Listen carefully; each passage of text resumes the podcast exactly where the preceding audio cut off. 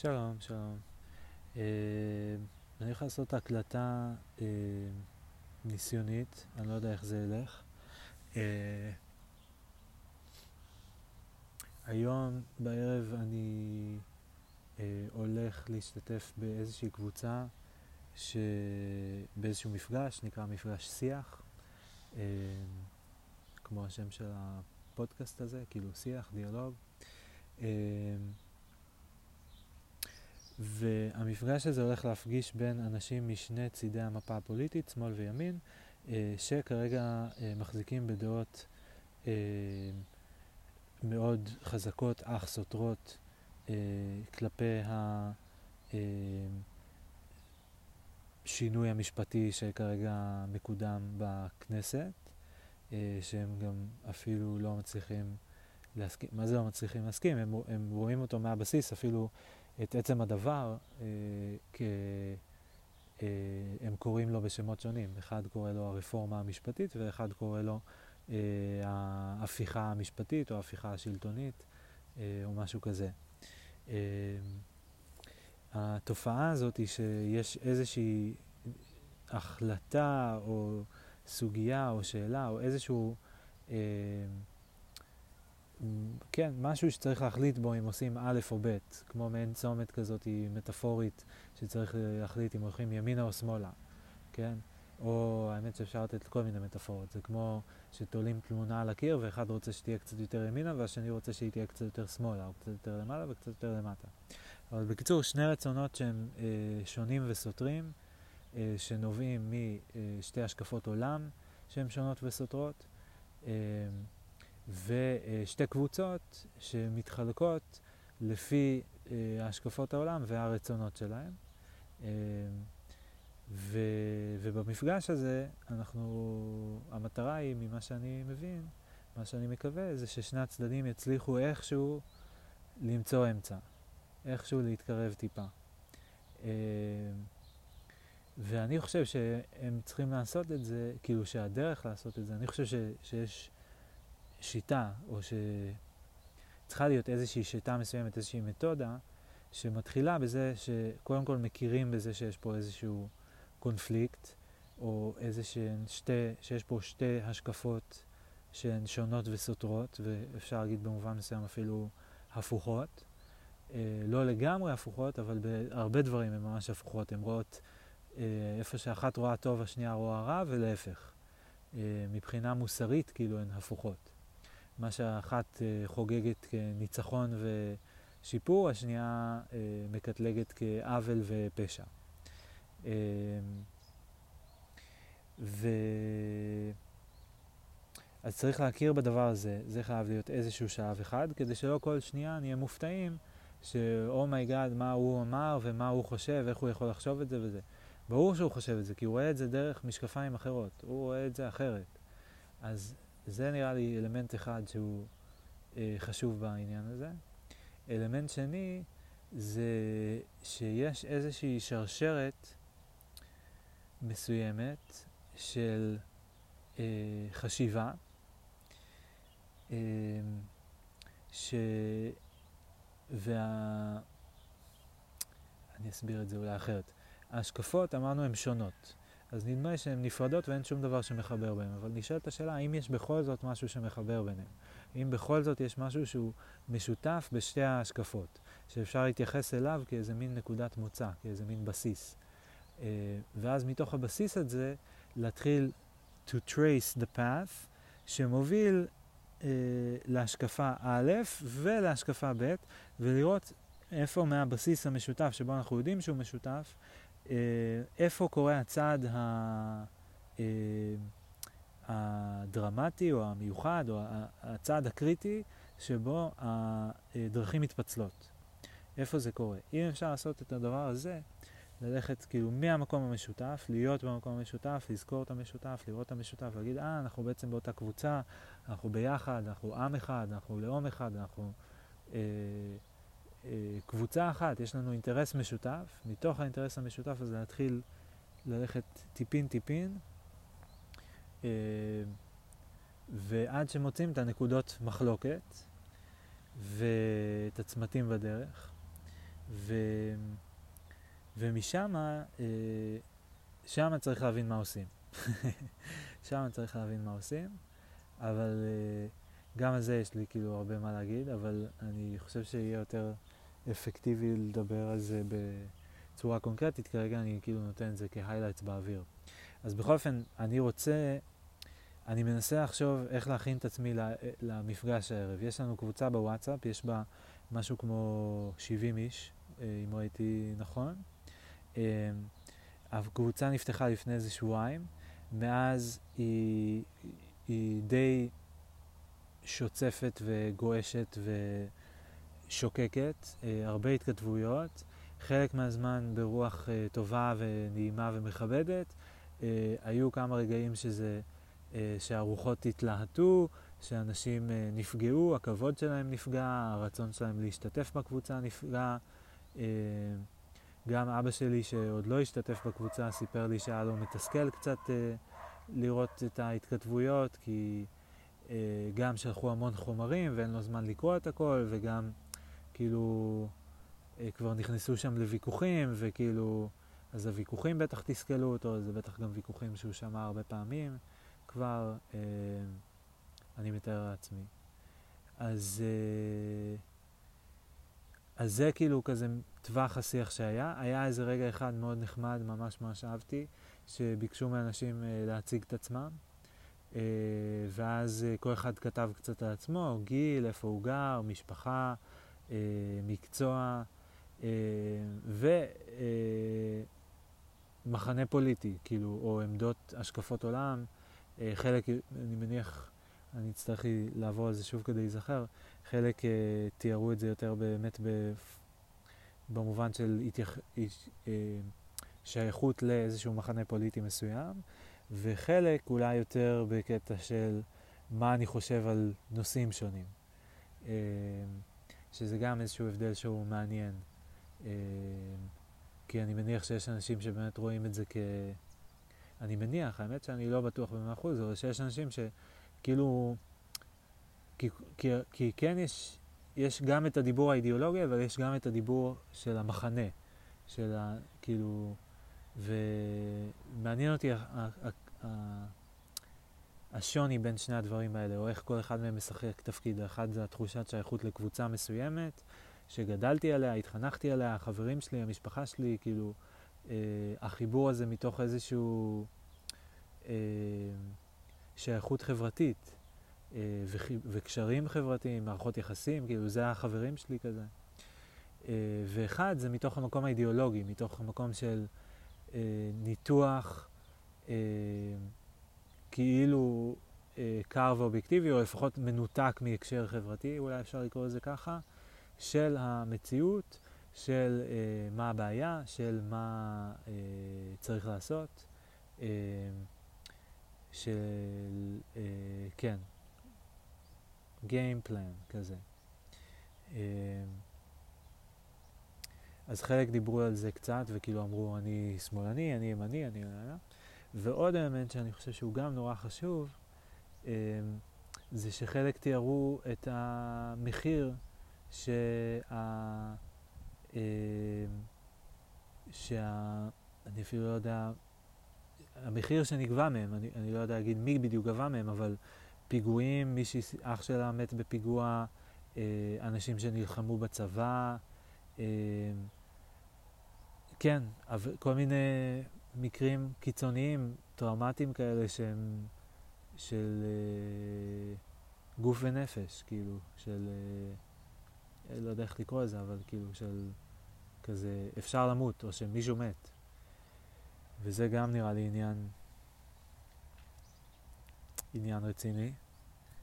אה, וזהו, אז יש פה את הקבוצה הזאתי, הייתי שמח נורא אה, לעבור עכשיו מההתחלה על כל ההתכתבויות בקבוצה, אה, על הכל הכל הכל. אני רואה, אני התחלתי עכשיו לגלול ואני מנסה לראות אם ראיתי את אבא שלי כתב פה גם או שלא. אה, אולי לא. אז אה, הייתי שמח לעבור על הכל, להקריא בעילום שם. אה, וכן, ולקרוא את הכל ולהתייחס להכל, היו לי כל מיני מחשבות כשרפרפתי בזה מדי פעם. Uh, אני בעצמי לא כתבתי כלום, אני רק uh, בשלב כזה, הזה עדיין קורא, מתרשם. Uh,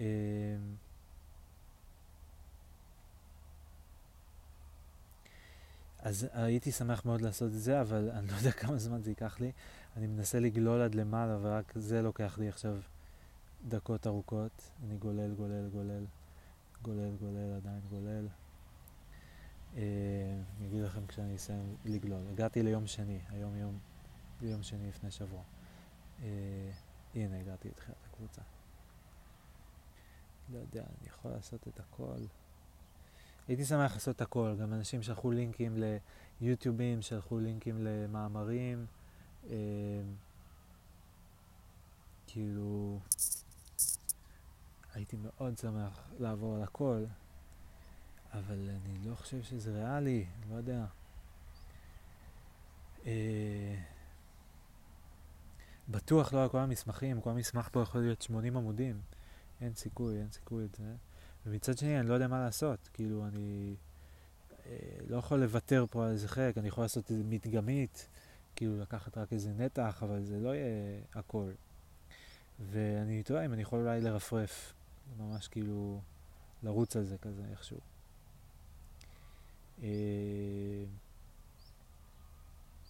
טוב, אני אנסה, אני אנסה, אני אנסה, וזהו, נראה מה... מה אני אגיד? נראה איך הולך. אה, נראה איך הולך. אני רק מקווה ששומעים אותי כמו שצריך, אני אעשה איזה בדיקה רגע. כן, שומעים סבבה. טוב, יאללה, אני מתחיל, נראה מה יצא. הלאה, בבאללה. אולי נשים לי דדליין עד 11, עכשיו 10 ו-12 דקות. נראה מה, איפה אני נמצא ב-11, נעשה אה, שיקוף מצב. טוב, אה, שלום לכל המצטרפים החדשים לקבוצה, ברוכות הבאות במיוחד למצטרפות, הייתן חסרות לנו במפגש הקודם. מרגש לראות איזו היענות יש לרצון שלנו להיפגש אחד עם השני ולדבר. Uh, לשם הנוחות אנחנו פותחים שתי קבוצות, הקבוצה הזו היא קבוצה פתוחה, כולכם מוזמנים להשתתף בדיונים, אפשר להשתמש בה כדי לשלוח מאמרים מעניינים בנושאים הרלוונטיים וכמובן לנהל שיח בינינו. במקביל נפתח הודעה לקבוצות בלבד, אה, קבוצה להודעות בלבד, שם רק מנהלים יוכלו לשלוח הודעות. זו תהיה קבוצה שקטה שבה נעדכן על הזמן והמקום של המפגשים. מי שהדיונים מעמיסים מדי בשבילו יכול לעזוב את הקבוצה הראשונה ולהישאר רק בקבוצת ההודעות. זה הכל, לשאלות ופרטים נוספים מוזמנים לפנות אה, אליי או אל המארגנת השנייה. אה, המארגנת השנייה כותבת, ברוכות הבאות וברוכים הבאים כולם. הקבוצה נועדה להקשבה בעיקר, ופחות לניסיונות לשכנע שאנחנו צודקים והם טועים במרכאות. נשמח להקשבה, למאמרים מקצועיים ולכל תוכן ודעה שמקדמת אה, את שלום הבית. שוב תודה על ההיענות, זה מרגש מאוד ונותן תקווה. מישהו שלח אה, וידאו, אה, את הוידאו הזה האמת שאני כן ראיתי, זה היה יפה, מאוד שמחתי. בדיוק פורסם כמה שעות לפני זה, זה היה איזה וידאו של מישהו בכאן 11 שמדבר על uh, כל המשהו שכאילו משהו לא טוב במדינה, כאילו שמשהו הלך לאיבוד במדינה, ש, uh, שאנחנו רבים, שאנחנו זה, שכאילו uh, על השסעים שנהיו קשים מדי. Uh, לא זוכר בדיוק איך הוא ניסח את זה, אבל זה היה וידאו שמאוד אהבתי ושמחתי שעשו אותו, uh, כי זה בעיה שאני מאוד מאוד מזדהה איתה. אה, עוד מישהו שלח פוסט מעניין אה, על פוליטיקה של פשרות, אותו לא קראתי. אה, היי, תודה רבה למארגנים על פרויקט מצוין, נדרש וזריז, סמיילי. בתור איש מרכז עם נטייה מסוימת שמאלה בהקשרים מסוימים, אני מחפש בגוגל ולא מוצא הסברים על למה הרפורמה טובה. ת, בסוגריים, טובה שווה יותר משהיא מזיקה. אדגיש, לגבי הבעיה, אני מכיר את רוב הטיעונים ואף מסכים עם חלקם רובם. לגבי הפתרון סלש רפורמה, לא מסכים שהוא פותר את הבעיות המרכזיות. מאמין שהבעיות שהוא מייצר גרועות מהפתרונות. יותר מזה, לא השתכנעתי שהרפורמה אינה פוגעת בדמוקרטיה. אני רואה דמוקרטיות כתכונה שיש לה סקאלה מסוימת, ולכן אני לא ממהר להכריז שבאופן חד משמעי אין דמוקרטיה אחרי הרפורמה. אבל אני ממשיך להאמין שהיא נותנת כוח רב מדי לפוליטיקאים, ושבחירות כל כמה שנים, שנים הן לא תנאי מספיק בשביל לרסן את הכוח הזה. בקיצור, ממש ממש אשמח לאיזון, להבין איך אפשר לא לצאת להפגנה נגד הרפורמה. לא בא לי לצאת מחר להפגנה בירושלים, אני גר בבאר שבע והיא מאוד רחוקה ממני, סמיילי. אה, מישהו שלח, תראה את הסדרה הזאת, יוטיוב. אותו לא ראיתי, עוד יוטיוב לא ראיתי. אה, הוא עונה, תודה לשניכם, סמיילי. הפרק הרלוונטי עבורי הוא חלק 3, בסוגריים פרק ב', שכן חלק 4, בסוגריים האם המתנגדים צודקים, לא עונה על השאלות שלי. מקווה מחר להתייחס לחלקים נוספים ברפורמה, אבל אצרף את מה שהספקתי להיום על נושא עילת הסבירות. אדגיש שכל הטיעונים שאני אכתוב בקבוצה הם הטיעונים והדעות שיש לי בראש. ועם כמה שאני רוצה שאחרים ישתכנעו מהם, כאן בקבוצה בעיקר חשוב לי לקבל עליהם פידבק ולהבין מה אני מפספס ואיפה אני מגזים בהערכות שלי לגבי כך וכך. Uh, הוא ממשיך. יש שלל דוגמאות לשימוש בעילת הסבירות שמילאו חלל ריק חשוב בלשון החוק, והנה אחת לדוגמה. לינק למאמר של גלובס. המערכת פעלה על פי חוק פורמלית, אבל אחרי שקוראים את הכתבה מבינים שמעבר לרמה הטכנית, הדרישה של הרשות אה, המקומית, המבצעת, מהאיש לשלם את הכסף, היא צבועה, שכן, אה, ציטוט, מנהל הארנונה מצא כי האיש לא מחזיק בנכס, אלא שהרישום לא שונה. דרשו ממנו כסף למרות שכבר נודע לעירייה שהנכס לא ברשותו. אוקיי, אנחנו לא קראנו את המאמר, אז אנחנו לא יודעים על מה דיברת בדיוק. עוד דוגמה, להבנתי נפוצה לשימוש בעילת הסבירות, עוד מאמר מגלובס. סלקום ניצחה במכרז, אך לא ענתה על אחד הסעיפים שלו. מקום שני תבע על כך, ומשום מה עילת הסבירות נדרשה כדי לבטל את זכייתה. אה,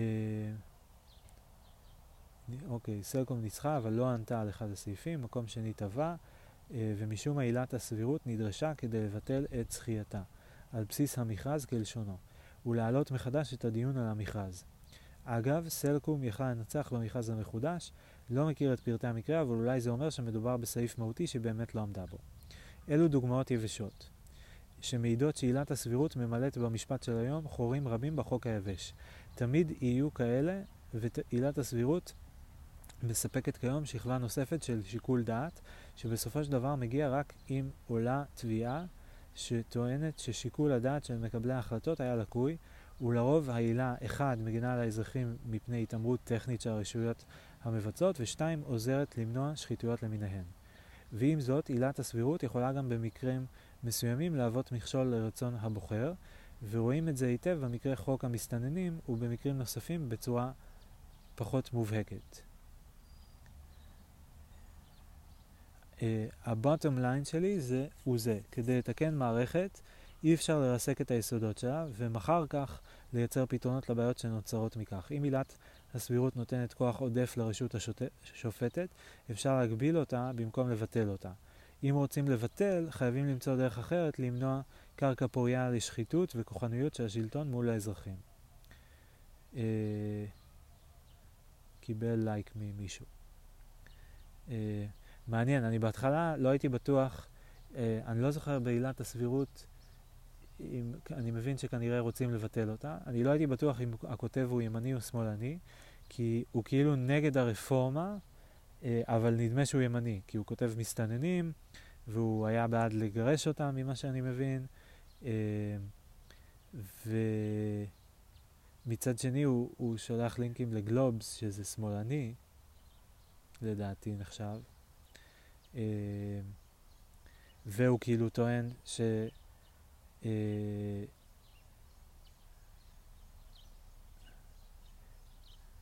שאם עילת הסבירות נותנת כוח עודף לרשות השופטת, אפשר להגביל אותה במקום לבטל אותה. זאת אומרת שהוא כאילו בעד, הוא נגד המחאה בקיצור. אז אני מבין ימני שדווקא מתנגד לרפורמה, מעניין. כי רוב הימנים בעד ורוב השמאלנים נגד. אה, או לפחות ככה זה כן, ככה זה מצויר, כי גם הקואליציה היא ימנית והאופוזיציה היא שמאלנית. Uh, למתעניינים, מאמר מקיף של פרופסור uh, נטע ברק קורן, הפקולטה למשפטים, האוניברסיטה העברית, על המצב המשפטי, הפרדת רשויות, החקיקה המוצעת ופתרון בעיות. Uh, טוב, אני כרגע לא, לא נכנס לדברים, כי אין סיכוי אחרת.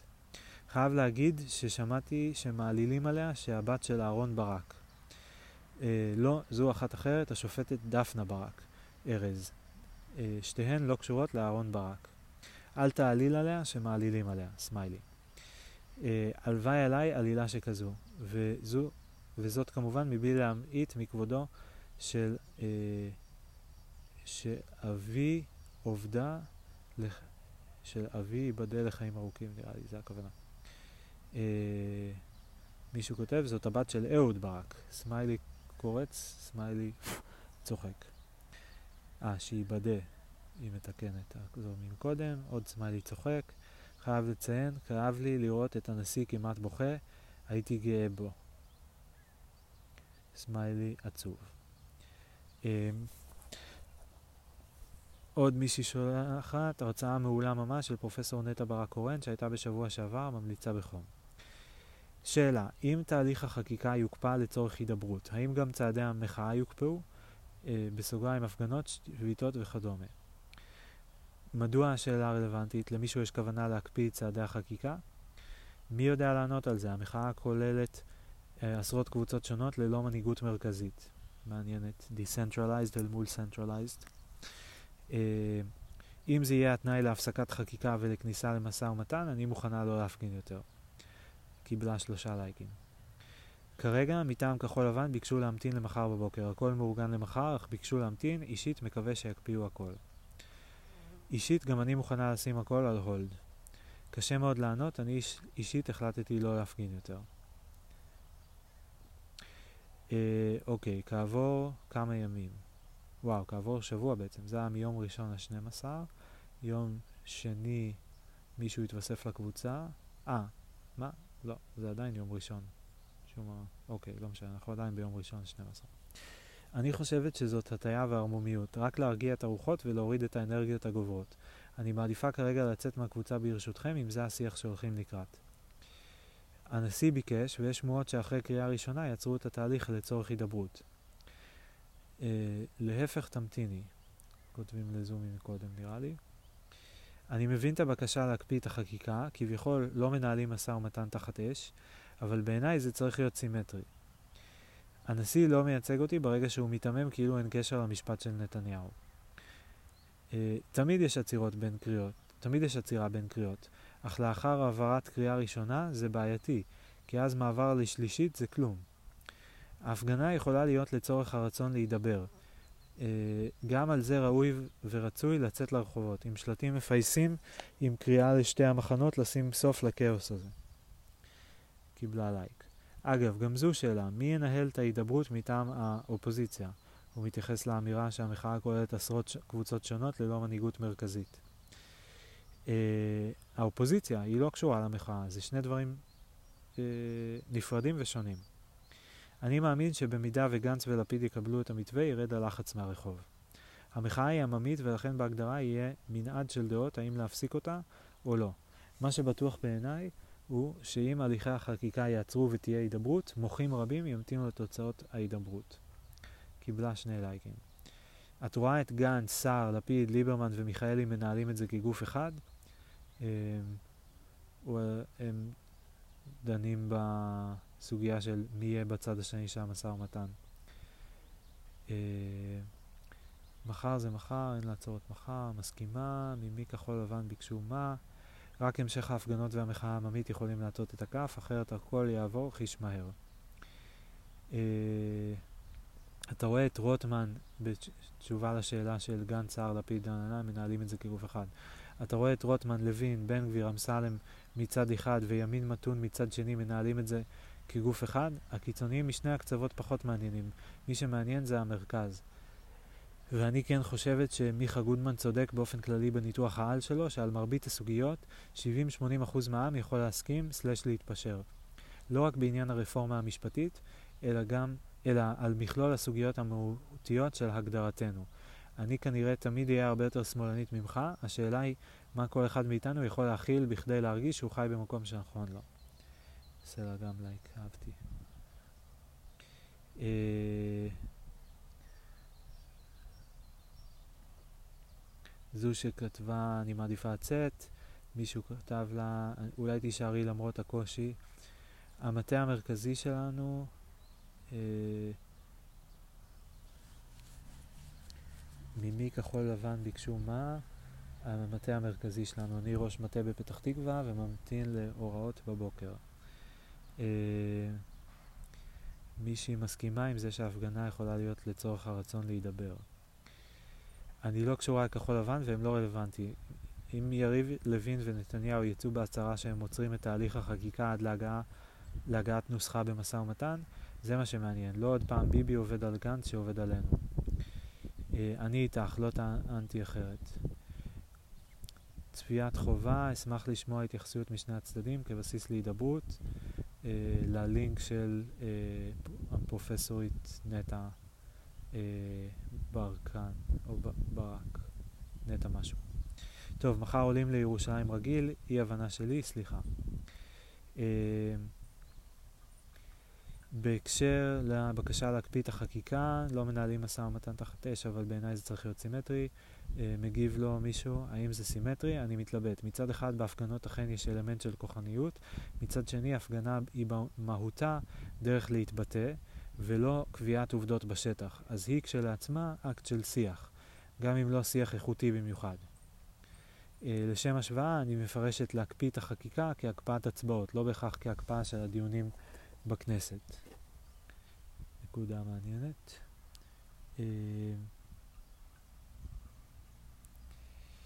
רבים, אה, רבים מארגוני המחאה, ודאי כאלה שהיו בבלפור, אבל גם אחרים, יש ביניהם פעילים ואף מנהיגים שיחפשו כל סיבה להפגין עד שביבי ילך, ואולי אפילו אחרי זה. הם לא מייצגים את רוב המוחים בסיבוב הזה, לעניות דעתי, והם להערכתי ימשיכו להפגין גם תוך כדי הידברות. הם יקראו לא להאמין ולא להתפשר על כלום, ויהי מה. צריך לקחת אותם בחשבון. אני מקווה שזה לא יהיה בעוכרינו. לב ודגל ישראל קיבל לייק ופריי. תכלס, אם ביבי ודרעי היו הולכים הביתה, היה הרבה פחות לחץ על בית המשפט. כולם יודעים שיש להם אינטרס למרות, למנות שופטים חלשים כדי שהשחיתות כבר לא תהיה עבירה בספר החוקים.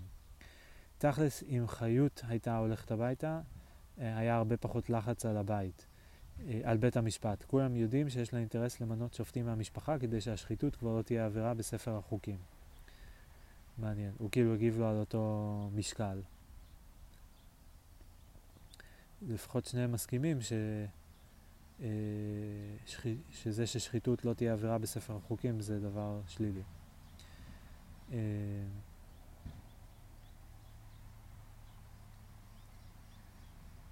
לינק למעריב, עוד לינק למעריב, בבקשה, חייבים להכיר את זה, רק עובדות. אה, מישהי, יש פה התכתבות עם מישהי שכבר מחקה את התגובות שלה, אז אי אפשר לראות למה הוא מגיב, אבל הוא כתב uh, על ההודעה של התכלס עם ביבי, אותו אחד שהגיב באותו משקל, הוא כתב זה לא רפש, מי שעוקב אחרי משפט נתניהו רואה את תפירת התיקים, בדיוק כמו יעקב נאמן, כמו שתפרו את רובי ריבלין, כמו שתפסו בגרון את מנדלבליט ועוד רבים וטובים. אז אי אפשר לכתוב שנתניהו מושחת ואחר כך לטעון רפש. מי שרוצה באמת ללמוד את הסוגיה, שיקרא את התחקירים על מערכת המשפט. כל המסרים הנדושים של התעמולה של הליכוד בכמה מילים. עבריין כועס על השופט שעלול להרשיע אותו, זה טבעי. חברים, מזכירה לכולם שכאן לא צועקים מי יותר צודק, בבקשה לא לדבר כאן דיבורים מיותרים ולא מקדמים, בשביל זה שכל אחד ידבר באקו צ'יימבר שלו. תודה. Uh, כאן יש שיח מקשיב, קיבלה לייק ושמונה לייקים ולבבות. כאן יש שיח מקשיב, מכיל ומבין, שלא בצעקות והגידופים נתקדם ונגיע לאנשהו. Uh, בשביל זה יש מלא פורומים אחרים, ושוב רוצים שיצליח.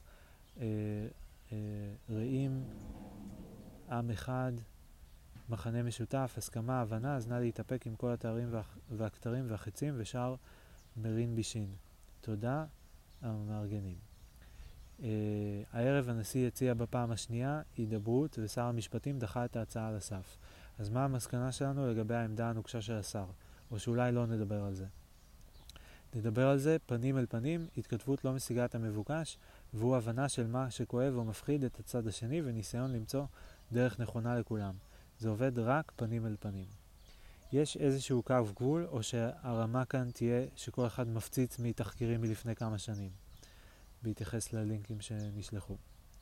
תלוי בנו. אני מקווה שתישמר הרמה הנאותה, כי די מיציתי את ההתלהמויות מכל הכיוונים. אפשר לבקש לסגור את היום ושכל אחד ינסה לקום מחר בבוקר עם תקווה וכוונות טובות? לילה טוב, מחר תהיה הפגנה ענקית ואופטימית מול הכנסת. אה, אוקיי, הגענו ליום שני עכשיו, של לפני שבוע. בוקר טוב לכולם, היום אני יוצא ירושלים למען אחדות בעם. אה, לב, דגל ישראל. בכותל יתפלל קודם לאחדות והידברות. אה, כולי תקווה שעל מי שמתכוון להגיע לירושלים יצליח להגיע בשלום, אין תגבור של רכבות ואוטובוסים כך שצפויים פקקים. בוקר טוב, מכיוון שיש לי זמן, תרגיל במילואים, רציתי להתייחס לעניין הזה שעלה כאן, וגם הנשיא מצא לנכון להעלותו, וזה עניין עצירת החקיקה והריצה בחקיקה קדימה. לעניין הריצה קדימה, שבעיניי זו טענה הוגנת, גם ברק לא הכניס בבום את המהפכה המשפטית כדי שהיא תחלחל לאט לאט פנימה, יש שיגידו בזדוניות של צלף אה, מ"מ. אני חושב שהפעם דווקא מי שדחף את רוב הפוליטיקאים בליכוד, כולל ביבי, לעניין הרפורמה המשפטית, זה השטח עצמו ופוליטיקאים שזה בנפשם, כדוגמת יריב לוין, בצלאל סמוטריץ', רוטמן ושות'. בשונה ממה שאומרים, כי כביכול לא על כך הצביעו מצביעי הימין, מצביעי הימין הם אלו אשר דחפו את הרפורמה מלמטה, זה מדרג הבוחר לדרג הנבחר, לכן כל הטענה הזו לדעתי בטלה ומבוטלת. באותו עניין, הרי המחוקק הימני, הליכוד בעיקר, שנים נמנע מלהזיז את הרפורמה המשפטית, ואולם אנו אנשי השטח, הדרג הבוחר, רצינו בה, התדיינו בה, יש עשרות ואם לא מאות דיונים על מערכת המשפט של פורומים שונים, כולל עם המנוח מנוחה רות גביזון ופרופסור פידמן, פרופסור טליה איינהורן, פרופסור שמעון שטרית ועוד. ממליץ בכל לקרוא מה הוא כתב על בג"ץ, הקשת הדמוקרטית נגד שר התשתיות הלאומיות 2002.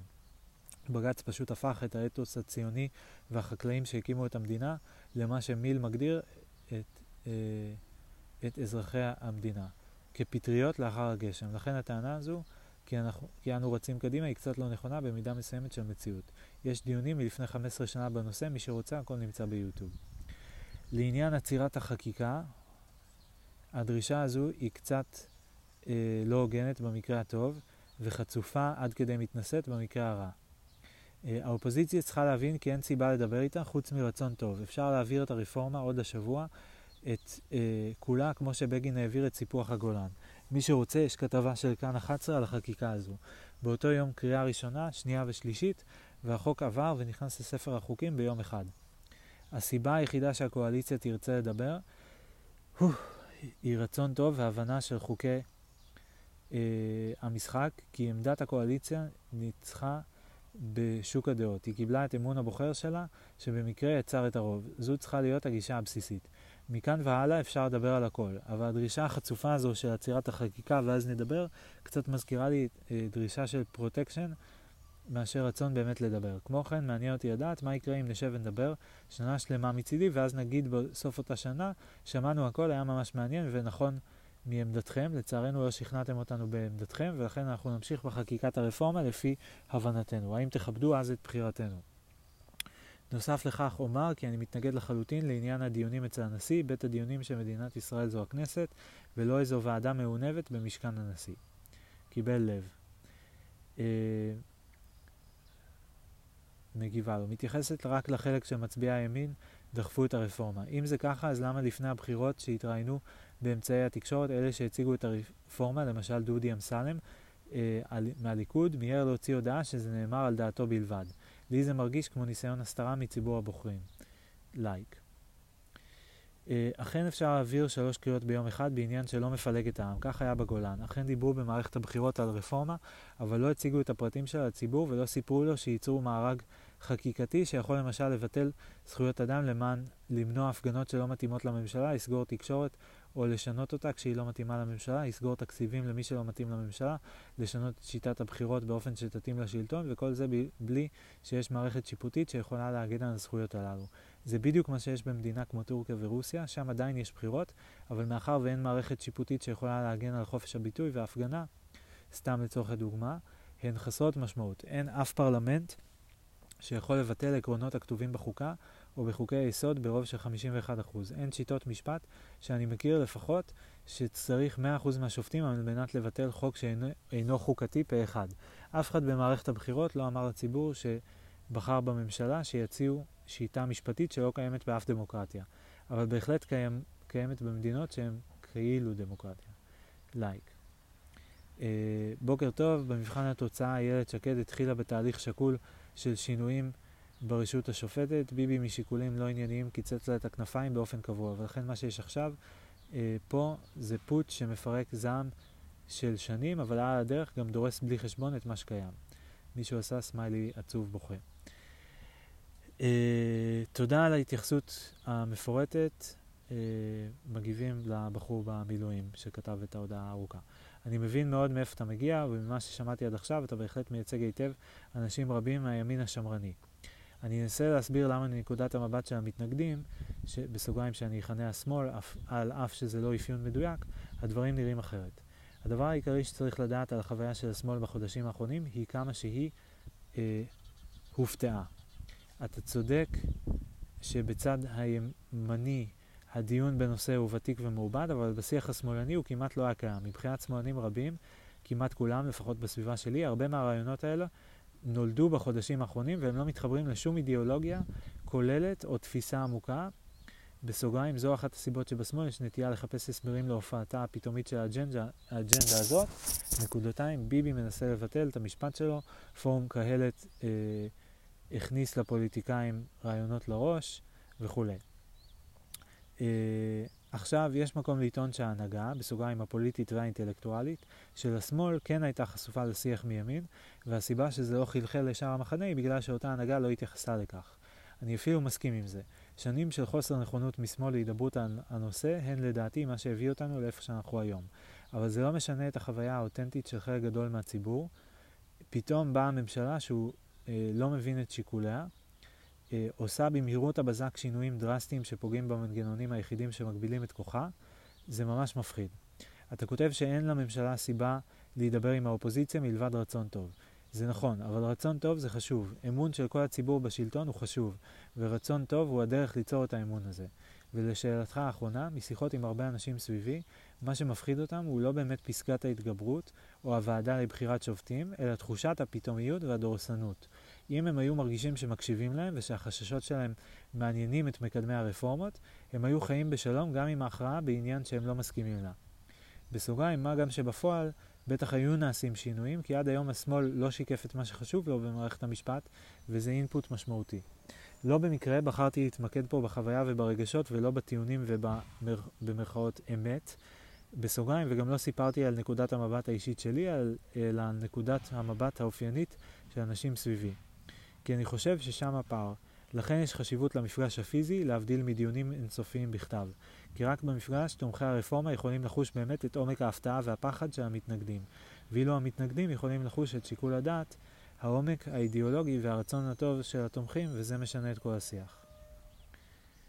מעולה. קיבל לייק גם ממני. אה... המילואימניק אה, מגיב לאחת התגובות. אני לא יודע על מה את מדברת. אה, בהקשר של אה, שמצביעי הימין דחפו את הרפורמה, ושהיא אמרה שזה בעצם הייתה הסתרה, כי בראיונות הם לא דיברו על זה הליכודניקים. אני לא יודע על מה את מדברת, אני רק יודע שהיה אה, אה, מסעת, אני לא יודע מה זה, מסע אה, מירכאות ת', כאילו אליכם, אה, מסע תקשורתי אולי, של הציונות הדתית בנושא, כאשר היה ברור לכולם שהציונות הדתית תשב בממשלה של ביבי בתפקידים מאוד בכירים בנושא. יתרה מכך, כל מי שתקף בזמנו את סמוטריץ' על נושא תיק הביטחון, ביקשו ממנו לרדת מהעץ ולקחת את תיק המשפטים, מכיוון שעל כך היה המצע שלהם. כמו כן, כמצביע ליכוד, אני אישית ידעתי שהכיוון הוא לדבר הזה, ומי שמונע את הצעדים הללו בליכוד הוא ביבי נתניהו. לוין, יריב לוין רצה בכך שנים.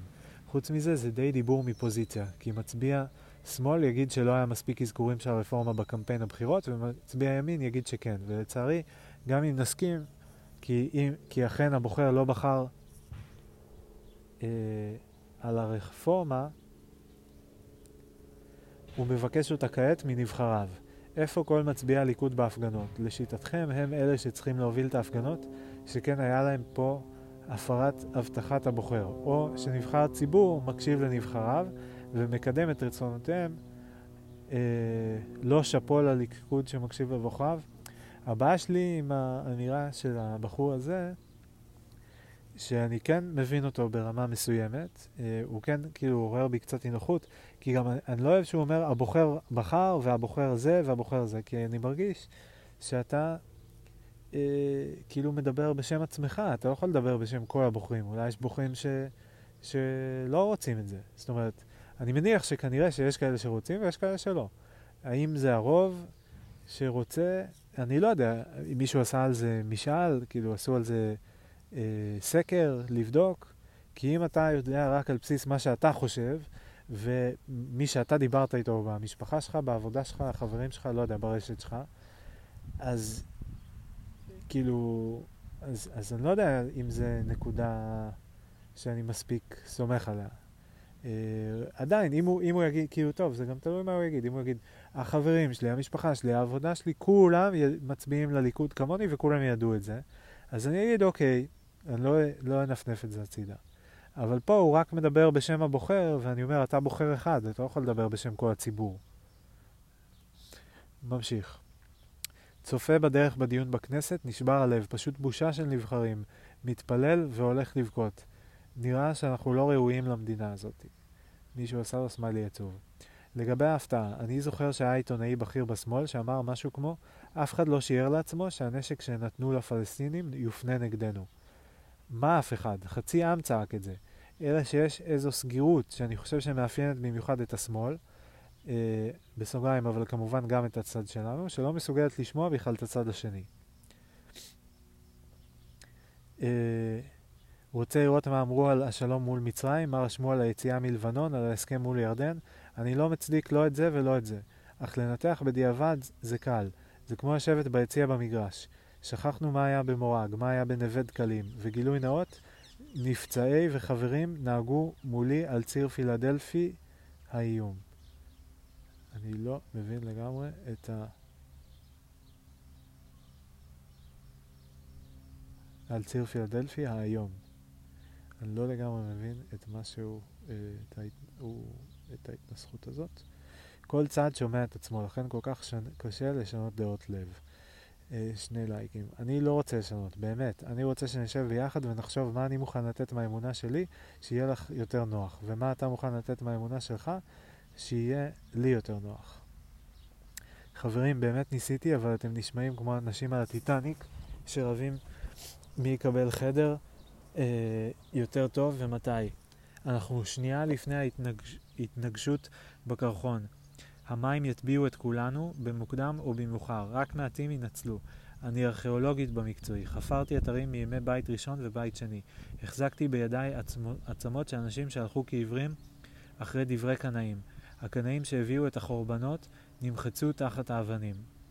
אה, רבן יוחנן בן זכאי שראה את הנולד, יצא מהעיר הנצועה וביקש לבנות מחדש את העם בדרך אחרת. צנועה, דרך לימוד והשלמה עם הקיים. כולנו מצאצאיו. זכרו, הקנאים מתו וקללת עולמים על ראשם, על שהביאו עלינו חורבן ורדיפות אה, ושואה וגלות שנמשכה 1800 שנה. והחורבן כמעט כאן. תמיד בעשור השמיני לעצמאות המדינה. שמעתי גם את בנט אה, אומר את זה. אה, קיבלה חמישה לייקים לבבות וסמיילי עצוב בוכה. אני חושב שזה דרמטי מדי, אני לא רואה קנאות אלא אנשים שאכפת להם משני הצדדים. מוזמן להגני, להגיע לכנסת או לכותל, תראה קריאה של אנשים. בוא איתי ליודפת ואראה לך את בורות הקבורה של נצורי העיר. ראיתי קריאה וראיתי בעצמי בהתנתקות, ואפילו את הזוועה הזו עברנו. אז אתה מבין את גודל הכאב והפחד. כן, בוודאי שאני מבין. אני חושב שהשאלה העיקרית היא שאלת כללי המשחק. האם כולנו מסכימים שהעם הוא הריבון בסופו של דבר, ושהוא מחליט, או שאנחנו דורשים שיקבלו את דעתנו מראש, גם אם העם, בסוגריים אפילו רובו המוחלט ברוב מיוחס, יחליט אחרת. מעניין התהליך הזה שעובר עם כשבאמת יש שתי קבוצות שאומרות דברים שונים, ואז, אה, ולא מוכנות להקשיב ולא מבינות את זה שהצד השני רואה את הדברים הפוך מהם, וכאילו הן פשוט אומרות, הם הזויים, הם דפוקים, הם אה, לא יודע מה, אה, משהו לא בסדר בהם, כאילו, הם בוגדים, הם רשעים, הם, הם משהו, כאילו, אבל הם טועים, כאילו, זה ההסבר ללמה הם לא רואים את הדברים כמוני. ובשם החשיבה הזו עושים משהו ש... שגם... זה, זה מעבר לטעות, זה פוגע בצד השני. כאילו, זה עושה טראומה לצד השני, זה ממש מעבר לפגיעה, ב, נגיד בהתנתקות, שעקרו אנשים מהבתים שלהם, אה, זה פגיעה ב... ב זה פגיעה ב, ב, בהשקפת עולם שלהם, זה פגיעה באמון שלהם ב, במוסדות. כי הם כאילו חיים במקום והם אה, אוהבים את המקום הזה, אוהבים את המדינה, ואז המדינה באה ועושה להם משהו כל כך כואב אה, וכל כך פוגע. אה, וכאילו הדבר המדהים וה... אה, כאילו אבסורד, אבל המין, הסוג של גם הסיבה לאופטימיות זה שכאילו הכאב הזה, שהוא כל כך כואב לצד אחד, אה, אחרי זה הצד, אותו אחד עושה גם לצד השני, שזה שוב איום ונורא ועצוב, אבל עצם זה ששניהם חווים את, חוו כאב כל כך גדול בידי הצד השני, והרגישו שנעשה להם עוול, אה, משווה בין הכאבים שלהם. זאת אומרת, זה אומר שהם יכולים להבין זה את הכאב של זה, ואז זה אומר שאולי, אולי, אולי, אם יש תהליך למידה אמיתי, אה, הם יוכלו גם בפעם הבאה למנוע את הכאב הזה ולעשות משהו כדי, אה, מתוך הבנה שהם קורמים כרגע לצד השני, לאותו כאב שהם חוו מקודם. אז למצוא איזושהי דרך לפשרה, למשהו, לעשות אחרת. זה מעניין, אולי יפה. אה,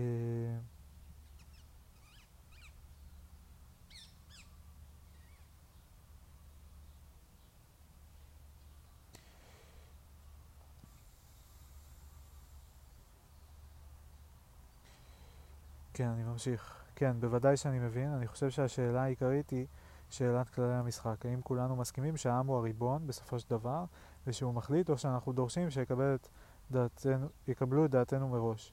גם אם העם, אפילו רובו המוחלט, ברוב מיוחס, יחליט אחרת. אה, מגיב לו, ראי, ראיתי גם ראיתי, אז תבין מה אני וחבריי מרגישים, עבורי זה כאילו מחייבים אותך לא לצום בכיפור. מהות ההבדל בינינו. אני ואתה לא רואים דמוקרטיה באותו אופן. כמו שכתבתי פה כבר פעם, העניין זה שהצדדים לא שואלים את אותה שאלה, והשאלות של שני הצדדים חשובות. נניח שאנחנו מדברים על חסימת כבישים בשבת. האם תסכימו, אה, כותב ההוא שמבין, שהוא בצד של ההתנתקות. אה, נניח שאנחנו מדברים על חסימת כבישים בשבת, האם תסכימו שלציבור יש אפשרות תאורטית לעשות את זה? אני כמובן לא מעוניין לעשות את זה, ורוצה לתת לכל אחד לחיות כדרכו, וגם נשוי לאישה חילונית כבר 21 שנים. אבל האם תאורטית לעם יש אפשרות לעשות את זה? יש כאלה שחושבים שזה נוגד את עקרונות הדמוקרטיה. עם אנשים כאלה קצת קשה לנהל דיון, כיוון שיש שאלות שהן מבחינתם לגמרי מחוץ לדיון. אפילו אם כל העם יחליט אחרת, הם לא יסכימו לקבל את ההחלטה. יש כאלה כמוני שאומרים בגבולות רחבים מאוד אסכים לקבל החלטות של העם, בוודאי אם הן נעשות ברוב גדול מאוד. מעניין גם הקטע הזה של שלטון הרוב שכאילו עולה פה, מן הסתם זה עיקרון אה, קריטי בדמוקרטיה. אה, מה שנראה לי שכאילו הרבה מתפספס בקטע של שלטון הרוב זה שכאילו שלטון הרוב זה עדיין, כאילו יכול, זה יכול להיות משהו מאוד מאוד מאוד אלים ודורסני ואגרסיבי. כי כאילו, יש איזה מין קטע כזה שכאילו אומרים דמוקרטיה זה, זה שוויוני, זה, זה הגון, כולם מצביעים וזה, אבל יש בזה איזה משהו שהוא קצת אבסורד, כי, או קצת מצחיק, להגיד שזה הגון, או שזה עדין, או שזה מתחשב בכולם כי כולם מצביעים, כי זה לא בדיוק, זה כזה כולם מצביעים, ואז מהרגע שנספרים הקולות ומתברר מה הקבוצה הגדולה ומה הקבוצה הקטנה, אז עושים מה שהקבוצה הגדולה אומרת. ברור שיש אה, קואליציה ויש אופוזיציה וזה נועד לאזן, וברור שיש כאילו אה, אה, הגנה על זכויות המיעוט, אז אי אפשר לעשות כל דבר, וברור שזה לא עד כדי כך מוחלט, אבל כאילו להגיד שהרוב ניצח, אז זהו, כאילו, עכשיו עושים את מה שהרוב אה, אמר, זה סוג של להגיד כזה, בואו נבחר ב... אה, נעשה הצבעה מי יהיה הדיקטטור שלנו. אז נעשה הצבעה, מי שיהיה הכי הרבה תהיה הקבוצה שהיא תהיה הדיקטטורית מאותו רגע, כי זה, זה מה שיוצא בפועל כלפי המיעוט, אם אין עוד איזה שלב אחרי זה של כזה, אוקיי, זה הרוב, אבל הרוב הולך לשאול את המיעוט מה הוא חושב, הוא הולך אה, להתייעץ איתו, הוא הולך אה, להתחשב בו. אה, כן, מעניין. אה, טוב, אני ממשיך. אני מעדיפה לדבר על זה במפגש. העם הוא הריבון, זה רק חלק מהמשוואה, יש לה כללים נוספים שעליהם אנחנו צריכים להסכים. אם נשאר שרק העם הוא הריבון, אזי לא נמנע את מה שאתם הרגשתם בהתנתקות ולא את מה שמרגישים המפגינים היום. נכון מאוד. שדרך אגב, מפריעים להם לעלות לירושלים ברגעים אלה ממש.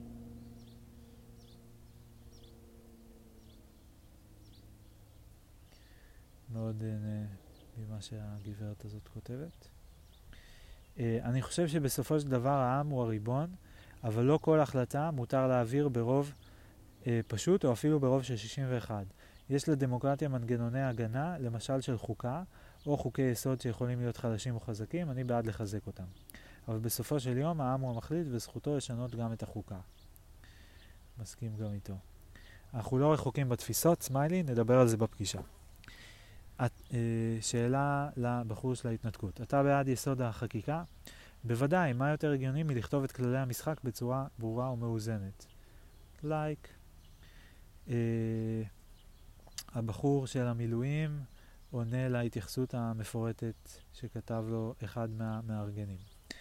אני מקבל את עמדתך על החוויה, ואני בטוח כי הם מרגישים כך. אך שאלה לי, שנים שצועקים, צועקים את הנושאים האלה. שנים שאנשים צועקים כי יש חד גוניות מובהקת בבית המשפט, שהמערכת מנהלת חד צדדיות ביחס לאנשים מסוימים, ולאנש, שוב לא יודע מה זה ההלחם הזה, א' נ' ש', אה, הם דואגים. עיין ערך רות דוד, שאהרון ברק הכניס שינויים דרמטיים למשפט, שהוא יהרוס את אמון הציבור.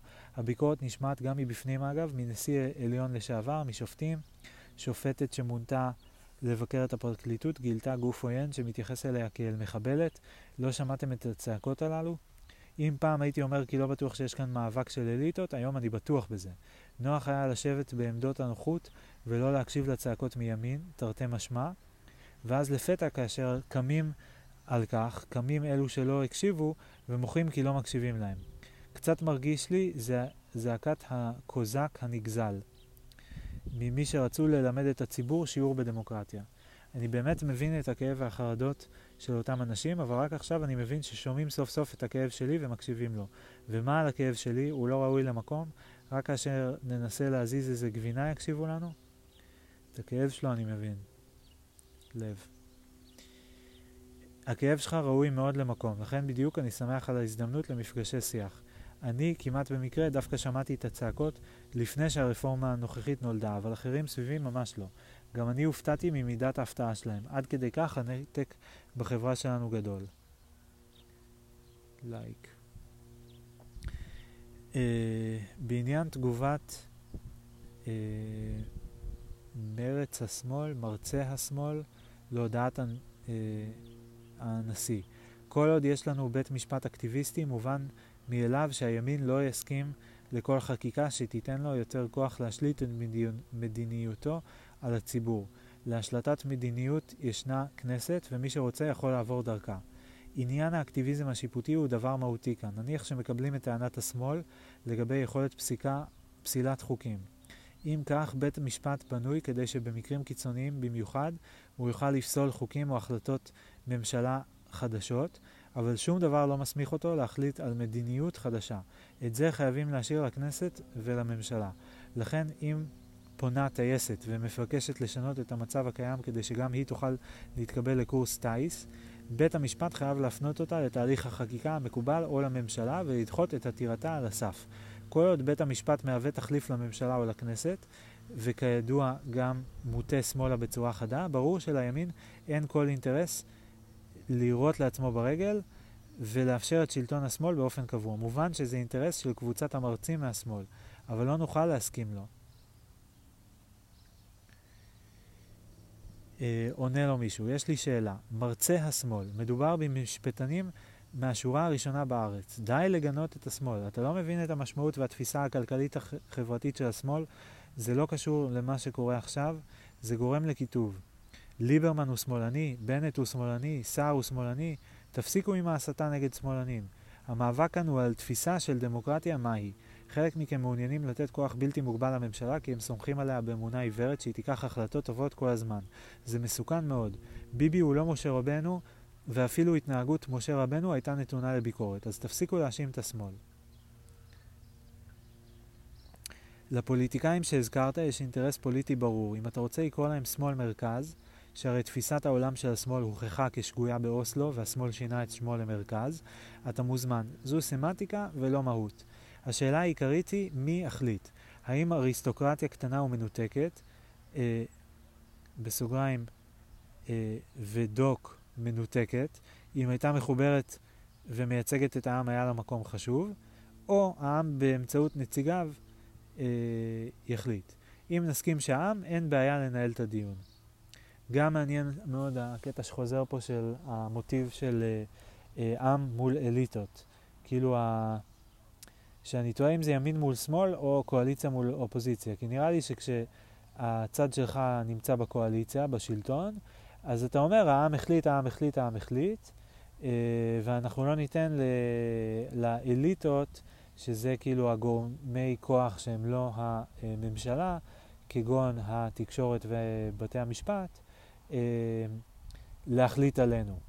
אם אתה יושב באופוזיציה, אז אתה אומר כאילו, אוקיי, אבל אתם בשלטון, התקשורת יכולה להגיד מה שהיא רוצה, אה, ובתי, כאילו, ויש לכם גם, זה לא שכל התקשורת היא בהגדרה שמאלנית, יש אולי יותר ערוצי תקשורת שמאלניים, אבל יש גם ערוצי תקשורת ימניים, וגם בתי המשפט, זה לא שהם של השמאל, זה לא שהשמאל אה, כאילו בחר אותם ורק כאילו שהם של מרץ או משהו כזה, יש שם גם מזרחים, יש שם גם ימנים, אה, אולי יש רוב לשמאל, אבל אוקיי, אה, זה לא העניין.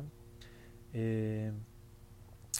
ובקיצור, אז יש פה העניין הזה של ה... כן, העם מול האליטות וקואליציה מול אופוזיציה, משהו באזור הזה. excuse me. לביבי אין אינטרסים ברורים, תענה בכנות.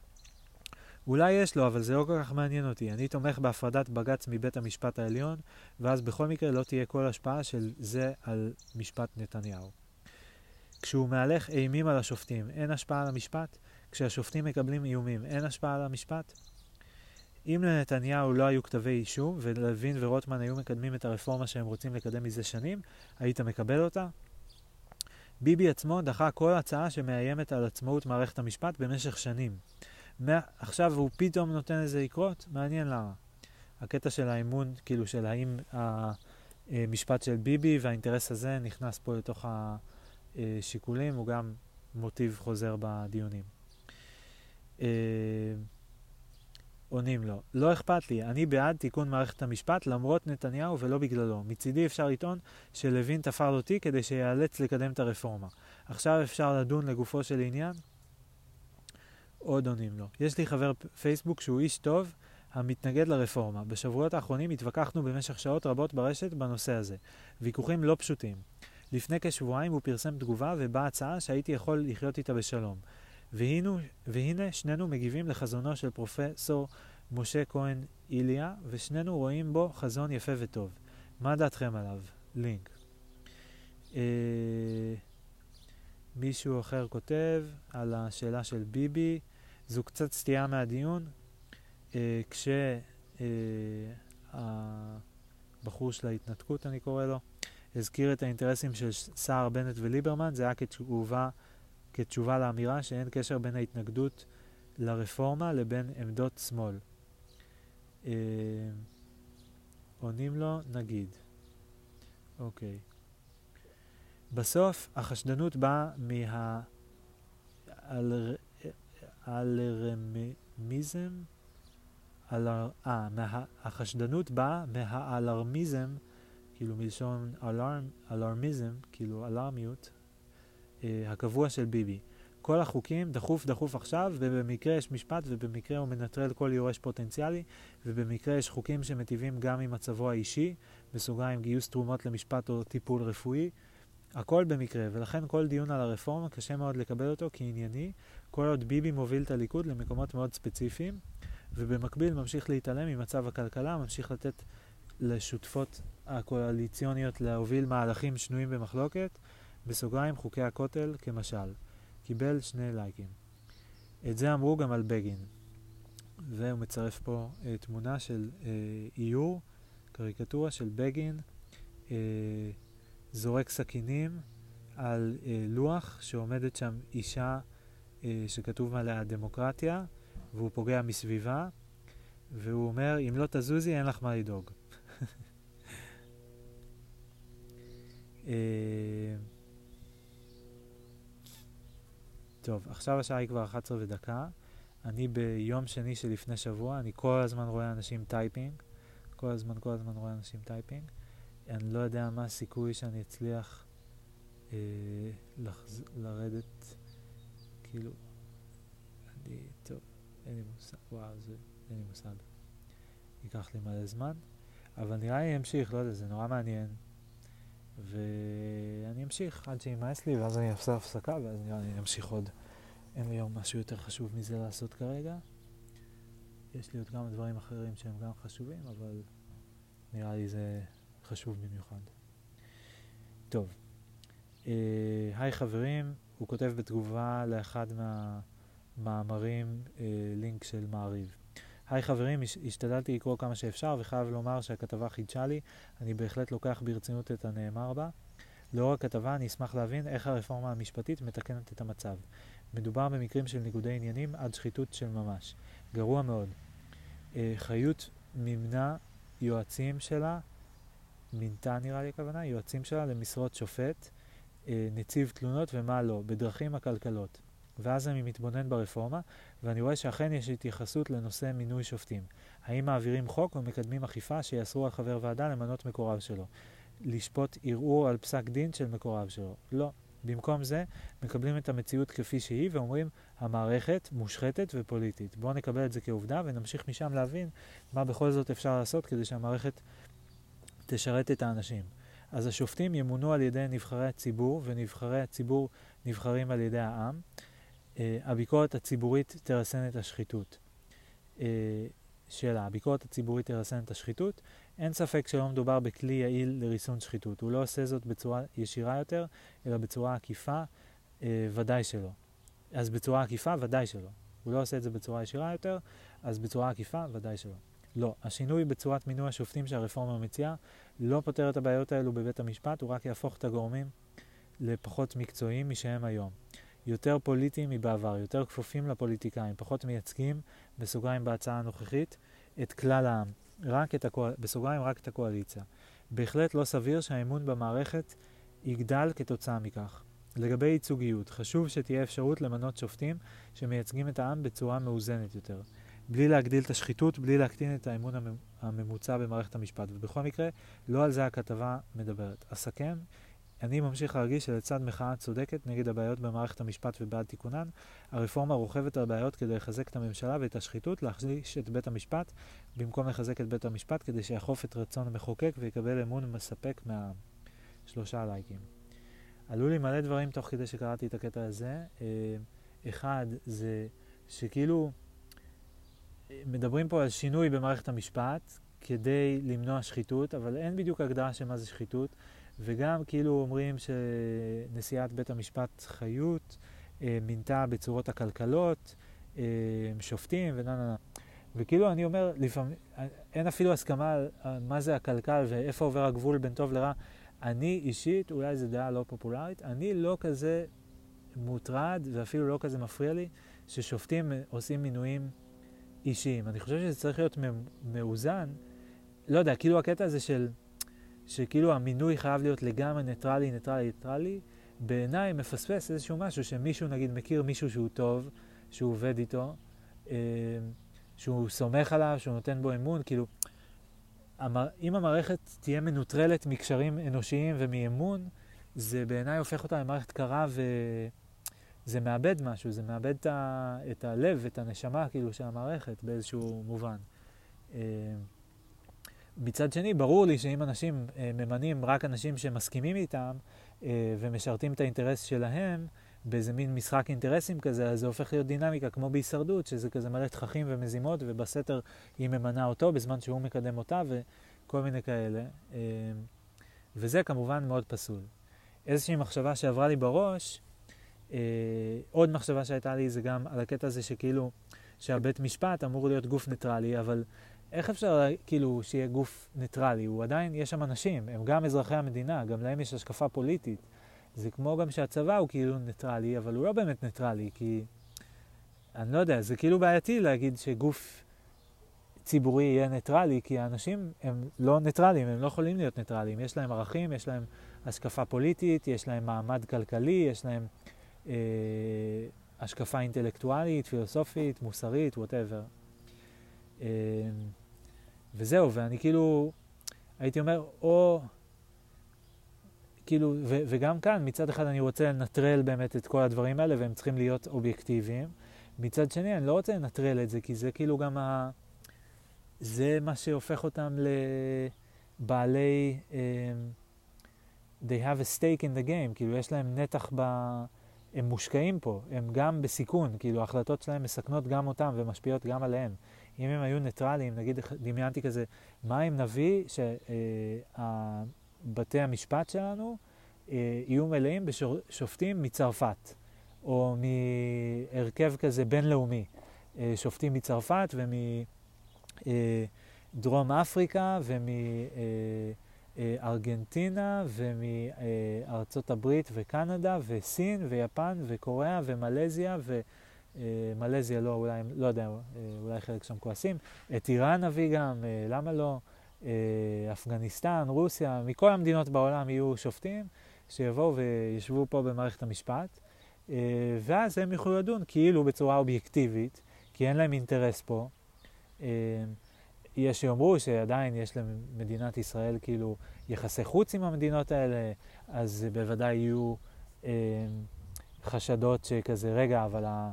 אה, אה, מצ'אד אה, או ממרוקו מושפע מהאינטרסים שלו מול מדינת ישראל, כי יש לנו הסכם כזה וכזה איתם, או יחסים, יחסי סחר כאלה וכאלה איתם. ואני אומר, כאילו, זה ניסוי מחשבתי מעניין. מצד אחד זה כאילו היה יוצר יותר אה, אובייקטיביות ביחס ליחסי פנים של ישראל, אבל זה היה יוצר יותר סובייקטיביות ביחס ליחסי חוץ של ישראל. אמ, אז אולי היינו רוצים בית משפט מעורב, שמורכב כזה בעיקר מישראלים, אבל גם מאיזשהו הרכב של אה, שופטים בינלאומיים. אה, זה גם היה מעניין כי זה היה מכניס את הקול של העולם, שהוא גם איזה שחקן כזה מאוד חזק ב, אה, בפוליטיקה ובשיח במדינה, העולם, מה העולם יגיד, לא משנה מה הם יגידו, אנחנו צריכים לעשות מה שבא לנו. אבל זה כן משנה, ומפעילים עלינו לחץ, ועושים עלינו מחאות, ואומרים עלינו כל מיני דברים, ואז אנחנו עושים גם עליה הסברה, ולא יודע, אז סתם מעניין הכיוון חשיבה על זה של אה, האם בכלל אפשר להגיע לאובייקטיביות בבית המשפט, אה, וכן, ומה היה קורה אם היינו מכניסים אנשים שהם לא מהמדינה למערכת המשפטית שלנו. לדעתי, במינון הנכון, יותר מדי זה היה לא טוב, אבל במינון הנכון זה היה יכול להיות מאוד מאוד מאוד מעניין. מאוד מאוד מעניין ומאוד... זה היה יכול להכניס איזשהו גורם מאזן, גורם שלישי כזה, גורם חיצוני, לא יודע, בעיניי מעניין. אה, טוב, אני ממשיך. אה, מישהי כותבת, בהתייחס לזה בגין, על בגין לא אמרו שהוא אלרמיסט ובגין טיפח יורשים. אני גם הייתי בת חמש כשבגין התפטר. אה, קראו לו רוצח, אבל זה לא הדיון ומחטיא את המטרה. ההתעסקות בנתניהו היא הדרך הקלה שיש מי שמצדד שהוא מושחת ויש מי שתופרים לו תיקים. אה, לכן כדאי לחזור לגופו של דיון. ממש כפי שכתבה אה, מעלינו. אה, חשבתי שכדאי לשתף, לשאול את דעתכם, לינק לטוויטר. אה, וואו, כמעט סיימנו את יום שני. אה, היי, בהתייחס לזה שקראו לי בגין רוצח. היי, אני חושב שהתגובה האחרונה שלי מתייחסת לגופו של העניין שאתה מעדיף להתייחס אליו. אשמח לקבל ממך ביקורת על הטיעונים שלי אל מול הכתבות ששיתפת אתמול. אה, אוקיי, עכשיו אנחנו ביום שלישי. טוב, הוזמנתי להתייחס. אז ככה, התחקיר הזה, וכן תחקירים אחרים, אה, בסוגריים אשלח בפרטים, מעידים על שחיתות של ממש הקיימת במערכת המשפט. אה, שם של איזשהו מקרה, פרקליטות, מח"ש להב 433. בנוסף, לאורך השנים, כל מי שניסה לעשות רפורמה או שנתפר לו תיק, אה, בסוגריים יעקב נאמן, או שמצאו איך להפיל אותו, בסוגריים חיים רמון, ההגמוניה סלש המשפחה בחרה את עצמה ושימרה את הכוח. המהפכה החוקתית בפשטות מתוך ויקיפדיה להלן יצרה מצב שחוק כבוד האדם וחירותו וחוק חופש העיסוק קיבלו מעמד על-חוקי עם יכולתם לבטל חוקים שעומדים בסתירה עליהם. אה, ככל הנראה חוק הפרשנות. אה, ככל הנראה, כף כף, לא יודע מה זה כף כף, חוק הפרשנות. בפרשנות תכליתית יש שתי אפשרויות שונות לקבוע מהי תכלית החוק. תכלית סובייקטיבית היא התכלית אליה התכוון המחוקק בעת חקיקת החוק. מנגד, שימו לב, תכלית אובייקטיבית מתעלמת מכוונת המחוקק בעת חקיקת החוק ורואה כתכלית החוק את המטרה הראויה של החוק כפי שזו נתפסה בעיני השופט. ישנם פוליטיקאים רבים שדיברו נחרצות על הצורך ברפורמה של מערכת המשפט, לדוגמה רובי ריבלין. שימו לב לדברים שאמר בהיותו יושב ראש הכנסת. במציאות כזו, המשיך ריבלין, למה לנו חוקים בכלל? לשם מה כל הטורח, שמה כל הטרחה שבחקיקה בכלל? הבה נמנה לנו שופטים שישבו בשער העיר וידונו דין צדק, איש לפי הבנתו, לפי ערכי היסוד המקובלים עליו, לפי חינוכו, לפי מזגו, לפי אמונותיו האישיות. האם אדוני נשיא בית המשפט העליון, האם כבוד נשיא המדינה, לא ברור גודל האבסורד. התיתכן כך ודאות משפטית כלשהי, היכול אדם לקלקל את מעשיו בכל תחום, בין פלילי בין אזרחי, כאשר איננו יכול להסתמך עוד על אף דבר חקיקה האומר במפורש דברים. כמו ריבלין, גם סער בנט ליברמן. חלקם אה, התהפכו דעותיהם משיקולים פוליטיים וחלקם מפחד מפתיחת תיק. עיין ערך ליברמן והיועץ המשפטי מנדלבליט, כפי שאומר בהקלטה הידועה שתופסים אותי בגרון. לגבי מה הועילו חכמים בתקנתם, אה, ואיך פוליטיקאים מושחתים יבחרו את השופטים וימנו יועצ... יועמ"שים אה, וימנו יועמ"שים. אני מאמין לגמרי שהעם מוקיע שחיתות חוסר מוסריות למעט מיעוט קיצוני רדיקלי שיכשיר כל מהלך שישרת את האג'נדה המטורפת שלו. דוגמה לכך זו ההוקעה של אהוד ברק, אהוד אולמרט, דן חלוץ ועוד. אה, דווקא, דרך אגב, דווקא נתניהו הוא דוגמה מצוינת לניסיון בכל דרך לתפור לו תיק. אני עוקב מקרוב אחרי המשפט, ההתאבדות של המערכת בכדי למצוא עילה להעמדה לדין, כולל עדויות רבות שהמערכת רצתה את הראש של נתניהו ולא בחלה בתרגילים אסורים. תוכנות רוגלה, פגיעה במקורבים, איום על חשיפות מביכות שיהרסו חיי משפחה, חיי משפחת, משפחת נחקרים, אה, פשפשים וכדומה. לו, היו, אה, לו היה בדל ראייה, אין ספק שהיו מהדהדים זאת בתקשורת. סליחה. השקט הגמור נובע מהתפוררות התיקים. שופטים שיבחרו שייבחרו על ידי פוליטיקאים ונציגי ציבור אה, כפי שקיים ברוב המדינות הדמוקרטיות, יהיו הרבה יותר מחויבים לתת דין וחשבון לציבור בניקיון כפיים, אה, כפיהם. פוליטיקאים שיפשלו פשוט יימחקו. חוסר האמון הציבורי המוחלט בבית המשפט נובע מעיוות דין, מאכיפה סלקטיבית, תיקים שנפתחים או נגנזים בהתאם לאינטרס של החונטה. לסיכום, מאמין בריבון, בריבון הוא מאמין שהריבון הוא העם, מאמין שהציבור הכללי יבוא חשבון עם מי שישחית, מאמין שדווקא הימין ינהג באחריות בבחירת השופטים, לא ימנע הפגנות, לא יעצור אוטובוסים או יעצור לתקופות ממושכות נערות ונערים. אה, ויש פה לינק לוויקיפדיה. כאשר אתה מדבר על הימין שינהג באחריות, אתה ככל הנראה מכוון לימין האידיאולוגי, וגם אני סומכת עליו. לצערי הרב, הציבור פוגש ביום יום את מצביעי הימין שהאידיאולוגיה שלהם היא ביבי.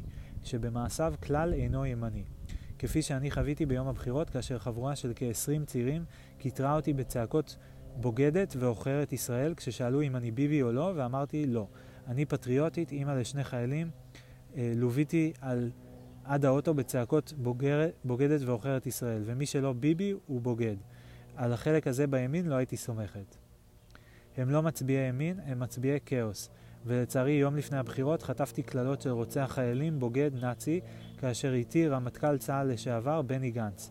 ביום הבחירות ירקו עליו ועליי בקריאות של נאצי, בוגד, רוצח. נערים סוכני כאוס מוסתים, ואמרתי להם, הם לא אחי. מהם אני לא מצפה לכלום, הם לא אחי. ממתי השחיתות מפריעה לימין? הקואליציה עושה מאמצים כבירים להגן בחירוף נפש על עבריין מורשע ועל נאשם בפלילים, ופתאום זה מפריע לו מה שקורה בבית המשפט?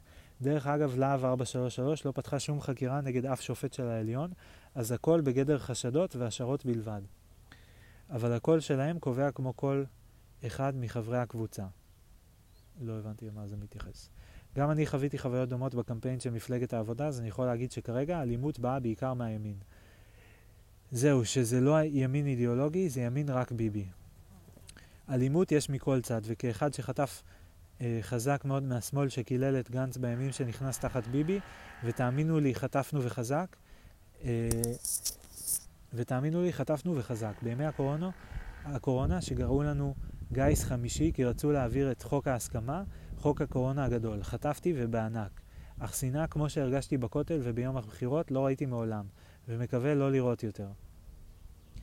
הם לא ימין, אין בהם שמץ של אידיאולוגיה למעט שיכרון כוח. ימין זה לוין, רוטמן, סמוטריץ', הם לא ימין, סוכני כאוס. ואנחנו פה כדי אה, להבין אחד את השני, בידיעה שכל אחד פה רוצה לטובת העם והמדינה, על אף שאנחנו חלוקים על הדרך. ובתקווה שהקולות שלנו, מי שרוצה הידברות, יגברו על האספסוף שנוהג בבריונות. אה, לא, לא, לא, אין אלימות מכל צד, רק מצד אחד. למה שאתה מתכוון קוראים במקסימום אלימות מילולית. אך יש רק צד אחד שמשתמש גם באלימות פיזית, ובוודאי שיש רק צד אחד שמשתמש באלימות פיזית קטלנית. like. Like. אה, מצרפת לינק. דפק לי בומבה בראש, אה, שבר לי שיניים, זה print screen. אה, הותקף בתום ההפגנה ביום שבו גייס את בנו. גיא עברון מכפר סבא, הגיע לירושלים עם אשתו ובתו, לאחר שליוו מוקדם יותר היום את הבן ללשכת הגיוס. לדבריהם, ברחוב יפו, גבר הקנית אותם, והם ענו לו, גייסנו בן היום, מה איתך? הוא ענה, שימות. ואחרי שהאב הגיב באצבע משולשת, אדם אחר תקף אותו באלימות. אף פעם לא חוויתי דבר כזה, אבל אמשיך ללכת להפגנות. את זה חייבים לעצור. Uh, תגובה על הלא לא לא אלימות מכל צד, רק מצד אחד. אלימות מילולית, זאת אלימות. בימי הקורונה מה שחטפו השרים וחברי הכנסת זו אלימות קשה מאוד. אה, כולל הודעות מזוויעות. בימי חוק הקורונה הגדול, חברי כנסת בכו לי והיינו עומדים מתחת לבית שלהם לשמור. עצוב מאוד, וזה האתגר הכי קשה, הכי קשה שעומד לפתחנו לשנות ולתקן את תרבות השיח. מסכים ב-200%.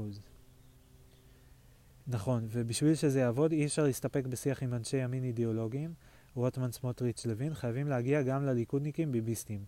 אה, קרעי, אמסלם.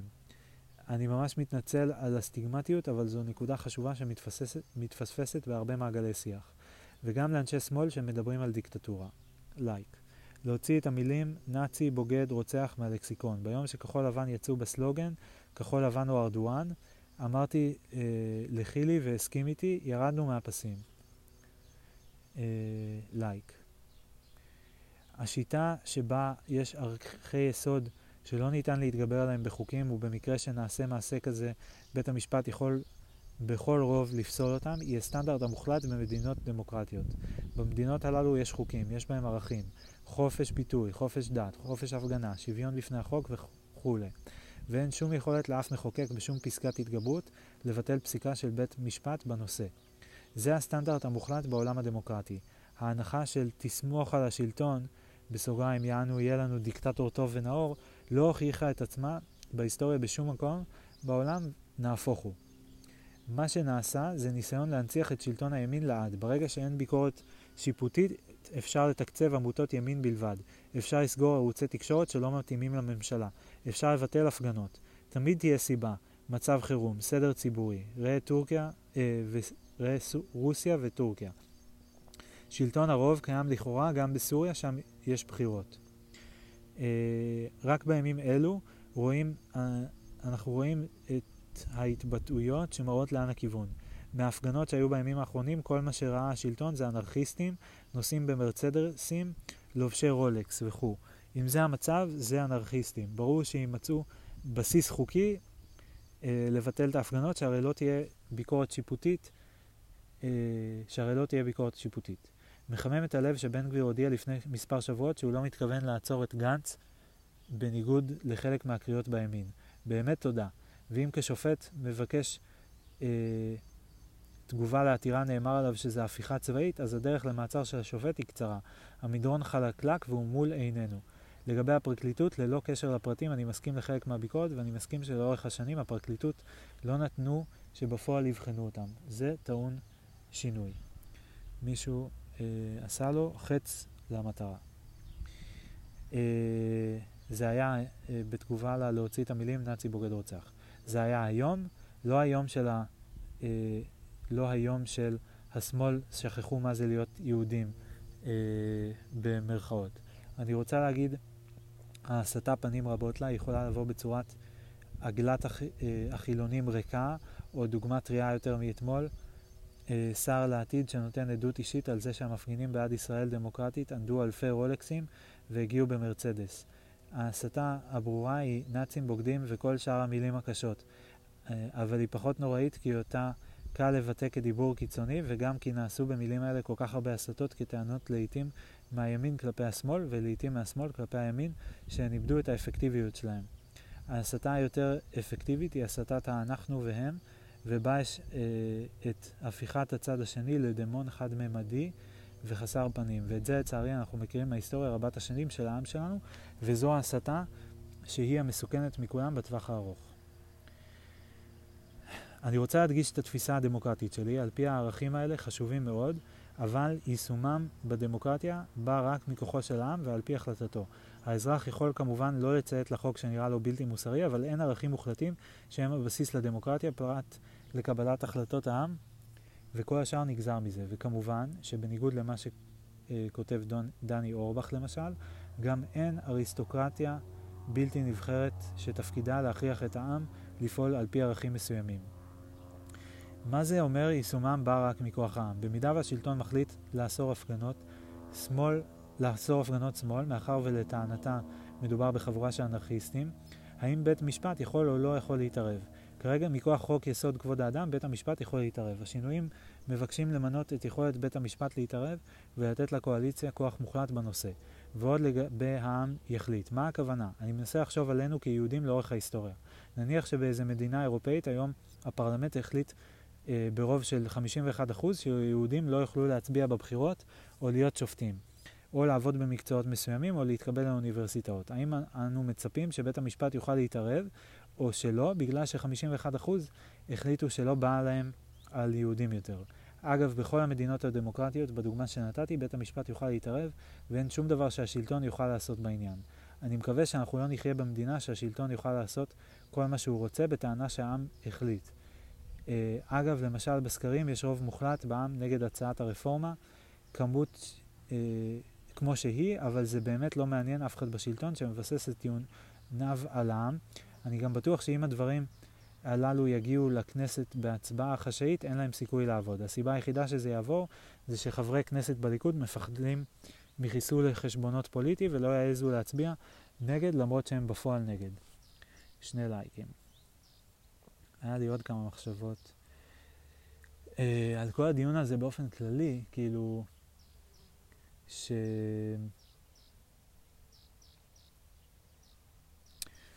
אני אעשה רגע גם הפסקה לשתות מים ולהביא את המצלמה, כי נורא יפה פה בחוץ ואני צריך לצלם.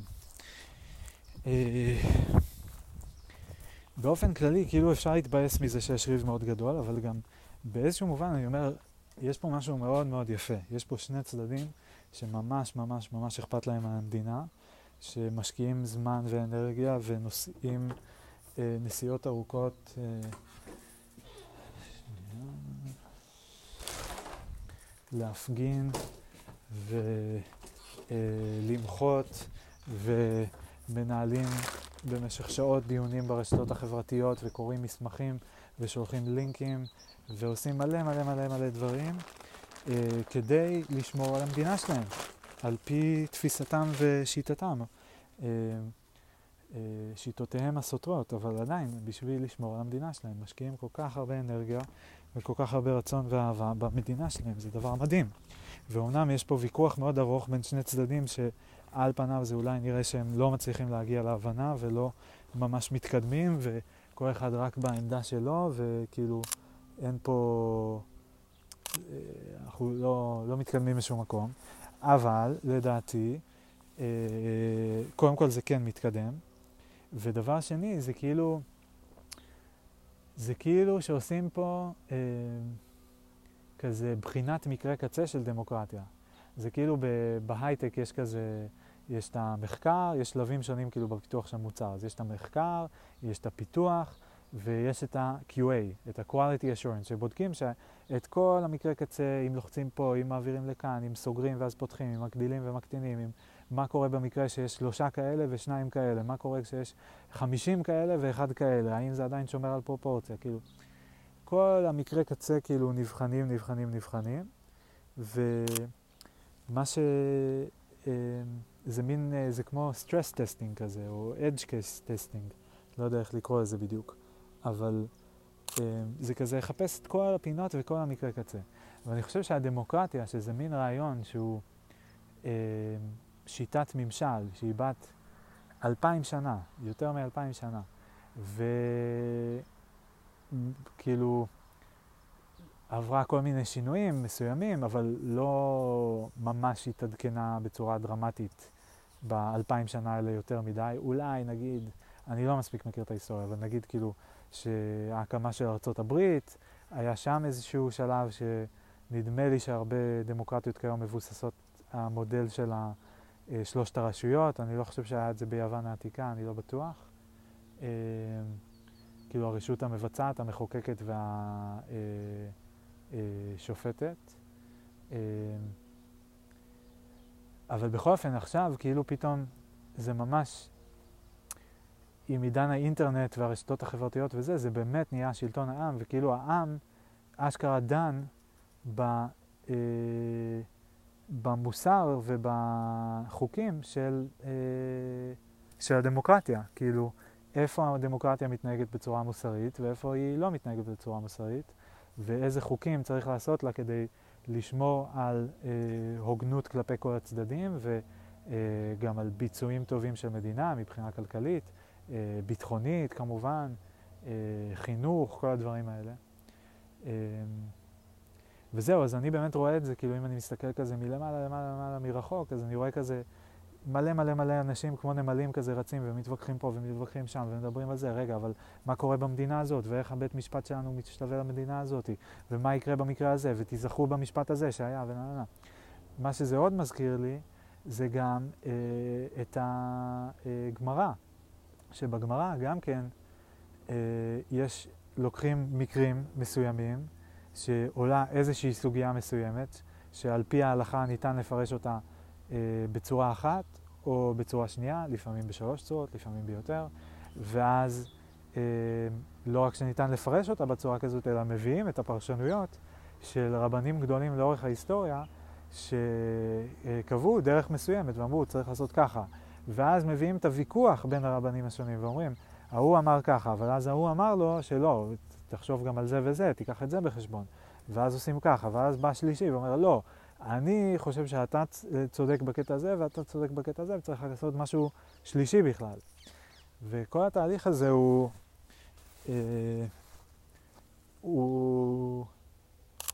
אני בא להגיד שהוא נורא נורא חשוב בעיניי, ושהוא הכרחי. אני לא חושב שאפשר לדלג עליו, אני לא חושב שהיה אפשר לבנות מדינה שכזה כל החוקים יהיו מוסכמים מראש, וכולם כזה כל יום קמים, והכל מאוד ברור, והכל סבבה, ואין הפתעות, אה, וכאילו הכל עובד כזה פיקס, ואין עניים, ואין מלחמות, אה, כאילו, כן, לא יודע מה, וכולם רק כזה לומדים ועושים סבבה ותרבות וכזה, אה, לא יודע מה, וצחוקים ובישולים וטסים לחו"ל ו... אני לא יודע, כן, איך החזון הזה נראה, זה גם מעניין לשאול. אה,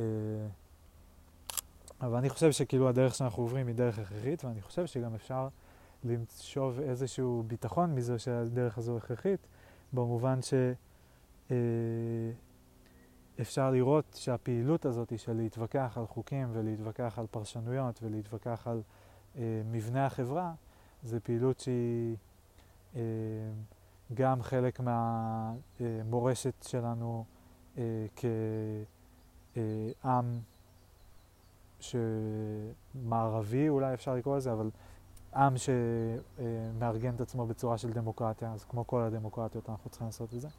וגם זה הולך לאזור זהות אפילו עוד יותר עמוק אה, שלנו, או של רובנו, או של חלקנו, האמת שאני לא יודע בדיוק להגיד, אבל הזהות היהודית. זאת אומרת, זה, ב, זה ב-DNA היהודי שלנו. זאת אומרת, אנחנו רואים שכחלק מהפעילות היהודית יש את הפעילות הזו. אמ, שאני חושב שהרבה אנשים, שזה גם יכול להיות גורם מאוד מחבר, כי היהדות זה עוד משהו שמחבר אה, בינינו במדינה הזאת. זה נכון שלא כולם פה יהודים, אה, אבל אלו שכן, זה, זה משהו בשבילם. וכמובן שהשאלה אם המדינה היא יהודית או דמוקרטית או גם וגם, או איך מאזנים, אה, זה גם נכנס פה מאוד חזק. אה, טוב, אני בשעה וחצי, מה אני אעשה? אני עכשיו עדיין ביום שלישי לפני שבוע, וכאמור אני לא מפסיק לראות את, ה, אה, את ההודעות פה ב typing, כאילו את הסטטוס ב typing, האמת שכרגע הוא לא ב typing. אולי הם פתרו את כל הבעיות? אולי הם הגיעו להסכמה? לא, הנה typing. אה, טוב. אבל אני אמשיך לדעתי, אני אעשה רגע הפסקה, אני אוכל משהו ואני אמשיך. see you soon. אוקיי, okay. ממשיכים.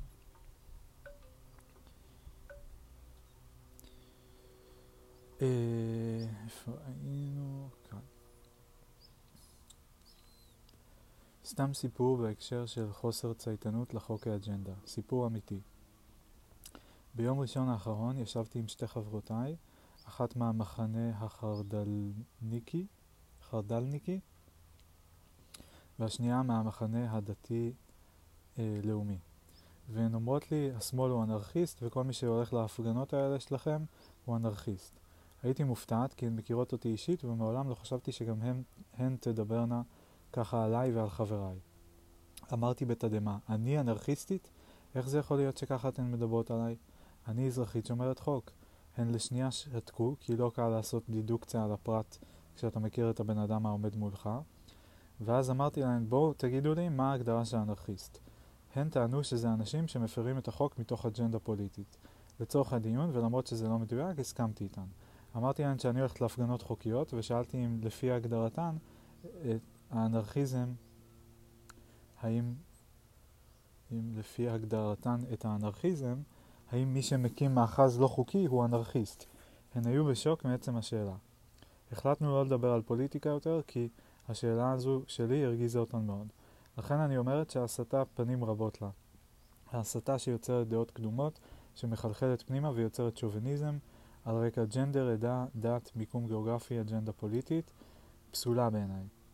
אני מוצאת ששוביניזם כלשהו שייך למוח של עצלנים שרוצים לחיות בתחומי השחור והלבן ולא מסוגלים להכיל מציאות מורכבת ותמונה שהיא פסיפס צבעוני. קיבלה אה, שלושה לייקים ולבבות.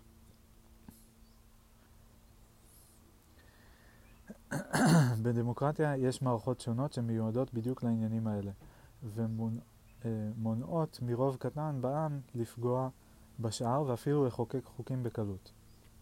1. לא קל לחוקק חוקים בפרלמנט, יש צורך בהסכמה די רחבה כי למפלגות שונות קהלי יעד שונים ואף אחד לא רוצה להרגיז חלק מהמצביעים שלו, זה עניין חשבוני. 2. יש מערכות כמו חוקי יסוד או חוקה שעוד יותר קשה לשנות אותם. באר... בסוגריים, בארץ ניתן לשנות דברים קטנים בחוקי יסוד, לא דברים יסודיים, כי פשוט לא יהיה לזה רוב בכנסת בגלל חשיבותם של חוקי היסוד. חוקה מוקשחת על ידי רוב מיוחס, לא במקרה. 3. בתי המשפט נבחרים לאורך הרבה שנים על ידי העם ואמורים לייצג בדמוקרטיה, בסוגריים לא בישראל, כאן יש בעיה כי כאן עדיין הם מנותקים מדעות הציבור, את עקרונות היסוד של העם. ועקרונות היסוד של העם מונעים מ-51% להחליט שכל היהודים, ועקרונות היסוד של העם מונעים מ-51% להחליט שכל היהודים לא יצביעו. ואף על פי כן, אה, אם חלילה רוב גדול בעם יחליט שליהודים אסור להצביע, לא בית המשפט יציל אותם. עובדה שזה בדיוק מה שקרה בגרמניה הנאצית, ובית המשפט החזק שם, שהיה גם מוסמך לבטל חוקים, לא עשה דבר. רק עם שמאמין בדמוקרטיה יוכל לקיים דמוקרטיה, ובית המשפט נסמך על העם ועליו בלבד.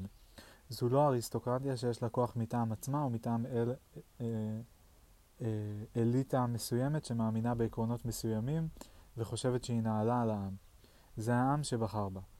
ומי שחושב שצריך לקיים כאן איזושהי אריסטוקרטיה שלא מחוברת לעם ולא נסמכת על כוחו על מנת שתכיל עקרונות מסוימים של העם שהוא מאמין בהם, הוא תיאוקרט או מאמין בדיקטטורה, ואינו דמוקרט. כמה דברים בהתייחסות לדבריך. אני מסכים שבית המשפט העליון לאורך השנים לא שיקף את הציבור. זה גרם לתחושת ניכור של חלקים בעם שהיא תחושה מוצדקת, ולכן אני מסכים שיש לשנות את השיטה כך שתיתן ביטוי למגוון שבעם. אני לא אכנס למה הדרך הנכונה, אבל במבחן התוצאה צריך שהשופטים ישקפו את העם בצורה יותר ראויה. בסוגריים, קצת כמו שהייתי שמח אם 50% מחברי הכנסת והשרים היו נשים. למי שייצוג הולם בליבו. Uh, אני גם מסכים איתך שבמקרה קצה, גם דמוקרטיה וחקיקה לא תעזור. בניגוד למה שכתבת, בגרמניה לדוגמתך היה, לא היה בית משפט חזק, כי כל שופט ידע שאם הוא יפסוק כנגד השלטון הוא ימצא עצמו בדקה או תוך מספר ימים.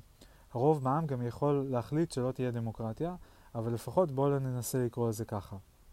אתה אומר שלא קל לחוקק חוקים. האמת שזה מאוד קל. יש משמעת קואליציונית ולכן גם חברי ליק... כנסת בליכוד שמתנגדים לרפורמה, ויש כאלה, לא יעזו לפצות פה כי הם יודעים שבאותה שנייה מי.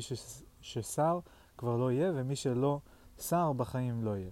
בפועל החוקים הללו יעברו בגלל המשמעת הקואליציונית ובניגוד לדעת רוב חברי הכנסת שלא רוצים את הרפורמה כמו שהיא וגם לדעת רוב העם כפי שרואים בצורה בולטת בסקרים. אתה מדבר על חוקה, אבל אם בית המשפט לא יכול לפסול חוקים על פיה, אז אין לה משמעות. בפועל הסטנדרט בעולם הדמוקרטי הוא שאם יש חוק אה, נוגד חוקה, הוא יתבטל על ידי בית המשפט ברוב רגיל. ואין פסקת התגברות שמאפשרת בחוזר, אה, שמאפשרת בחוזה לפרלמנט לבטל את החלטת בית המשפט אם החוק נגד, נגד את החוקה. מה שמציעים כאן חריג בכל קנה מידה והופך את המעט חוקה שיש לנו לאות מתה. שלושה לייקים. השילוב של רוב לקואליציה בוועדה למינוי שופטים יחד עם פסקת ההתגברות ברוב של 61, שזה המינימום לקיום קואליציה, אה, מצטערת בעיניי זו דחייה של דיקטטורה או עריצות הרוב, או אם יותר קל עם הביטוי הזה. וזה בלי להתייחס לחוקים נוספים שחברי הקואליציה מנסים לקדם. להגן על ראשי עיר מושחתים, להגדיל תרומות לנבחרי ציבור ועוד ועוד. נראה לי שכולנו טובים מאוד בלהסביר למה הפתרון של הצד השני, הרפורמה, כלשונה כרגע, סלש המצב הנוכחי, בעייתי מבחינה דמוקרטית. הבעיה היא שאם אנחנו נופלים לדיכוטומיה שקרית, אם אופציה א' לא דמוקרטיה אז צריך לתמוך באופציה ב', uh, הבעיה היא שאנחנו נופלים לדיכוטומיה שקרית. אם אופציה א' לא דמוקרטית אז צריך לתמוך באופציה ב'. מי אמר שאלה שתי האופציות? אני חושב שזאת uh, הנחה שהיא גם לא נכונה וגם תוקעת את השיח בלופ לא מועיל. שני לייקים. לכן אנחנו כאן להבין מהי הדרך הנכונה לטובת העם והמדינה. סביר להניח שדרך האמצע, סביר להניח שדרך האמצע. מה שאותי מטריד זה הבהילות להעביר מהר את החוקים בזמן שיש ניגוד עניינים לראש הממשלה ולראש מפלגה בקואליציה.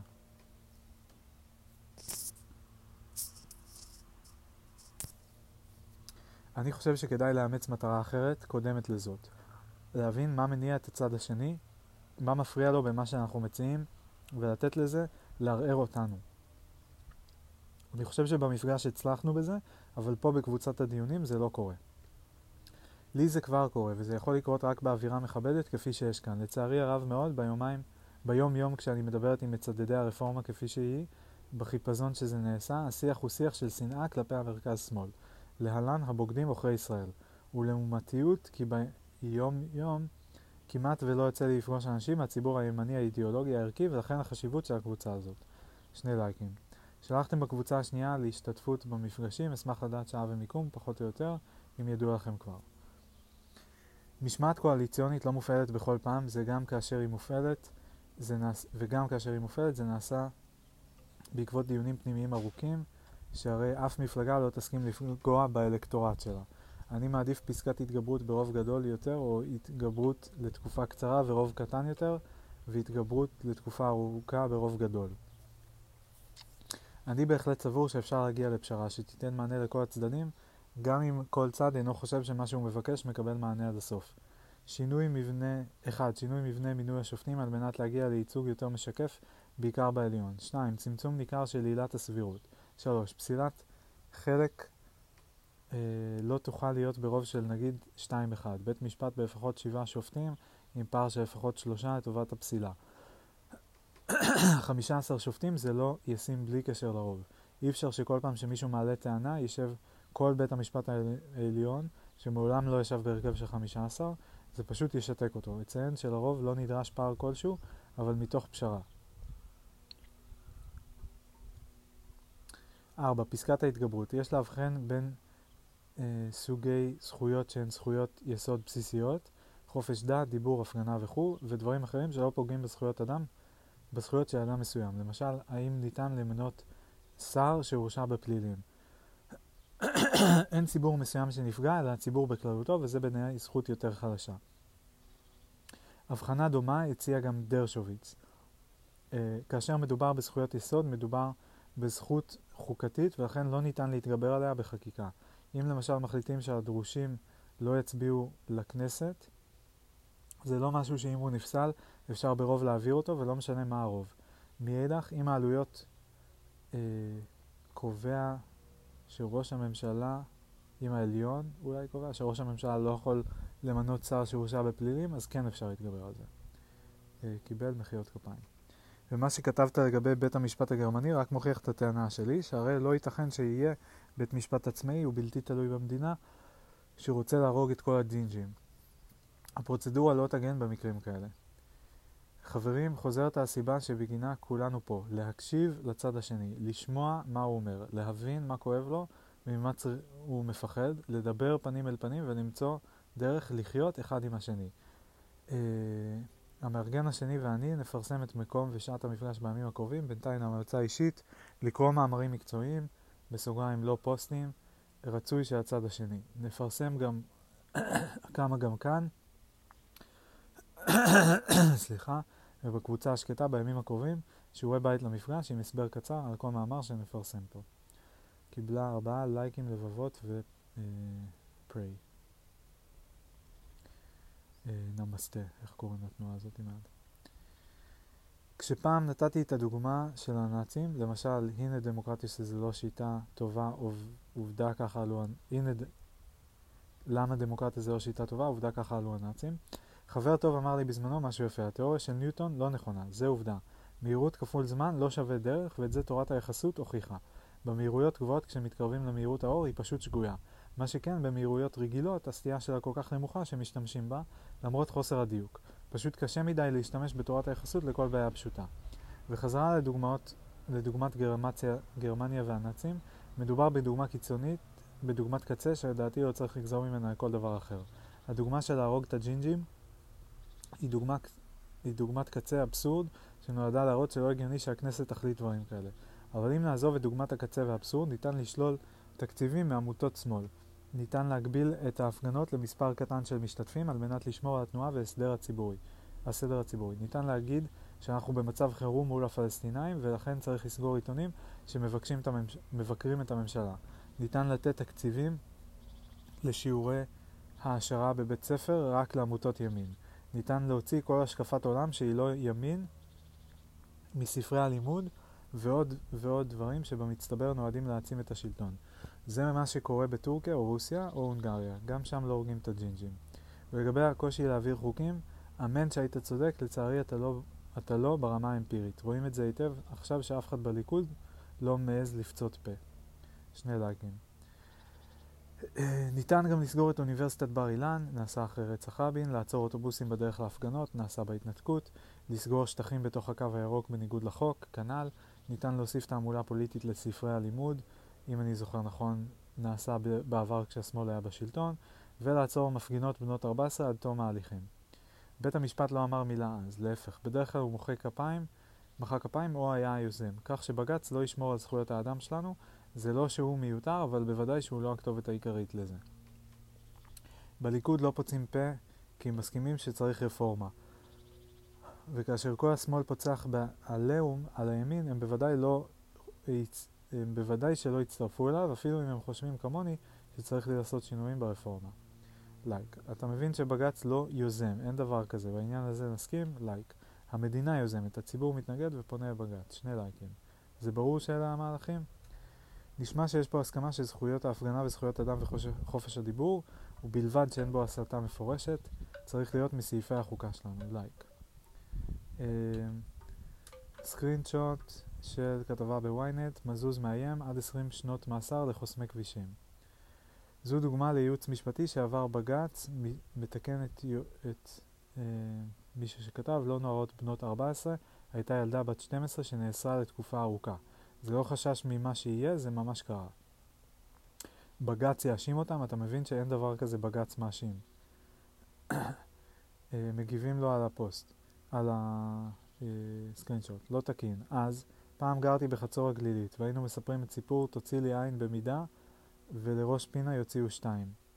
אז מה, הוא רוצה את כולם עיוורים? למה הולכים להתנתקות? למה לא ללבנון? למה לא לסיני? תמיד אז, אז זה.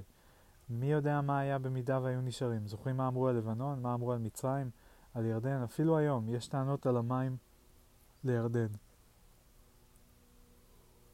ממש לא רוצה להוציא עיניים, באופן כללי משתדל לעשות טוב בחיי. רק חשוב להכיר את המציאות ההזויה הקיימת, שכל החששות ממה שיהיה וחופש ההפגנה וכו' כבר הופרחו, כמו שכתב מעליי. Uh, קודם כל, זה מדגיש את החובה לתקן, זה מסביר את מה uh, הרגשות, זה מסביר מה הרגשות של הציבור שנפגע. מאמין שתהיה פשרה, אבל, אבל, ואבל גדול, לא יהיה מצב ששוב ינטרלו כל מי שרוצה לשנות. מה שקרה עד עכשיו. העניין זה לא ההסכם, ההסכם, זה, העניין זה הצעדים שפגעו בחופש הביטוי. ההפגנה וכדומה שכל כך חוששים שיקרו בעתיד, וצריך להבין שכבר קרו הרבה על ידי מערכת המשפט. אז זה היה לא תקין, אז מה הפתרון? לתת לפוליטיקאים אינטרסנטים עוד כוח? באמת אשמח להבין. שיח היה גם אתמול, ההתנתקות רק מראה שכוח משחית, אז עודף כוח? לכן חייבים שינוי. ברור שצריך פשרה ואיזון, לראות איך לא מייצרים פגיעה באף צד, ולאפשר לממשלה למשול. חוק המסתננים, חוק ההסדרה וכו', חוק הגיוס וכדומה. חוק גיוס קיים ועומד, אני מקווה שיעבור. החרדים האשכנזים סתם עושים בעיות. לא סגור בדיוק איפה זה עומד, ממשלה אחת נפלה על זה, אבל בג"ץ ביטל כמה פעמים, ציבור גדול לא יכול לחיות עם זה. אני בעד גיוס חרדים, זה לא יכול לעבוד דרך החקיקה ובכוח. ואני בהחלט מאמין שככל שהזמן יעבור, יותר חלקים בציבור החרדים ישתלבו בצה"ל ובתעסוקה. זה מחייב גם התארגנות לתת להם מענה, אבל זה תהליך שכבר קורה וימשיך לכיוון הזה. אה, וואו, הלכת כאן כברת דרך ארוכה לצד השני וזה ממש מרגש. אני חושב שגם אני יכול להסכים עם ההצעה הזאת. אה, זה בהתייחס להודעה מקודם, הממוספרת, על uh, שינוי מבנה, הרכב שופטים, פסילה, uh, צמצום של עילת הסבירות, פסקת התגברות, כל זה.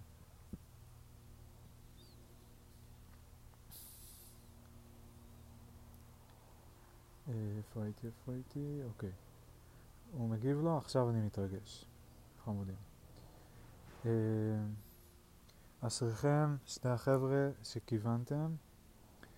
אה, פרופסור בקר קורן פורסת במאמר מקיף ושקט את הבעיות הקיימות בשיטה הישראלית, ויש בעיות, את עקרונות חקיקת לוין רוטמן על ההבדלים בין השניים, ויש הבדלים, את מה ראוי לאמץ בה.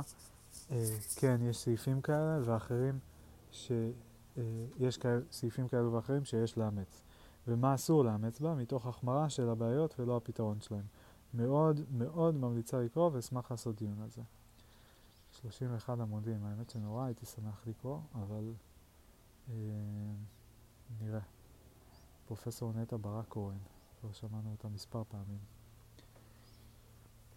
ואני צריך להמשיך כי אני עדיין ביום שלישי של שבוע שעבר. מסכימה. הערה אחת בעניין סעיף 1, כתבת שראוי שיהיה מגוון גדול של שופטים, שכל אחד ואחת במדינה ירגיש שיש לו ייצוג שם, ואני בעד, רק הייתי מורידה את החידוד של בעיקר בעליון משני טעמים. אחד, אמון הציבור במערכת המשפט תלוי בין השאר בתחושה שיש אנשים כמוהו דומים לו בכל מפגש עם מערכת המשפט, בכל ההיררכיות המשפטיות. שתיים, שופטי העליון ברובם הם שופטים שמגיעים מתוך המערכת השיפוטית עם ניסיון בעבודת שיפוט. אם לא נגוון את בתי המשפט בהיררכיות הנמוכות יותר, מאיפה נביא את השופטים המגוונים והמנוסים לעליון. לדעתי האישית, בגלל הקושי אה, שלהם עם הצבא, צריך להקים יחידה לשירות לגברים בלבד, זה מתייחס לחרדים בצבא. הרי לכולם ברור שצריך להגדיל את מספר השוטרים, שיאפשר לגבר חרדי לשרת תוך שמירה על אורח החיים שלו. הציבור החרדי מגוון מאוד ונושא ההשתלבות הוא רחב ועומד בפני עצמו. דרך אגב, האם יש מישהו בקבוצה שמייצג ציבור זה? אה, שאלה יפה. סליחה על השאלה, אבל מה עושים במפגשים אם דנים פה על הכל? מישהו כתב, יש אחלה בורקסים, נחמד.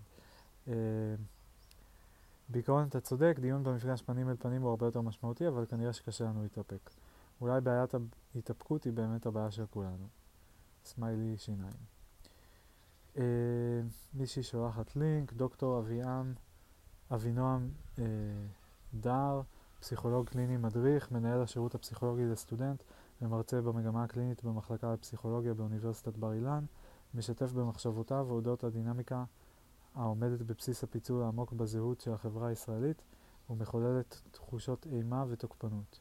לאור הבנה זו הוא מציע עמדה שממנה ניתן לעשות הכל, להפגין, למחות, לתכנן רפורמות וכדומה, ובתנאי שהעמדה כלפי האחר, מימין ומשמאל, דתיים וחילונים, ערבים ויהודים, תהיה מתוך אחריות ודאגה לעולמו והרחב של, האחר. אמן. Uh, קיבל לב אלייק, נעשה עוד לב. Uh, אבינועם דר היה המחנך שלי בחטיבת הביניים, איש יקר.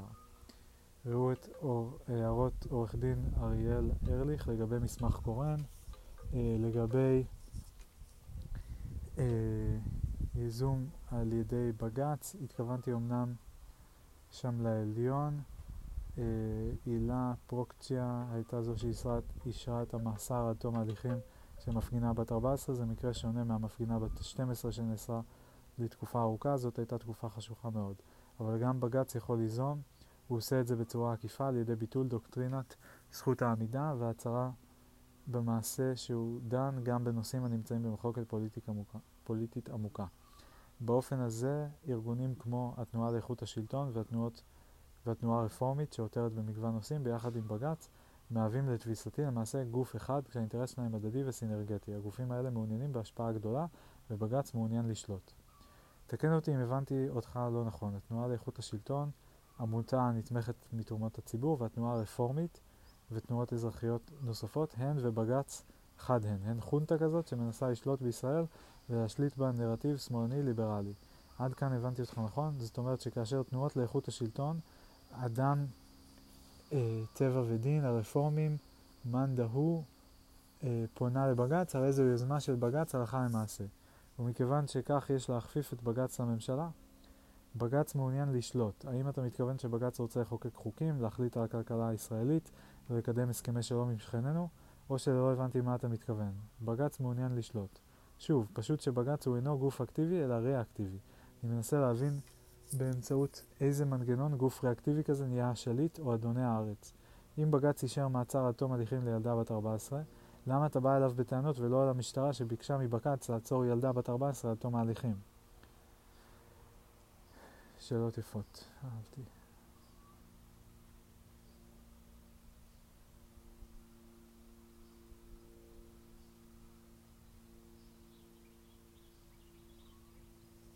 אני מסתכל על הפעולה של הגופים האלה ורואה שיש ביניהם סינרגיה.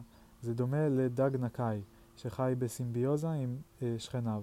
הם כמובן יצורים שונים מבחינה אורגנית, אבל משרתים זה את זה.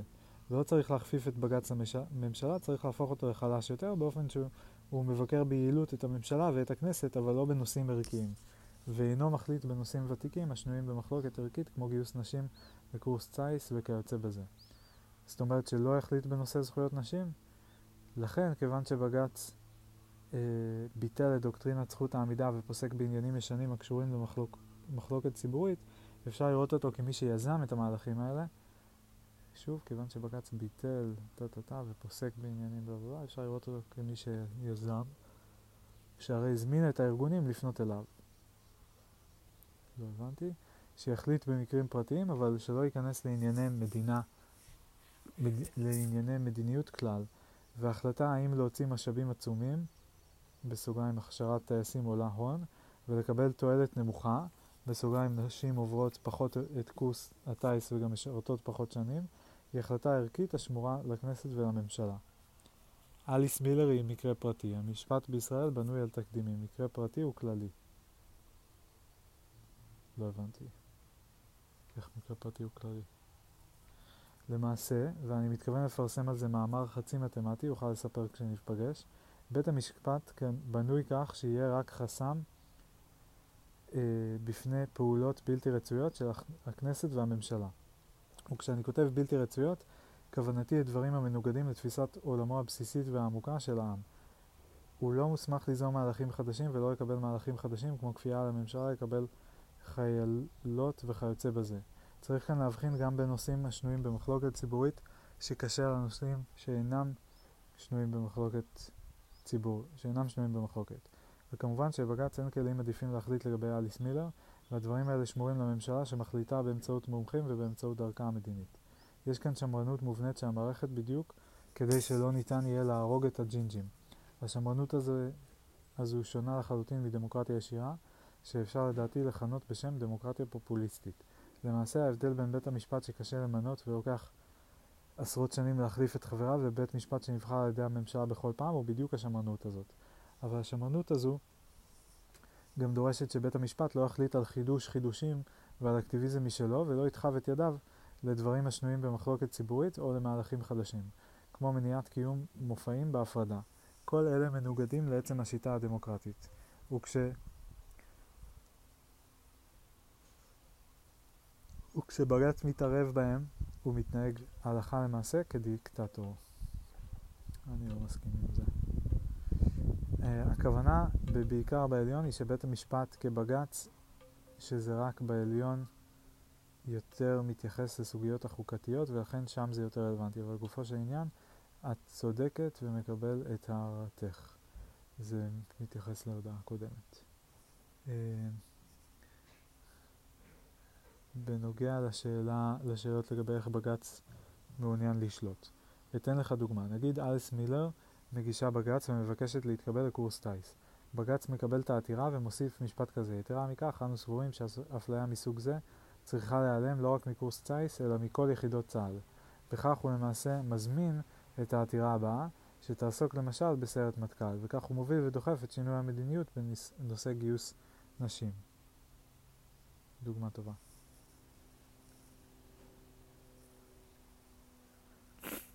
בלי להיות משפטן, אני לא צריך את הזמנות בג"ץ בשביל להבין את זה. זה בסיסה של מערכת המשפט בישראל, תקדימים. אני חושבת שמרוב רצון להראות כמה בג"ץ טועה וכמה הוא מתערב בנושאים שונים, הלכתם רחוק מאוד. אבל אלה דברים שקרו, אני לא ממציא את זה. רוטמן לייב עכשיו מציג את הרפורמה. בג"ץ לא כופה על המדינה שום דבר, בג"ץ רק מחדד את ערך השוויון, שחרדים ודתיים מאוד לא מוכנים לקבל. לכן לעולם לא תהיה חוקה במדינת ישראל, וזה אחד האסונות הקשים שלנו. רוטמן מלא שנאה לכל מי שאיננו מהמחנה שלו. למה הכוונה מחדדת ערך השוויון? בג"ץ הכניס אותו לספר החוקים וכופה על המדינה את דעותיהם של השופטים. ואז יוצאות פסיקות תמוהות כמו פסילת חוק הגיוס, בסוגריים מישהו חשב שניתן לגייס את החרדים בכפייה, ששולחות אותנו לחמש מערכות בחירות. כופה על המדינה את זה. אה, ציטוט: מדינת ישראל תהיה פתוחה לעלייה יהודית ולקיבוץ גלויות, תשקוד על פיתוח הארץ לטובת כל תושביה, תהיה מושתתת על יסודות החירות, הצדק והשלום לאור חזונם של נביאי ישראל. תקיים שוויון זכויות חברתי ומדיני גמור לכל אזרחיה, בלי הבדל דת, גזע ומין. תבטיח חופש דת, מצפון, לשון, חינוך ותרבות. תשמור על המקומות הקדושים של כל הדתות ותהיה נאמנה לעקרונותיה של מגילת האומות המאוחדות. אתה מלין על זה שבג"ץ מכניס לספר החוקים את הערכים האלה? נכון, לא כתוב כאן שוויון.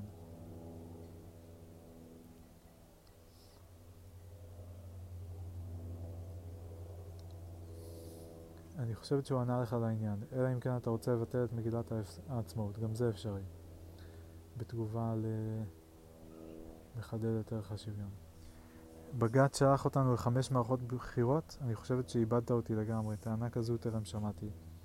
יש הבדל בין הצהרה כללית לבין כפיית ערך ספציפי שלא ניתן ליישם בכל עניין. הרי יש הבדלים יסודיים, אה, יש אה, אנשים שונים בין, אה, בין אנשים שונים, בין חברות ובין גברים ונשים. כפיית ערך השוויון בצורתו קיצונית מביאה לדרישה לגייס חרדים בכפייה. האם אתם חושבים שזה נכון? אתה חושב שזה נכון שאני והאחים שלי נלך לצבא ונשלם מיסים ואחרים לא ילכו לצבא ויקבלו קצבה במקום? עד גיל 35? אתה מגזים בכוונה או סתם? האם לכפות עליי נישואים דתיים זה בסדר? לכפות עליי שלא תהיה תחבורה ציבורית בשבת זה שומר על שוויון? שניהם מגיבים לאותו אחד. יש כאן הבדל יסודי בין התפיסה הרדיקלית לתפיסה השמרנית. התפיסה הרדיקלית המהפכנית גורסת שאפשר לייסד את העולם על מספר ערכים מצומצם, נגיד חירות, שוויון, אחווה. והתפיסה השמרנית מבינה שהעולם מורכב ולא ניתן תמיד להכיל את הערכים אה, הנעלים בשטח באופן מדויק. וזה בדיוק ההבדל בין ההצהרה העקרונית, המתאימה גם לתפיסה השמרנית, ליישום קשה ואבסורדי בשטח, כפי שכפה בג"ץ הרדיקלי.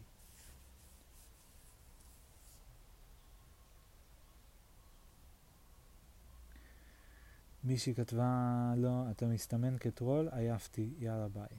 עכשיו היה פה את הריב הראשון בקבוצה. אה, הוא עונה לשאלה, אתה חושב שזה נכון שאני והאחים שלי נלך לצבא ונשלם מיסים? לא, זה לא נכון, אבל זו עובדה. אה, טוב, אה, הוא כותב לשתי הבנות, אתן לא בנות שיח, אם תגיעו לפגישה, אשכול לא להגיע. ואם מגיע, אנא אמרו מי אתן, כדי שאוכל להתעלם מגסות הרוח שלכם. לאן נסחפת? הדיון יצא מכל הקשר ועניין. תרגע, אני לא אגיע כדי לא לשמוע אותך. אני משקיע כאן זמן בתיאור דברים וגישות, הבדלים בין הגישה השמרנית לגישה הרדיקלית, ואתן מקללות, אה, אחת שכתבה ואחת שעשתה לייק. לשלם מיסים בכפייה זה בסדר? כתבה לו ביי. עופי לי מהעיניים, גסת רוח. וואו, ממש כעס. היא לא קיללה. אה, איש יקר נסה לקבל שצריך הרבה רוח רוח כדי להתמודד עם הבדלי ערכים קיצוניים בינינו, ומבקש מכולם להרגיע את הרוחות. קשה לו. להגיד טרול זו קללה. אה, שתי הבנות לא מעוניין לדבר איתכן עד שתתנצלו. יש עניין של נימוס בסיסי, יש הבדלים ערכיים שניתן להתדיין עליהם, יש גם עניין של נימוס בסיסי. ואני מבין שרדיקלים כועסים כשאומרים להם שהעולם מורכב מכדי ליישם את כל הערכים גם במציאות, ראיתי את זה כבר במקום אחר. לא ציפיתי לראות את זה בגסות רוח בקבוצה שמעוניינת בשיח. לא בגלל זה הם כועסים, בגלל זה הם כועסים. כי אתה תומך באי שוויון בנטל ונשמע שגם תומך בהדרת נשים מהמרחב הציבורי, החל מצה"ל וכועסות. אה, תומך באי שוויון? חלילה, מודע לזה שאי אפשר לקיים אותו בשטח בגלל שהעולם מורכב. אי אפשר? בואו נדבר על זה. אפשר לבקש מאברכים להתגייס לש... אה, לשירות לאומי, בתי חולים, להגיד זה מה יש, זה שקול, אה, זה מה יש, תתפוצצו. הדרת נשים, חלילה, יש בקורס טיס עניין של עלות ותועלת. וזה מעבר לזה, אם זה היה מגיע לכנסת, יכול להיות שהייתי תומך בהתלהבות, כי יש עניין להוציא כספים כדי שנשים ירגישו שהן חלק מהחברה בכל תחום. וזה, יהיה ש... וזה היה שווה, אבל לבג"ץ אין שום מילה להגיד בעניין. וכבר כתבתי שגם הפסיקה האקטיביסטית של בתי המשפט, בסוגריים לא בג"ץ, בעניין חזקת הגיל הרך שמאוד נוחה לי, בסוגריים אני נשוי באושר אבל מעורב במאבק נגד החזקה הידועה לשמצה, אה, לא נראית לי, כי דברים כאלה צריכים להיקבע בכנסת ולא בבית משפט. אפשר להגיד בצדק שהם פסקו על פני טובת הילדים שם, על פני, על פני כל המחקרים, ושאין סתירה לחוק המדבר על טובת הילדים. אבל בכל זאת פסיקות אקטיביסטיות הן פסולות. אפשר לקדם גיוס של אברכים לשירות לאומי ולבתי חולים. אי אפשר לכפות את זה פשוט כי זה לא ילך. כמעט אין אפשרות לגייס אנשים שלא מעוניינים להתגייס. זה לא עובד וזה יוביל למאבקים קשים עד כדי מלחמה. לא כל דבר טוב ניתן ליישם בשטח. סבבה אחי, אבל זה לא שלך, זה לא שלך עלות תועלת, זה של המדינה. ואלה המנגנונים האמונים על החלטותיה. ולא, אין שיקולי עלות תועלת בשוויון. אתן לך דוגמה, בניין בין עשר קומות, בקומת הגג שתי דירות בלבד. הדיירים מבקשים להצביע שהמעלית לא תעלה לקומה עשר אה, משיקולי עלות תועלת. לוקח? או יותר טוב, הדייר מקומה חמש מבקש מעלית שבת, עלות תועלת. תשכח מזה. לפי חוק מקרקעין בישראל, הבניין מחויב להתקין מעלית שבת ולשלם מהוצאות החשמל המוגדלות כדי לספק את, הצר... את צרכיו של הדייר מקומה חמש. שנבטל את זה? אה, אחי, אז גם נפסיק, זה אותו אחד ממשיך? כן. אחי, אז גם נפסיק אה, לכפות גביית מיסים? מה זאת אומרת? אה, אתה אומר, הם לא יישמעו לחוק ולכן עדיף לא להתקין אותו.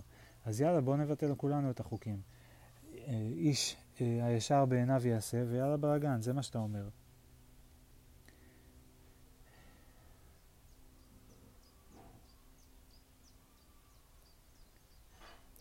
עכשיו אני, הוא עונה, עכשיו אני רוצה לדון בדבר הזה. כתבתי כאן משהו בעניין הכללי של רעיונות. משהו שחשבתי עליו לא מעט ויכול להסביר חלק לא קטן מההבדלים בין הצדדים. והנה אני מקבל תגובה גסת רוח. איך אפשר לנהל כך דיון תרבותי? אולי זה בגלל שמדובר בוואטסאפ וקל לקלל. לא, זה לא מה שאני אומר. אני אומר שצריך להתנהל בחוכמה ולהבין שיש דברים שניתן לעשות ויש דברים שניתן, שלא ניתן לעשות. מי שצריך לקבוע בעניין הזה הוא העם ולא בית המשפט. אם ניקח את הדוגמה של, לגבי מעלית השבת, הרי ברור שיש כאן אפליה של רוב הדיירים. לפי עקרון השוויון, יש כאן פגיעה בדיירים וראוי שבג"ץ יבטל את החוק. אלא שהחברה החליטה להתחשב בצרכים של אוכלוסייה מסוימת וקבע שהחוק הזה גובר על עקרון השוויון.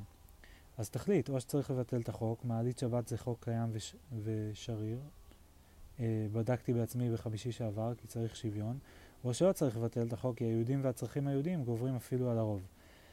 וזה בדיוק מה שאמרנו בפגישה הקודמת אגב, רוב הליברלים בישראל מוכנים וחיים כבר עם אלפי דוגמאות של אי שוויון והעדפת היהדות וחוקי התורה על, פי, על, וחוקי התורה על הרוב, כמו תחבץ בשבת עד לפני שנתיים או כשרות בצה"ל. מה מוכנים הדתיים לשחרר. וואי וואי.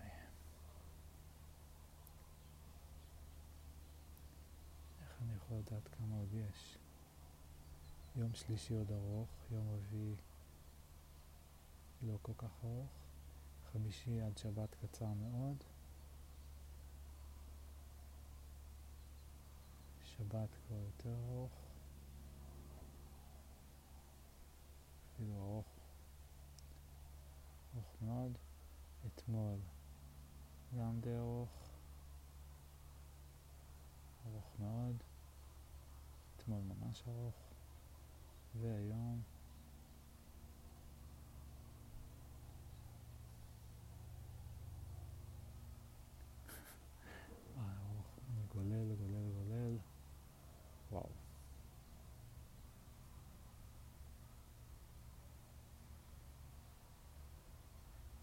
מאוד.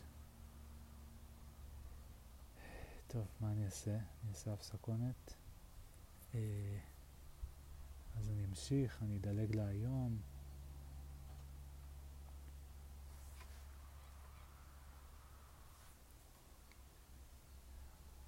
טוב, נעשה הפסקונת.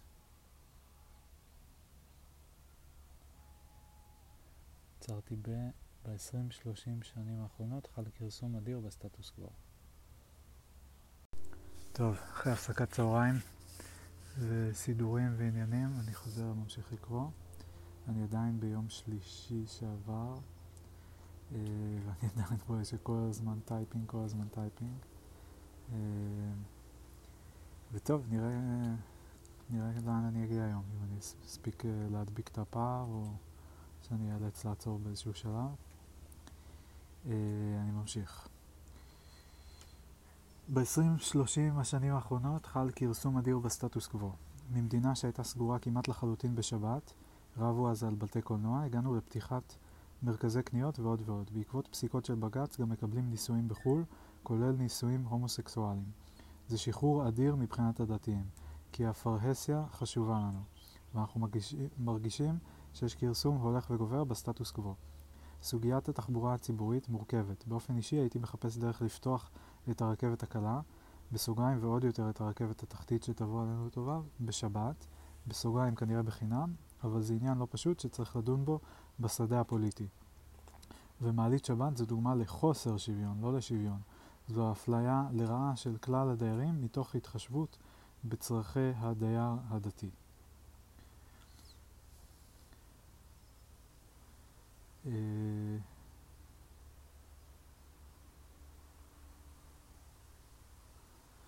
מי שכתבה תגובות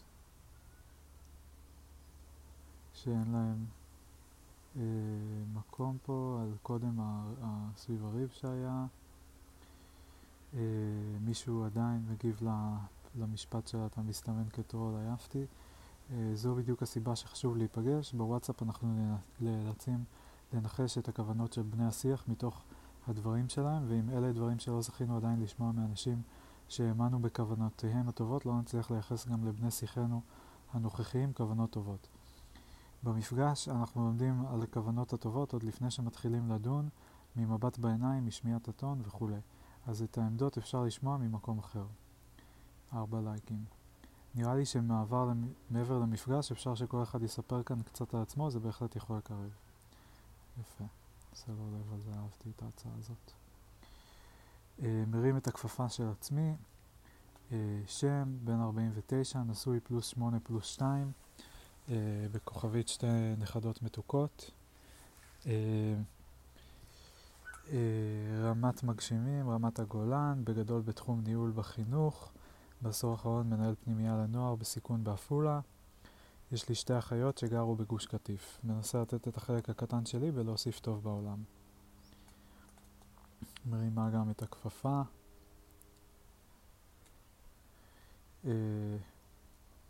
שם מרעננה, אה, אם לארבעה, נשואה, שהיה לבחור שהיה במפגש עם הבן שלהם, אה, מדריכת הורים ופסיכותרפיסטית אדלריאנית, כלומר עובדת על פי התיאוריה של אלפרד אדלר, שמעמודי היסוד שלה, שוויון ערך האדם, כבוד הדדי, אינטרס חברתי, בסוגריים הבנה שאני לא לבד בעולם וש... ודרוש שיתוף פעולה, ודרוש שיתוף פעולה, ועוד עיקרון חשוב, האדם הוא יצור סובייקטיבי, כל אחד מפרש את אותה מציאות באופן שונה. אני מצטערת מאוד מאוד על אמירות לא מכבדות בקבוצה, אין לכך מקום אם רוצים לקדם שיח. מאוד מעריכה את המאמץ של כולם להביא לנו מידע ותכנים חש... חשובים ולנהל שיח מכבד. לצערי הרב בימי שני בערב אני מלמדת ונמנע ממני להגיע, אלא אם כן לאחר ואגיע אה, אחרי תשע. אה, אני מזמין גם את מי שמתאים לו גם לשלוח תמונה. אה, שם, גר בתל אביב, בן 34, אה, נשוי, בלי ילדים, מתמטיקאי ומתפרנס מטכנולוגיה. חילוני, שמאלני, גדלתי במשפחה וסביבה מלאות במשפטנים בשירות המדינה, מצד שני גם יש לי בדוד, בן דוד ממפוני עמונה. אני פעיל הרבה שנים ביצירת הזדמנויות לשיח בין אנשים ממגזרים שונים ותפיסות עולם שונות. אני בוגר החינוך הפלורליסטי, בסוגריים משלב, בעיקר בציר החילוני-דתי, ונראה לי שהרבה ממה שמניע אותי היום זה שהסביבה שלי הומוגנית מדי והמגוון חסר לי מאוד. אני עושה לכולם לב.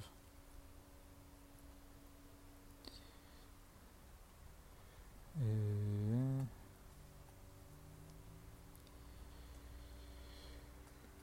בעניין ההבדל בין שיח במפגש לבין רשתות חברתיות, ממליץ לקרוא את זה. אה, לינק לטוויטר. אה, שם, גר בבאר שבע, אבל במקור מהוד השרון, אתאיסט, פרגמטי, שואף למקסימום טוב למקסימום אנשים, ומאמין שבשביל זה צריך להצליח לדבר, לשתף פעולה, להקשיב ולהסתקרן. פתרונות פשוטים ומהירים לבעיות גדולות ומורכבות הן לרוב לא טובים לטווח הארוך, וזו אחת הסיבות שאני נוטה לברוח מהקצוות והקיצון אל המרכז. התחלתי לאחרונה לעבוד ביוזמה לצמצום הסכסוך, ארגון שמתמקד במרחב ההסכמה בין ימנים ושמאלנים ומקדם צעדים שבצורה מבוקרת משפרים את המצב של הפלסטינים כבר היום, תוך קידום אינטרסים ישראליים. שווה להכיר אותנו, אשמח לספר יותר בפרטי למי שמעוניין. מצפה למפגש. אה, לינק לפייסבוק, שם את זה כאן, טיעונים של עמיחי שיקלי בעד הרפורמה, לא חייבים להסכים, אבל נותן הצצה לטיעונים של חבר כנסת ימין אידיאולוגי. שם, בן 39, נשוי פלוס ארבע בנות, ציוני דתי, גר בפדואל, יישוב בין אריאל לראש העין, עובד במרכז הארץ בארגון פיננסי ורואה את המשרד מהמרפסת, משפטן אה, חובב בשעות הפנאי, בסוגריים כן, קורא כתבי טענות ופסקי דין. אה, מתנחל מילדות וחבר ילדות של אה, עוד מישהו, וממש לא חשבתי שאמצא את עצמי ממשיך לגור, עוד מישהו בקבוצה כאילו, וממש לא חשבתי שאמצא את עצמי ממשיך לגור ביישוב הומוגני דתי, יש הפתעות בחיים. בוגר אוסלו כילד, האינתיפאדה השנייה כמתבגר וההתנתקות כחייל, ומופתע לגלות עד כמה האירועים האלו עיצבו אותי. אה, איש ימין קצת פרגמטי, בסוגריים יותר שקד מסמוטריץ', לא אוהב את נתניהו ונוטה לא להאמין לו, מאמין שצריך לתקן את מערכת המשפט, אבל קצת סקפטי לגבי ההיתכנות לזה, קצת מסויג גם לגבי רכיבי התוכנית שנידונה כעת בכנסת. Uh, המניע הראשוני שלי להיכנס לקבוצה היו התבטאויות שקוממו אותי מצד גורמים כלכליים שמתנגדים לרפורמה, משם התגלגלתי לדיוני עומק עם חברים שחושבים אחרת ממני, אשתדל להרחיב בהמשך. לא יודע אם אצליח להגיע למפגשים, אבל בינתיים משתדל להשתתף ובעיקר לקרוא כאן.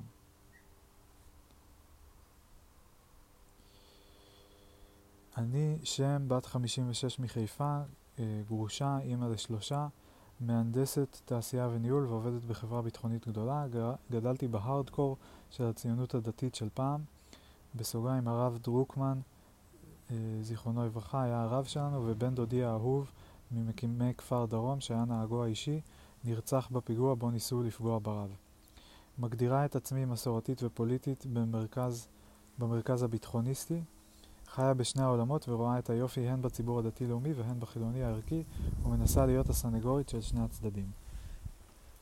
Uh, בסוגריים, אם כי אני מאוד מודאגת מעומק השיסוי והשנאה, במיוחד בצד הימני כלפי המרכז-שמאל. זוכרת את הוויכוחים בעם על ההתיישבות ביהודה ושומרון באמצע שנות ה-70, הייתי שותפה פעילה במאבק על פינוי ימית, ועבורי אפריל 82 היה אירוע מכונן, כשהבנתי שהלא יאמן קרה ופינו את ימית. זה היה בתקופה שבציונות הדתית המשולש שווה הצלעות של עם ישראל, תורת ישראל וארץ ישראל, הפך למשולש שווה שוקיים, שבקודקודו ארץ ישראל תחילה וכל האנרגיות הופנו להתיישבות ביהודה, ושול... ביהודה ושומרון. אני חושבת שיש מקום לרפורמה במערכת המשפט, אך לא באופן בו זה נעשה. חושבת שלפני 30 שנה ברק לקח את המטוטלת מהמרכז ב-60 מעלות שמאלה, אבל לוין, ורו, לוין, רוטמן וביבי מסיעים את המטוטלת לא ב-60 מעלות ימינה, אלא 120 מעלות, וזה שובר את הבניין. חייבים להגיע ומהר להסכמות רחבות לפני שיהיה נזק בלתי הפיך. אה, מודה שהקבוצה הזו מעוררת בי אופטימיות ומקווה שנצליח להשפיע על השיח. לב. אה, שם, חילוני, אבא וסבא, גרוש, חקלאי, מהנדס ומורה, חבר קיבוץ אה, צוב, צובה, צובה, עולה ותיק מצרפת, צי, ציר ועידת מפלגת העבודה מאז ימי רבין, זיכרונו לברכה, בוגר רצועת עזה כחייל מילואים ולימים כחקלאי בתקופת ההתנתקות. בסוגריים הלכנו לעזור לחקלאים המצוינים של גוש קטיף לפרק את החממות שלהם. אה, בוגר מחאות, רוטשילד, בלפור ועכשיו המחאה להגנה על הדמוקרטיה. אה, מברך את המארגנת הנהדרת על היוזמה המבורכת לדו-שיח וקירוב הצדדים, מאחל לכולנו בהצלחה רבה ובעיקר לעם ישראל.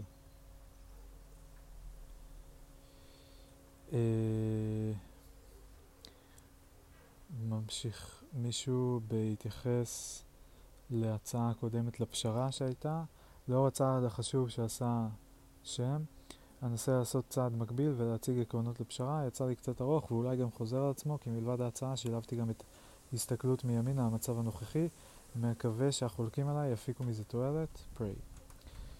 Uh, מה אני מקבל מטענות החולקים עליי? 1. ברור לי שצריכה להיות עילת סבירות במשפט המינהלי. 2. אני מוכן לקבל את התזה שחוקי יסוד מהווים חוקה ושחוק שסותר אותם דינו להתבטל.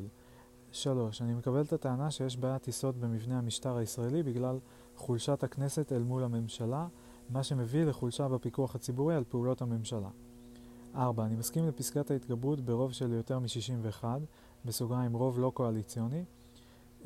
5. אני מסכים שלממשלה/כנסת נוח לפעמים לא להחליט והם נותנים לבג"ץ להוציא עבורם את ההרמונים מהאש. 6. אני מסתייג מאוד מפעולות חקיקה פרסונליות ופרסונליות לכאורה, בסוגריים חוק דרעי, חוק המתנות ועוד.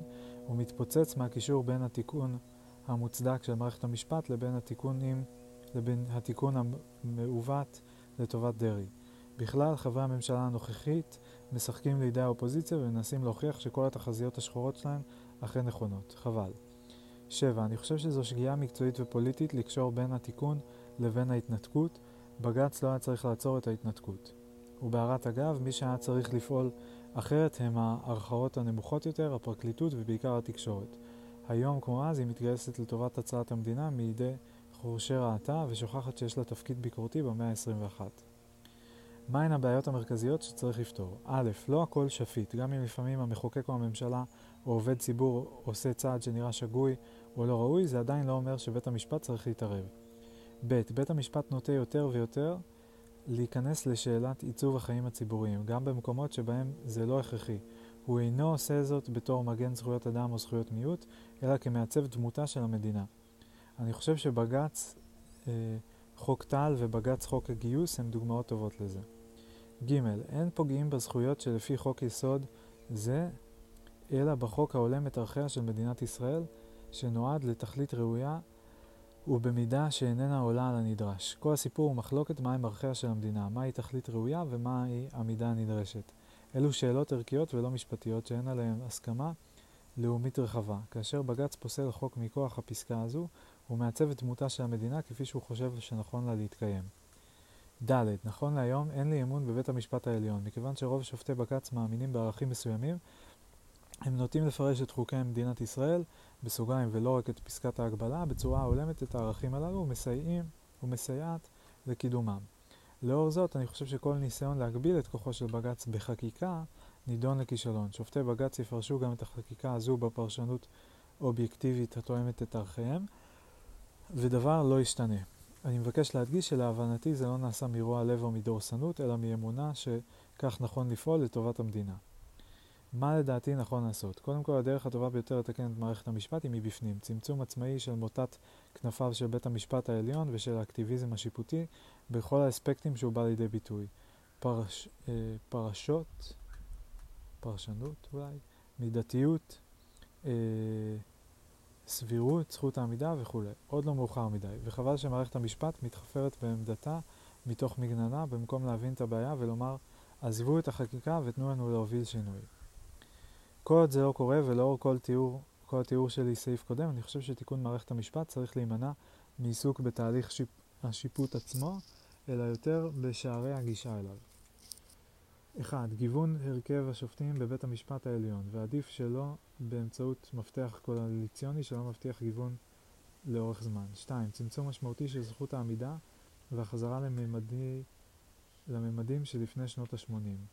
בסוגריים עידן אה, שמגר ברק. אה,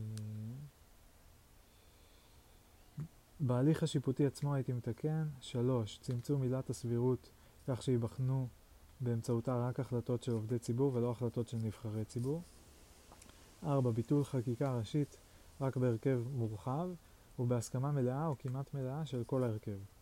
משפט אחרון לגבי פשרה והסכמה לאומית. אם תעבור חקיקה ללא הסכמת האופוזיציה, ברור לכולם שהיא תבטל ביום שבו תקום ממשלת מרכז-שמאל. האינטרס להסכמה לאומית הוא קודם כל של תומכי השינוי.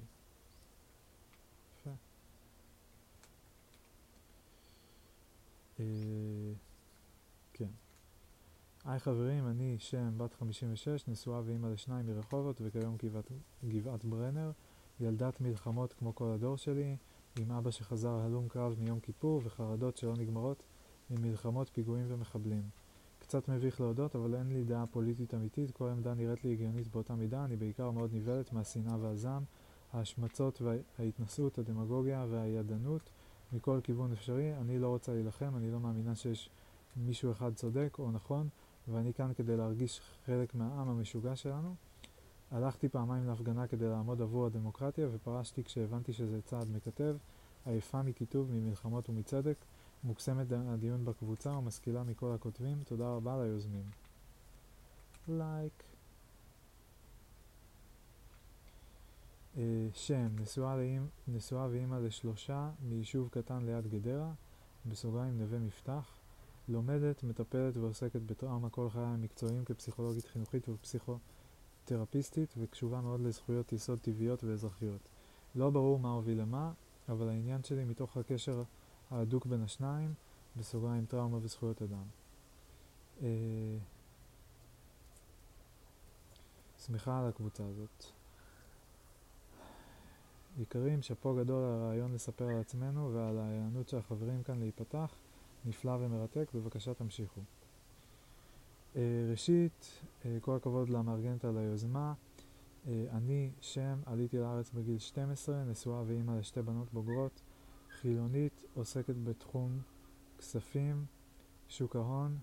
אני חרדה עד מאוד על המתרחש במדינה, אני באה ממדינה טוטליטרית, לא דמוקרטית, ואכן היסודות של שוויון זכויות אדם, חופש ודמוקרטיה, מבחינתי יש להם ערך עליון. אני מגדירה את עצמי כשמאל מרכז וממש ממש כואבת את אובדן הרסן של השלטון.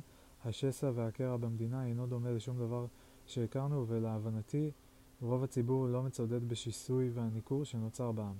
ישנו קומץ אשר מצית ומלבה את זה וחלה עלינו חובה למצוא את המשותף והמחבר על מנת שהמדינה שלנו תמשיך להתקיים. הכמיהה וההקרבה והשאיפה להקים ולחיות במדינה שלנו, אה, שהיא עצמאית וחזקה, לא התכוונה לתצורתה כפי שהיא מתגבשת בימים אלה. לילה טוב. ובזאת סיימנו את יום שלישי בשעה טובה. אה,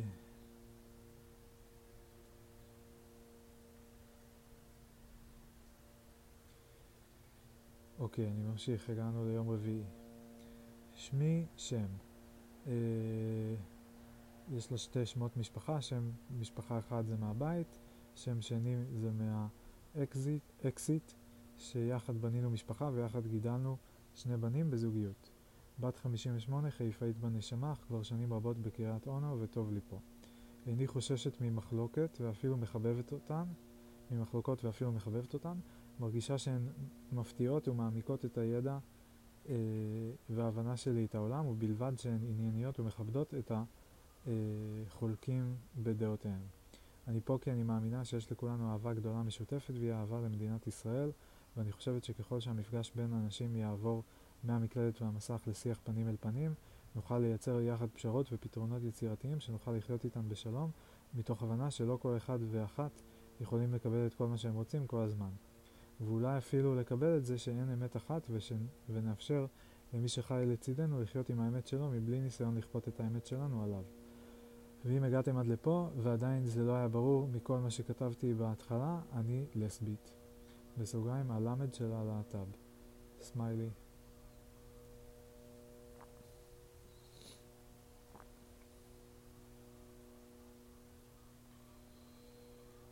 שם, בן 48, נשוי לחילונית ואב לארבעה, גדלתי ברמת אילן, בסוגריים גבעת שמואל, וכיום אנחנו גרים בצור הדסה. מתפלל במניין אה, הלכתי משותף, בסוגריים שהוקם ביישוב בנועם ובטבעיות. למדתי פיזיקה, אבל כבר הרבה שנים שיש לי אפליקציה לטיולים. אה, מה זה אומר? למדתי פיזיקה, אבל כבר הרבה שנים שיש לי אפליקציה לטיולים. אוקיי. אוהב את הארץ ואת תושביה. ושמח שזכיתי לחיות בתקופה שבה עם ישראל חזר לארצו. מאמין בקדוש ברוך הוא, ומתוך כך גם בערכי החירות, מאמין בבניית שלום מלמטה עם שכנינו הפלסטינים, מתוך אהבת אדם, ומשתדל קצת לעזור בזה. בתקופת הסכמי אוסלו קשה היה לי להבין איך יש מי שמאמינים בגישה הזו. בהתנתקות לא הייתי אומנם בשטח, אה, בסוגריים בני השני נולד קצת לפני זה, אבל הזדעזעתי מחוסר האנושיות שהיה במעשה הזה. מקווה שנצליח לתקן את זה באהבה. מכיר את הבעיות בבג"ץ כבר כמעט 30 שנה מגיל התיכון. במשך שנים חשבתי שכל ההבדלים בין ימין ושמאל נובעים רק מהבדל עמוק בתפיסות עולם, בעיקר בענייני אמונה. בשנתיים האחרונות התחלתי להבין שחלק ניכר מהקיטוב והשנאה מקורם דווקא במאפיינים מסוימים של השיטה הדמוקרטית שבה בנויה המערכת שלנו, וחושב שיש מקום לחפש את הדרך לבנות דמוקרטיה של אחדות. לייק. Like. תחילה, מקסים, מקסים, מקסים. אז אני שם, אה, נשוי לשם, מאמנת אישית, ואבא לשם חייל, אה, שם בן 17, אה, שם הנסיכה בת 13. אה, פעיל פוליטי מגיל צעיר מאוד מאוד מאוד, עברתי אוסלו, התנתקות סלש גירוש, גדלתי והתעצבתי בחצור הגלילית, כיום גר בפתח תקווה. יועץ אשראי עם 25 שנה ומלווה משפחות שקרסו כלכלית מעל 10 שנים, כך למדתי יותר מכל דבר אחר על כמה המדינה רעה לאזרחים. אני מגדיר את עצמי חילוני, אך נוהג להניח תפילין, תפילין וללכת לבית כנסת בחגים, יותר בגלל הרוחניות, פחות מאמונה. אה, בסוגריים עושה לי טוב. אני מגדיר את עצמי שמאל כלכלי ומרכז מדיני. בנושא הרפורמה לא אשקר, מפחידה אותי מאוד מאוד עד מצב שהבנים שלי שמחזיקים אזרחות זרה רצו ללכת, בסוגריים יש לנו אה, נכס בליסבון ואזרחות. חבר הגדיר את זה יפה, עושים לנו המרה בכוח מחופש לדיקטטורה. אני הכי בעד פשרה בנושא, למעט נושא השמירה על זכויות אזרח. ועצמאות בתי המשפט. אך הדבר הכי חשוב, ולא לצחוק, אני אוהד שרוף של הפועל תל אביב והכל, כן, יש כאלה עדיין, סמיילי. אני, שם, בת 45, כיום מכפר סבא, נשואה ואימא לשלושה שמתחנכים בבית ספר דמוקרטי, בסוגריים הלוואי שיתרחב ויהפוך לזרם נגיש לכל, נגיש לכל ככל הזרמים, אבל זה נושא לדיון אחר. חיה הפוכה מכל הסטריאוטיפים שמנסים לקבע בשנים האחרונות. גדלתי בפריפריה החברתית, בית מזרחי שמאלני רביניסטי, נשואה לאשכנזי ליכודניק שתומך ברעיון הרפורמה אבל מתנגד לנתניהו הפרסונה. מאוד שמחה להיות חלק מהדיון שנוצר פה. תודה למארגנת הנהדרת על היוזמה.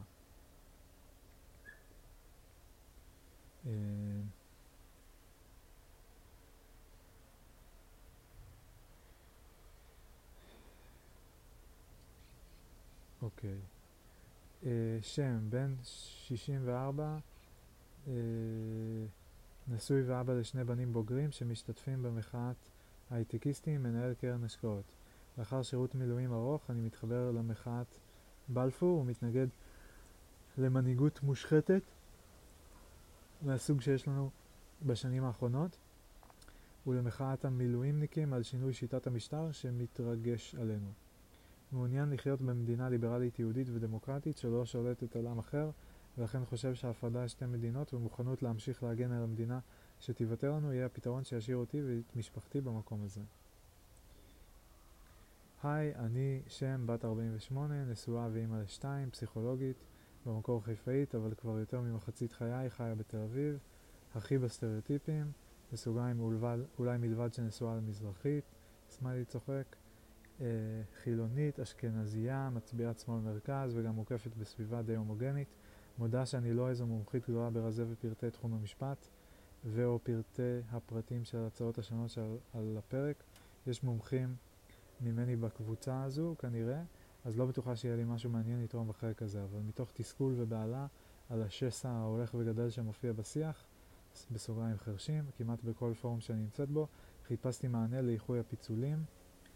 אה, כך שממש שמחתי להתקל ביוזמה מעוררת התקווה של המארגנים לשיח מקרב, במקום זה המפלג שמנסה להרחיב ולהכיר ולפגוש מי שמחזיק בעמדות וערכים שונים משלי. מאמינה שכחברה, שכחברה זו התקווה היחידה שלנו להצליח ולהתקיים ולחיות כאן יחד. לייק. Like. היי, uh, אני שם וגם אני פסיכולוגית קלינית וגם מטפלת במוזיקה. אה, תל אביבית בשנים האחרונות, הוא במקור מחיפה, אחוזה הוא מירושלים, בית ספר אה, פלך, וארצות הברית, לימודים ובן הזוג. רקע דתי-לאומי, כיום לא, אבל גם לא ההפך, כאן כי מאמינה שהחיים מורכבים, בעיקר בישראל, ומברכת על ריבוי דעות אה, וחשיבה משותפת בנושא הזה ובכלל. נגד התלהמות, בעד שיתוף פעולה, הומור ואופטימיות. תודה גדולה על הקבוצה הזו, בהחלט מעניין ותורם. יפה, הגענו ליום חמישי. נייס. Uh, למטיבי קרו, זהו מסמך המסכם, שלחו לינק, אמנת גביזון מדען, עיקרים ועקרונות. למטיבי קרו, זהו מסמך המסכם את הניסיון של פרופסור רות גביזון והרב uh, יעקב, יערוב, יעקב מדן, למצוא דרך שבה יכולים בני הלאום היהודי, דתיים וחילוניים, לחיות ביחד ולבנות חזון משותף. מדובר בהצעה אה, אמנה ולא חוק מחייב, מתוך התפיסה שאומרת שההסכמה צריכה לבוא בהסכם, בהסכמה רחבה ולא בכפייה משפטית. המסמך משקף את התפיסה של החילונים והדתיים מפיהם של שני המחברים ואת הניסיון הכנה של כל צד להתפשר כך שהצד השני יוכל לחיות עם זה בשלום. למי שמחפש תקווה וגם רוצה להבין את כיוון המחשבה של הצד השני, זה המסמך. ארוך אבל שווה זהב. אה, זה היה יום חמישי. ומדרגים ליום שבת. אה, שלום, אה, שבוע טוב, איפה נפגשים, בלה בלה בלה. סוגרים עכשיו פרטים אחרונים, בהמשך הערב נפרסם. צפו להפתעות, סמיילי. שבוע טוב חברים, שימו לב טוויסט בעלייה, המפגש הקרוב אה, ביום שני הקרוב ייערך בחוות גלעד בשומרון אה, בבית של שם בשעה שמונה. למי שלא מכיר, אה, שם היא פעילת התיישבות, בעלת טור במקום מקור ראשון, אלמנת טרור וצייצנית בכירה בטוויטר, סמיילי. אה, רצינו לגוון את מקום המפגשים ולעשות מפגש אחד גם במגרש הביתי של הימין, סמיילי. אנחנו מודעים לכך שלא כולם מרגישים בנוח להגיע לשומרון וזה בסדר, המפגש ביום שני הבא ייערך בפתח תקווה. אבקש ממי שמתכנן להגיע שיעדכן אותי בהודעה פרטית, ניפגש. וואו, ממש ממש מסקרן, חבל שלא יכולה להגיע השבוע. וואו, הרבה יותר מדי הארדקור וטריגרי בשבילי לבוא לנסות לקיים מפגש בהתכוונות כנה להכיר ולקיים שיח, תוך ניסיון לשים בצד את כל הרקע של המקום ויושביו. סמיילי אה, חרד, סמיילי מודאג. מאתגר המקום, אך המטרה מתגע, מקדשת את האמונה, אגיע ישירות מירושלים. אה, שלום, כאן אה, הבחורה שמארחת בחוות גלעד. אני אפתח קודם כל בעובדה שמרגש לי מאוד להיות בקבוצה, מרגישה שאנחנו בתוך תהליך גאולי אמיתי ושיש לכל אחד מאיתנו תפקיד מהותי באופן בו הוא פועל במהלך הזה. אז יישר כוח לכל אחד פה, לא ברור מאליו לבחור לפעול כגורמים מתקשרים בין הצדדים. באשר לאירוע חצי השבוע, אני לגמרי מודעת לאתגר גם על ההודעה הקצרה, קצרת המועד וגם על המיקום שמביא איתו מורכבות בפני עצמה. אני כאן רק לומר שאני מעריכה כל אחד על הרצון והפתיחות לשיח, גם אם לא תתאפשר ההגעה בפועל. המארגנים יחליטו האם ואיך בסופו של דבר לקיים את המפגש, ואני בטוחה שזה יהיה על הצד הטוב ביותר, לב. Uh, המארגנת כותבת, אני רואה עכשיו את ההודעות בפרטי, לא רואה את זה קורה, זה קשוח מדי, חוזרת על ההצעה של ירושלים איפשהו. Uh, ושולחת אה, תמונה של האנשים שמחופשות לסיפורה של שפחה אה, במחאה שהייתה בשבת בתל אביב, ליד עזריאלי. זאת אני למי ששאל. אז אולי תסבירי לנו מה הקטע עם התחפושות האלה, באמת לא הבנתי. מי שלא ראה את הסדרה יומנה של שפחה לא יכול להבין, תקרא על הסדרה בוויקיפדיה, סדרת מופת, סליחה ששלחתי את זה לפה, בטעות. אה, נראה לי מאוד לא הגון לטעון שאנחנו דומים או נהיה דומים במשהו לסדרה הזאת. זה נעשה על מנת ליצור, לייצר image מוצלח מבחינה פרסומית שגם מצליחה להבאיש את ריחנו בעולם אבל ללא שום הצדקה. כמו שאמרתי, נשלח לכאן בטעות, סליחה. נשלח לכאן בטעות אבל הוצג בעזריאלי בכוונה ולכן אני חושב שההערה של אה, שניים מעליי ראויה לדיון לגופה. חברים יקרים, הייתי רוצה להעיז לבוא לכל מקום אבל אני ממש פוחדת. אין לי אומץ להגיע למפגש בחוות גלעד, אה, סמיילי אה, כזה של מה לעשות ולב. אה, אשמח ממש להיפגש השבוע אם המיקום יהיה יותר מרכזי, לאו דווקא ביחס לתל אביב. אענה בקיצור כי באמת הייתי ואני מתנצלת. הטענה של השמאל זה החשש מפגיעה בזכויות אדם, לדוגמה הצעת החוק בדבר חיפוש בבתים ללא צו בית משפט. הסדרה הזו לוקחת את הפגיעה לאקסטרים, אבל הנושא שלה הוא פגיעה פגיעת המשטר בזכויות אדם, לא תמיד זה קל למצוא דימוי שעובד חזק ללא שום מילה על מה שרוצים למחות נגדו. זה המצג שהיה בארבע ערים בארץ הערב, הוא כנראה ילווה את המחאות מכאן. אה, קיבלה לב, ועוד תמונות של סיפורה של שפחה, די מדהים. די. כאילו, חזק, חזק ממש. אה, לפחות כאימג' בלי קשר למסר אפילו. מלא מלא נשים לבושות באדום עם הכובעים הלבנים. קיבלה לבבות ווואוים. כשאתה יוצא למחות, אותה אחת ממשיכה להגיד, כשאתה יוצא למחות, אתה לא עושה חישובים של מה יגידו ההם ומה יעשו ההם, אחרת תישאר בבית. ככה זה מחאות. וחוץ מזה, העולם במחאות לא צריך אותנו כדי שנסביר לו מה קורה, הוא מספיק חכם לחשוב בעצמו. Uh, אני חייבת לומר שהקריאייטיב מושקע ומעורר השראה, בזמנים אחרים אולי הייתי מבקשת כזו, כזה לתחפושת משפחתית בפורים. להשיג לך תמונה, uh, בי, מישהו שלח תמונה מההתנתקות, זו פגיעה בזכויות אדם, לא תאורטית, כזו ששברה ידיים ורגליים ורוצצה גולגלות.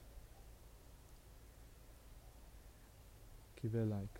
לא מסכים. אדם צריך לחשוב היטב למה תגרום התעמולה שהוא מייצר. תעמולה כאן מנסה להציג את מדינת ישראל כמדינה שוביניסטית חשוכה, בערך כמו סעודיה, אם לא גרוע מכך. וזה פשוט שקר. בחו"ל נוח להם להציג את ישראל כמדינה בלתי מוסרית, זה טוב למירוק המצפון, המצפון. וכאשר אתם מגישים להם על מגש של כסף את ההוכחה לזה שהיהודים הוא עם לא מוסרי, בסוגריים, סליחה, לא היהודים, מדינת ישראל ששנאתה היא התחליף המקובל לאנטישמיות, הם בוודאי קופצים על המציאה. Uh, בתגובה התמונה מההתנתקות, על כל תגוב, תמונה כזו אני מוכנה להביא שלוש מהפגנות אחרות, לא של ההתנתקות ואפילו יותר גרועות. אבל איך זה קשור?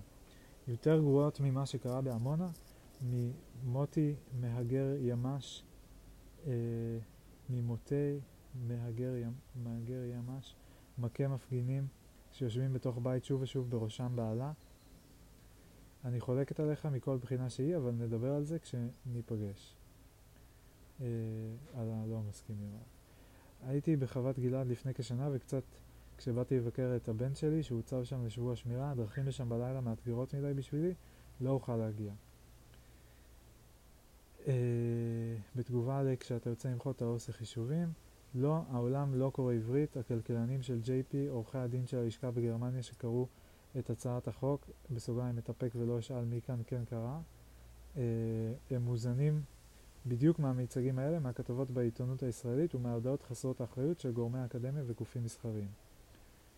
אה, עונה הגברת להאם להשיג לה את התחפושת, אני תוהה אם זה יעבור, בגרון בחוות גלעד, מצד שני סביר להניח שאין להם מושג במה מדובר, בסוגריים לא מצד הסדרה ולא מצד המחאה, סמיילי צוחק.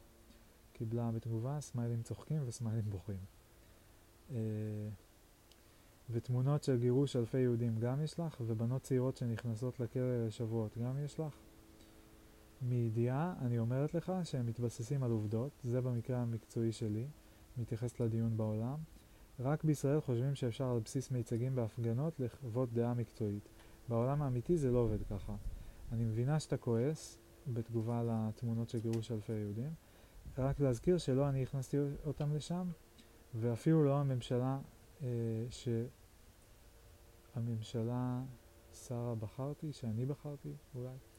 אלימות המשטרה בארץ זה דבר ידוע וטעון טיפול בלי קשר להתנתקות. אני אומרת את זה שנים, אבל מי מכליל, מקשיב בכלל? אה, בס... אה, רבין הכניס. היא עונה לו, רבין עשה את ההתנתקות, אתה אמיתי? עונה מישהו אחר, אני מניח שהוא התכוון, הכניס את היהודים לגוש קטיף.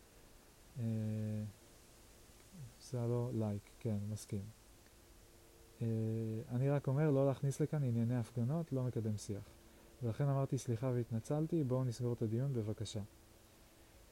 וואו, ההתנגשות בראש הממשלה רבין הייתה ב-95, לפני האינתיפאדה השנייה, לפני רוב הנצרכים בפיגועי התאבדות שהשיא שלהם היה בתקופת שלטון אריק שרון. ההתנתקות הייתה אחר כך, הימין בשלטון רוב השנים מאז ועד היום, ועד עכשיו השמאל אשם בכל מה שקרה פה. רעידת אדמה זה הקרע שהשמאל עשה. אסון מירון קשה לט... אה, לטיפול על השמאל, אז אף אחד קשה להפיל על השמאל, אז אף אחד לא אשם. לא יכול להיות שההתקרבנות של הימין, שנמצא כל כך הרבה שנים בשלטון, תימשך. מתישהו הימין צריך לקחת אחריות. מגיב מישהו, אבן שטיפש זרק לבאר, גם אלף חכמים לא יוכלו להוציא. לא קל לתקן את מה שנגרם בהסכם אוסלו. למעשה זה קרוב לבלתי אפשרי. אה, בתגובה לבחורה שהימין צריך לקחת אחריות, כותב מישהו, עכשיו הימין מנסה לקחת אחריות ולמשול. סמיילי מהרהר. אני חושב שטוב פה, אפילו מעולה, לא מתקרבן בכלל. ציינתי שהשמאל הקים את גוש גטיף, בסוגריים בשמאל, בזמן שהשמאל של אז היה ימין פלוס של היום, ועל זה הדיון, אה, הימין כאילו שולט, המהפכה המשפטית של ברק הפכה את הימין למריונטה. את זה באים לשנות. אה, כותבת מישהי, ולגופו של עניין, המחאה נועדה בעיקר פנימה, וכל דרך של מחאה היא לגיטימית. אני, אז מציעה להפסיק לחפש כל מיני תירוצים בצורה של דגל פלסטין או גלימה אדומה, ומה הסיפור הזה עכשיו עם ההתנתקות. נניח שבהתנתקות התנהלו לא יפה, מה זה רלוונטי הרגע? אה, זה קשור באיזושהי צורה לשאלה אם הרפורמה טובה או גרועה? אה, מישהו שולח סקרינשוטים של זה שרבין היה חלק מההתיישבות בהנחת אבן פינה ביישוב נצר חזני שבגוש קטיף אה, והוא כתב בספר האורחים למתיישבי נצר חזני, חזני בברכת הצלחה על תושבות הקבע במקום זה, עלו והצליחו. אה, מישהו כותב, תמונה דומה למה שהוא עלה בטעות למעלה, הופיע בכל אתרי החדשות בעולם, הנה למשל כאן בסוכנות הידיעות AP. אה, מישהי כותבת שוב על הדיון העולמי. פתאום אכפת לכם מה העולם חושב? אתם מתעניינים מה העולם חושב על ההתנחלויות? אתם מתעניינים מה ביידן או תום פרידמן או פרופסור אלן דרשוביץ חושבים על הרפורמה? ותאמינו לי שהגימיק של הגלימות, האלומות, לא, הגלימות האדומות לא מזיז לאף אחד משלושה, מהשלושה האנשים החשובים האלה, שהם מובילי דע, דעת קהל. לאלה שכן אכפת מה העולם חושב, אז הנה ידיעה מרעישה ביותר. הרפורמה המשפטית רוצה לומר, אה, הרפורמה המשפטית סלש רוצה לומר הפוגרום המשפטי גורם לנו נזק אדיר ללא שום קשר לגלימות האדומות, האדומות בעולם כולו. אבל גרוע מכך אצל ידידתנו הגדולה אמריקה, וגרוע עוד יותר מכך בקרב יהדות אמריקה. כל דרך מחאה לגיטימית כשהמחאה היא של השמאל. ההתנתקות קשורה בגלל הגיבוי המשפטי. עצרו נערות לשבועות בגלל חסימת כביש. יש לי חבר שגר מולי ברמת מגשימים, שהיה חודשיים בכלא במעצר מנהלי בגלל שהוא רצה לארגן מחאה נגד הפינוי מגוש קטיף. אה, בתגובה למשפט על אבן שטיפש זרק לבאר והסכמי אוסלו, שום דבר לא מונע מהימין לבטל אותם. אגב, מי שחתם על חלק הוא ביבי. אה, לא פוגרום, בסוגריים זה היה בעמונה, ולא נזק אדיר. מה שגורם לנזק הוא ההצהרות של אנשי הכלכלה, בסוגריים שיודעים היטב שהיא מבוססת על אמון, וה-unrest. ועדיין הנזק קטן יחסית למרות המאמצים האמיתיים שעושה, שעושים חלק מאנשי השמאל. הדיון חשוב ומרתק, אך להגיע לחוות גלעד לא אוכל. אה, עוד פרינט סקרין, מזוז מאיים, עוד 20 שנות מאסר לחוסמי כבישים. אה, זה, היה לנו כבר את הפרינט סקרין הזה נדמה לי, הוא כותב זה הסיפור. אה, בתגובה על זה שהימין יכול לבטל, אין אפשרות לבטל את כל ההסכמים, זה לא ריאלי, אבל חלק מהנזק היום אכן בוטל בחומת מגן ודרך נחושה, שעצרו בסופו של דבר את האוטובוסים המתפוצצים של אוסלו. Uh, בתגובה לתמונה שהועלתה ב-AP, הבעיה היא שכל מחאה על חוסר דמוקרטיות מצד השלטון משליכה לרעה על תדמית המדינה. בסוגריים, גם התלאים הכתומים בתקופת ההתנתקות למשל. זה בעייתי לומר שצריך להימנע ממחאה כזאת, כי כולנו זקוקים לאפשרות להביע את החששות שלנו לגבי הדמוקרטיה כשיש לנו כאלה. Uh, בתגובה לביטול ההסכמים, למה זה לא ריאלי? מה מונע מישראל לכבוש את רמאללה uh, ושכם? הנזק הבינלאומי גדול בהרבה ממה שהיה קורה אם לא היינו מוסרים אותם למחבלים. אבל זה טריוויאלי ואין צורך שיכתוב את זה בכלל. אה, עוד מישהי מגיבה למיקום של המפגש, מציעה שלא לקיים את המפגש הראשון במקום כל כך שנוי במחלוקת. מישהו עשה לה לייק. אה, אם אתה בתגובה לכל דרך מחאה לגיטימית כשהמחאה היא של השמאל, אם אתה מנסה להשוות את רמת האלימות, הפרת החוק בהפגנות עכשיו למה שקרה בהתנתקות, אני חושבת שלא תצא עם ידך על העליונה. אם אתה מנסה לטעון שהפוגרום המשפטי המוצע הוא בגלל איך שהתנהגו למפגיני הת... התנק... התנתקות, זה טיעון חלש עד כדי הזוי. אה, בתגובה למציאה שלא יקיים את המפגש הראשון במקום כל כך שנוי במחלוקת, לחלקנו זה המפגש השני. אה, עוד מישהו כותב, היי, בלי קשר לעצם המקום, זה פשוט מקום ממש רחוק. לי באופן אישי הוא מאמין שלא עוד, מה שמקשה על ההגעה וזה מבאס. Uh, הייתי שם בהפגנות, לא הייתה אלימות, היו מאות אלפים, מתייחס להתנתקות, כמעט ולא היה סיקור, לא לפני ולא אחרי, לא ארחיב כאן. זה לא היחס למפגינים, זה השליטה המלאה של מערכת המשפט במה שנראה לה זכויות אדם. להעיף אלפי משפחות מהבתים, סבבה, לעצור שבועות ילדים, סבבה, לרוצץ גולגלות בעמונה, סבבה, בסוגריים, לא זוכר מישהו שאיים במלחמת אחים. ההתייחסות שלי הייתה לחופש המחאה שהוזכרה פה ולא אה, כל כך הייתה שם. הסיבות לחזרה לדמוקרטיה לאחר המהפכה של אהרן ברק הן רבות וטובות. בתגובה ל"פתאום אכפת לכם מה העולם חושב", אה, אכפת לי יותר מהצורה בה העובדות משוקפות לעולם, מכאן והלאה העולם אכן מספיק חכם להחליט. אני לא מופתע מעצם ההסתייגויות מההצעה, אלא מעוצמתן ומההשלכות שלהן. ובנושא הזה יש לי בהחלט טענות גם לגורמים פנים-ישראלים. בנושא ההתנחלויות אני יודע שמשרד החוץ האמריקאי שולט היטב בפרטים הקטנים, בלי תיווך, אני לא יודע מהיכן מוזנים גופים אחרים. אף פעם לא יצא לי לעסוק בשאלה הזו. במבחן התוצאה, הרבה מידידינו במערב מסתייגים מאוד ממדיניות ישראל ביהודה ושומרון, למרות, ולמרות זאת לא נוהגים, נוקטים ולמרות זאת לא נוקטים צעדים כלכליים כמו אלה שעולים כעת על השולחן. Uh, מישהי ענתה לי מידיעה uh, שמתבססים על עובדות. אשמח לדעת, בסוגריים בסקרנות ולא בציניות, מישהו רשמי מתרגם הצעות חקיקה או שהם ניזונים מתיווך של גורמים מקצועיים לא ממשלתיים. בסוגריים וכנראה גם בעלי אג'נדה.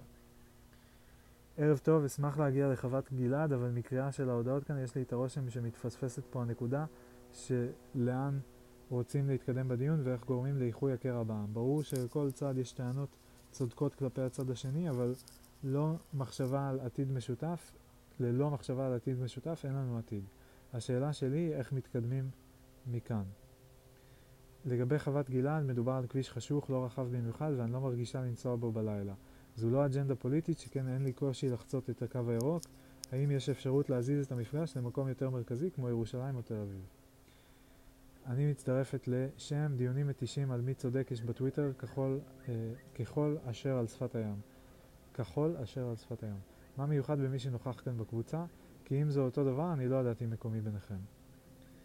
מתנצלת שנגררתי לוויכוח רבין אשם כן או לא, הדיון בקבוצה לא אמור להיות דיוני נרטיבים של ימין ושמאל, אלא דיון, דיון ענייני לגבי הרפורמה המשפטית.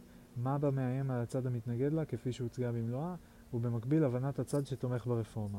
מה מאיים עליו בשיטה הקיימת. יכול להיות שאם נדבר ונבין את המוטיבציות אלה של אלה, נבין שהפערים לא כאלה גדולים. הרפורמה המשפטית היא רק חלק מהבעיה לדעתי. מה לדעתך עיקר הבעיה?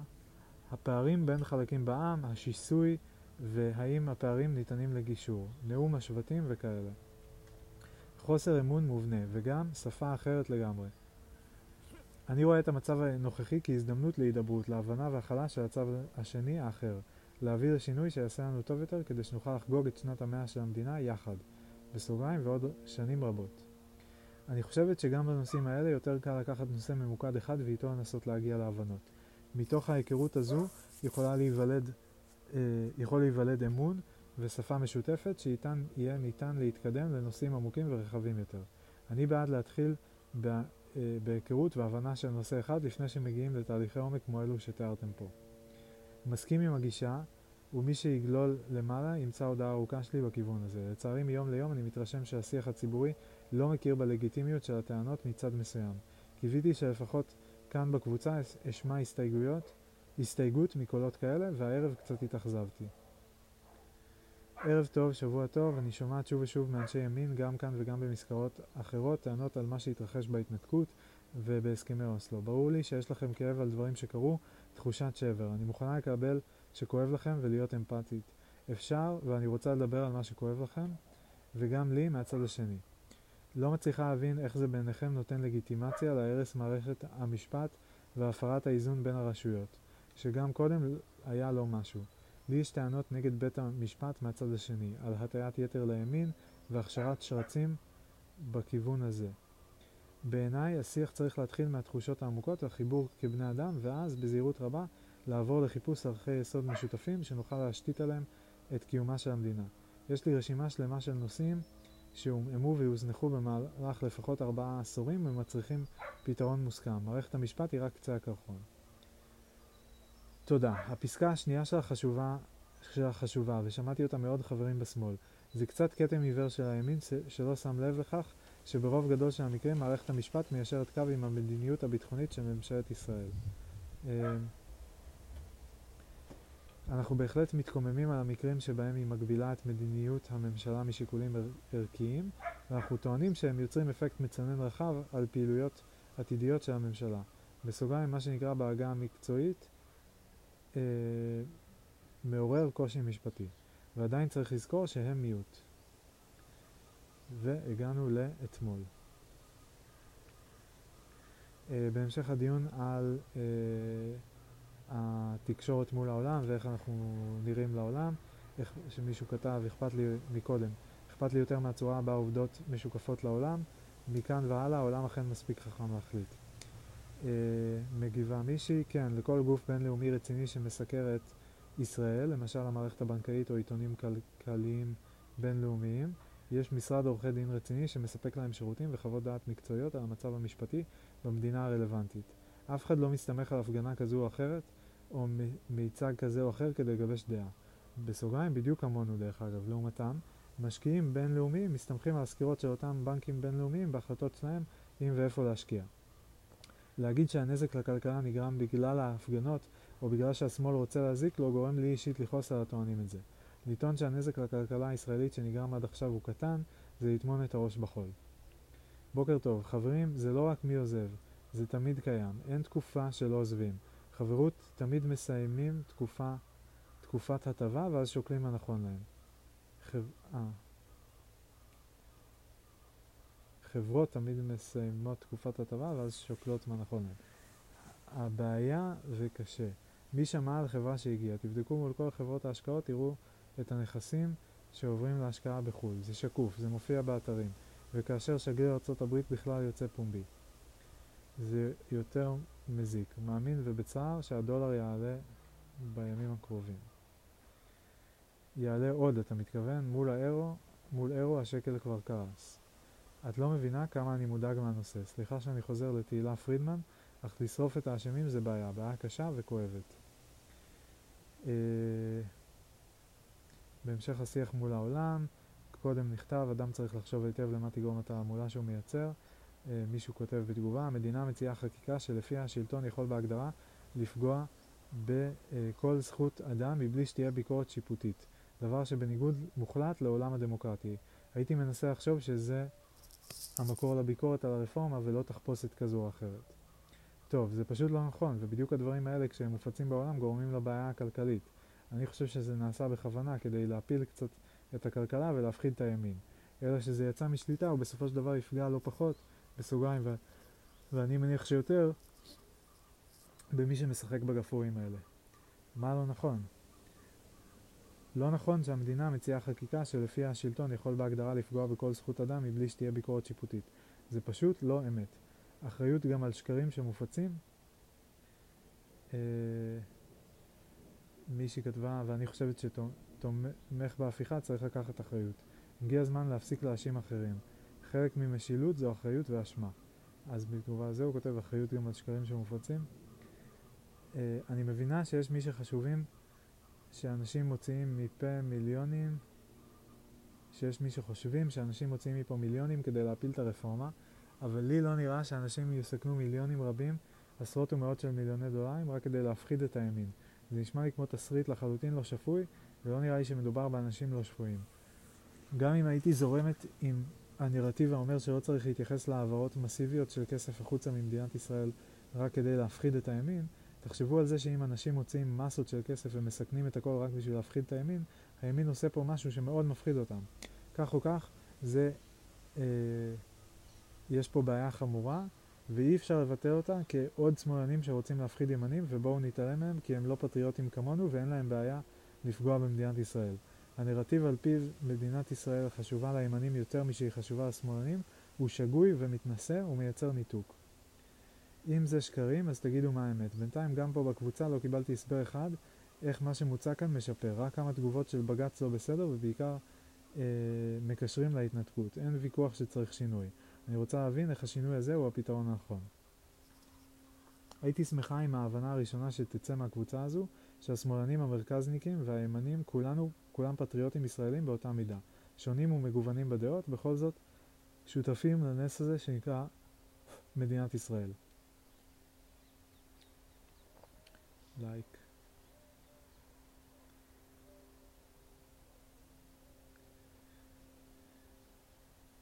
אה, איך זה שחוץ ממערכת המשפט מבטלים גם את הכנסת בהרבה מקרים, עדיף על היום. וזה בלי להתייחס לחוקים נוספים שמוצעים על הדרך, כמו מתן חסינות לראשי ערים על מנת להכשיר עוד שחיתות. אה,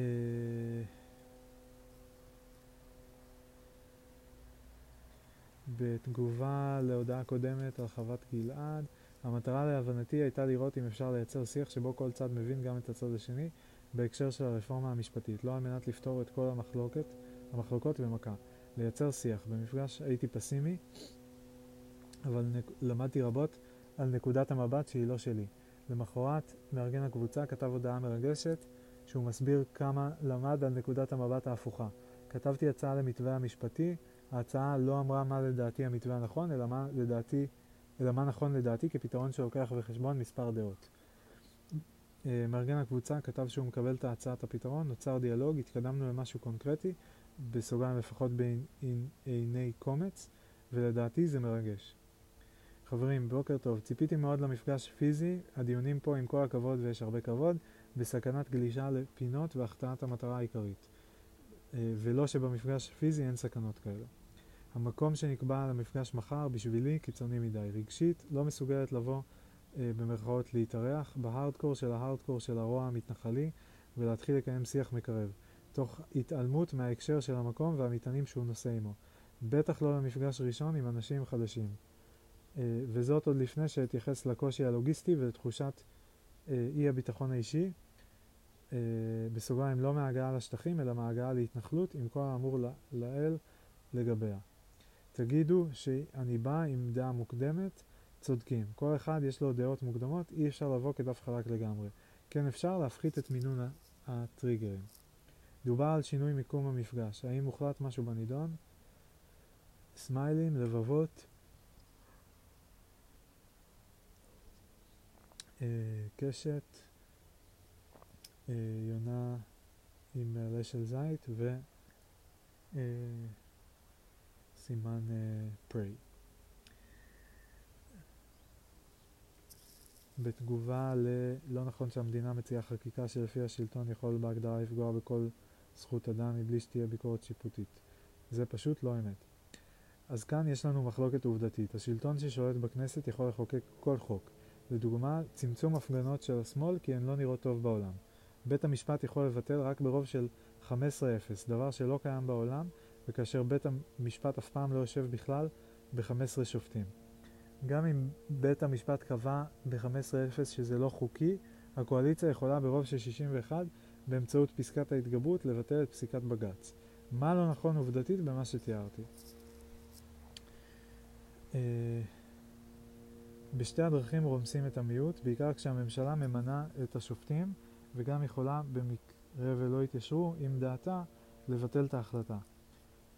רק הממשלה, לא צריך, אף, לא צריך עוד אף חבר כנסת לצורך זה. Uh, בתגובה לשאלה על המיקום, יש מחשבות ודיבורים על שינוי מקום המפגש. בית המשפט יכול להחליט על ביטול ההפגנות הימין ועצירת אוטובוסים בדרך להפגנות. מה נעשה אם זה יקרה? אה, זה, זה כבר קרה, אז על מה את מדברת? בתגובה, אה, מישהו כותב, ב-2016 אלדד יניב ומני נפתלי נעצרו בדרך להפגנה בפתח תקווה באשמת אה, שהיו בדרך להפגנה. What's your point? אם אתה שואל אותי, אתה מסביר בדיוק למה צריך לתת פחות כוח לפוליטיקאים ולא יותר. זה בדיוק מה שכתבתי קודם, שאני אשמח לקבל הסבר שלא קשור למה שהיה בהתנתקות. אני רוצה להבין איך זה שמדיקטטורות, מדיקטטורת בג"ץ נהפוך לדיקטטורה של הרשות המבצעת ישפר את המצב. אגב, היום היום מותר לממשלה להגביל הפגנות באמצעות חוק הסמכויות.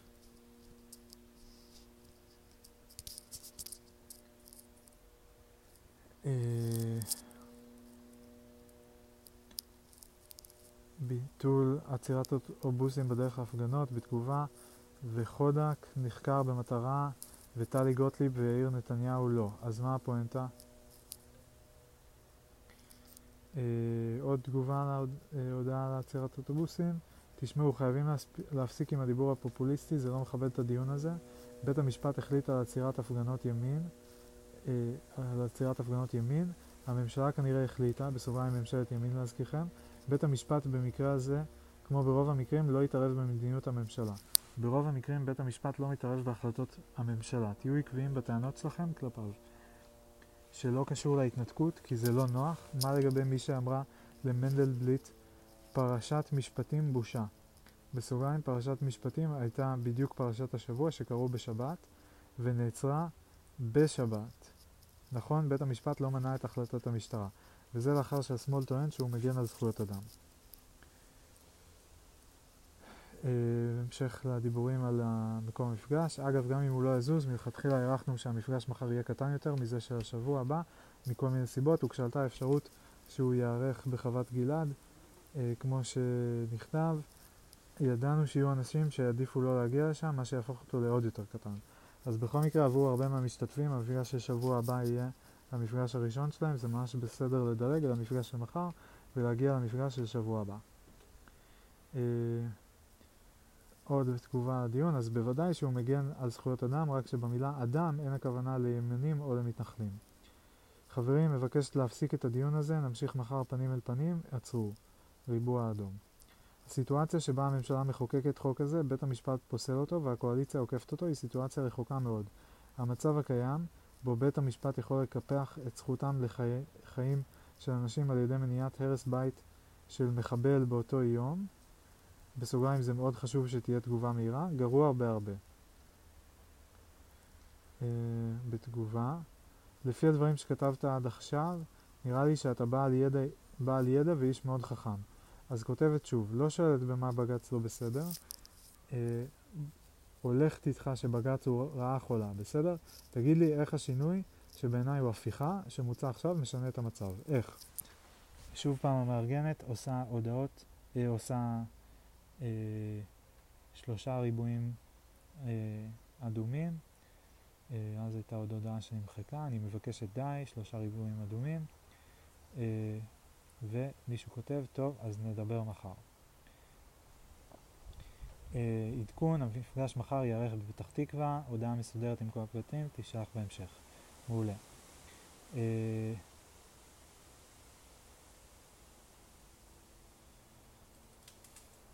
אוקיי, עוד תגובה להודעה, סיטואציה שבה הממשלה מחוקקת חוק כזה, בית המשפט פוסל אותה, אותו והקואליציה עוקפת אותו, היא סיטואציה רחוקה מאוד. אה, מישהי כותבת בתגובה, אתה ומן הסתם גם אחרים כמוך, מניח שהרס מהיר של בית של מחבל, בסוגריים ומשפחתו, עולה בקנה אחד עם זכותם לחיים של אנשים, בסוגריים כנראה מעברו השני של המתרס מצד הנפגעים. אני חולקת על כל דבריך כאן מתחילתם ועד סופם. פגיעה או נקמה בצד אחר לא עוצרת או מונעת אלימות מהצד השני. ראה דוגמה, הפיגוע בנווה יעקב, יום לאחר הרג פלסטינים בג'נין. מי שנפגעו בפיגוע לא מקבלים באופן אישי שום דבר מהרס בית של משפחה אחרת. הרס בית של משפחה הוא עונש קולקטיבי לחפים מפשע. הרס בתים, כמו עוד פעולות אלימות של הכיבוש כלפי פלסטינים, גורם לכעס ורצון לנקמה הרבה יותר מהרתעה. וזה מוכח כבר המון פעמים.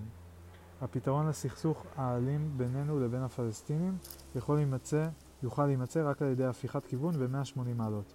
במקום המשך והעצמת האלימות, התייחסות אלה לכאב של אלה, בסוגריים משהו בדומה למפוני ימית קצת להבדיל. כל פלסטיני אה, מוכר, מוכתר על ידינו באופן אוטומטי וגורף בתואר מחבלים, בעוד שהם, בסוגריים כמונו, הפלא ופלא, בעיקר רוצים לחיות. חיים משמעותיים בחירות, כבוד והשתייכות לקבוצה הלאומית שנולדו אליה. דוגמה מצוינת לגבי זכויות אדם. ברור שיש מי שחושב כמוך, אך יש רבים שחושבים שזהו בדיוק אה, ההפך מזכויות אדם. והשאלה מי מחליט, בית המשפט או המחוקק? את זה באים לשנות, ומכאן, ומכאן ולהרוג את כל הג'ינג'ים כמשל, זוהי סוגיה אמיתית שצריך לראות איך מאזנים. חברים, סיכמנו, תשאירו למחר נושאים, נדבר פנים מול פנים. חברות וחברים, הרשתות החברתיות מלאות בשיח ער וקוטבי בין ימין לשמאל.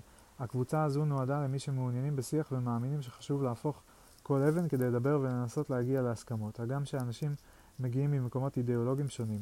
המפגש הראשון, הראשון הראה שזה אפשרי, ובעזרת השם גם המפגשים הבאים יערכו מתוך כבוד הדדי וניסיון כן לשמור על המסגר, המסגרת של כולנו כאן. קבוצת הוואטסאפ נועדה למי שחשוב לו לצרף חומרי רקע שלדעתו חשוב לקרוא, או לומר משהו שהמסגרת הפרונטלית לא אפשרה. ויכוחים לשם ויכוחים אפשר בעיניי להמשיך לנהל ברשתות החברתיות ובמקומות אחרים. יום טוב ושבוע נפלא.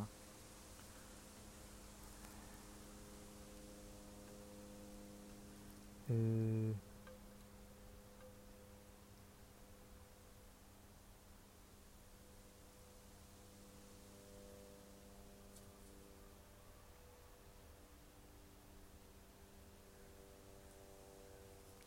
אוקיי. Uh, מישהו מגיב קודם על uh, האם uh, הרס של בית זה עוזר או לא. יש לי דעה מורכבת על מה שכתבת, אבל ביקשו שנעצור כאן, ואני גם מסכים שזה באמת לא נושא הדיון. Uh, בתגובה להודעה על ה... Uh, על uh, זה שהמפגש יהיה בפתח תקווה. מה עם אנשים שלהיכנס לפתח תקווה פוגע ברגשותיהם, בסוגריים, או שלא מכירים בקיום המקום. קיבל תגובות, לייקים צוחקים, אני לא בטוח שהוא צחק. אה, אותך לרמי גרינברג, אני לא יודע מי זה. אוקיי. וממשיכים. לפחות בפתח תקווה יש פיצה שאפשר להזמין אם המפגש מתמשך ברמת גלעד צריך להזמין מקרני שומרון ועד שהיא מגיעה, בסוגריים אם היא מגיעה, היא כבר קרה. Uh, בוקר טוב, אנחנו שומעים את הקולות ומבינים שכרגע מפגש בשומרון זה מאתגר מדי בשביל הרבה אנשים, אז אם יהיה עדכון סופי, בסוגריים אני מקווה, ניפגש מחר, יום שני בפתח תקווה, כתובת, טה-טה-טה. Uh, כולם מוזמנים לבוא uh, ברוח טובה, מתוך רצון להקשיב ולמצוא חיבורים. Uh, אני חושבת שהיה יותר קל לבקש מאיתנו להגיע לאריאל, בסוגריים אולי במפגש הבא, זה לא קשור רק לשומרון, הדרך לרמת גלעד היא דרך מאתגרת. לא הייתי רוצה להיתקע בה באור יום, קל וחומר בלילה. לא הייתי לוקחת את זה למקום הזה מראש, החלטתם למקום הזה מראש, החלטתם על מקום שידעתם שהוא מאתגר גם מהבחינה של ביטחון אישי בדרכים. אז חבל לנסות לייחס לכולנו קושי כזה. סליחה, לא התכוונתי להיות שיפוטי, אני מבין שזה מאתגר משלל סיבות, אידיאולוגיות, ביטחוניות, טכנית, כל אחד והסיבות שלו. תודה, גם אנחנו מגוונים בדעותינו, אנחנו לא מקשה אחת. אה, מישהו שלח, חמה תנור, מנגנון ההתגברות, סקירה משווה. 23 עמודים. אה,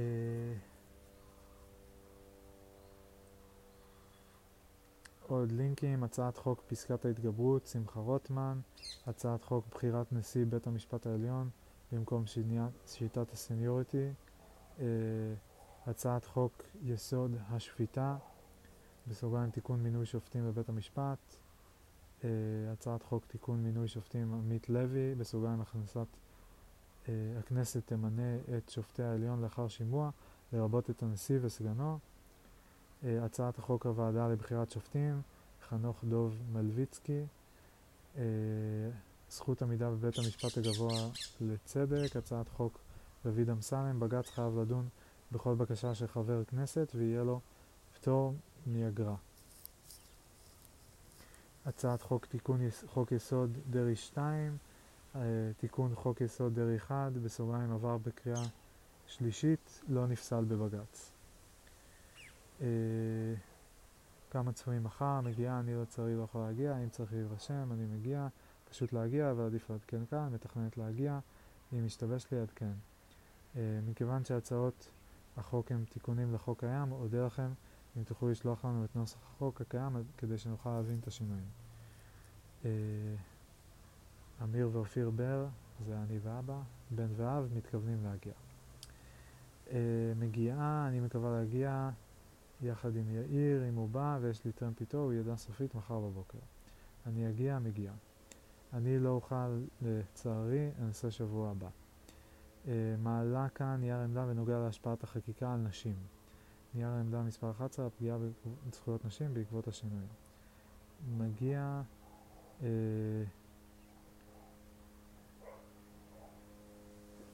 מישהו כתב, איפה זה? מכיוון שהצעות החוק הן תיקונים לחוק קיים, אודה לכם אם תוכלו לשלוח לנו נוסח החוק הקיים כדי שנוכל להבין את השינויים. אה, בתגובה, זיהם בעבודה, כל חיפוש מהיר בגוגל אה, ימצא לך את החוק הרלוונטי, בסוגריים שמו כתוב בסוגריים שהכותרת לכל הצעת חוק. אה, עוד מישהו כתב מגיע.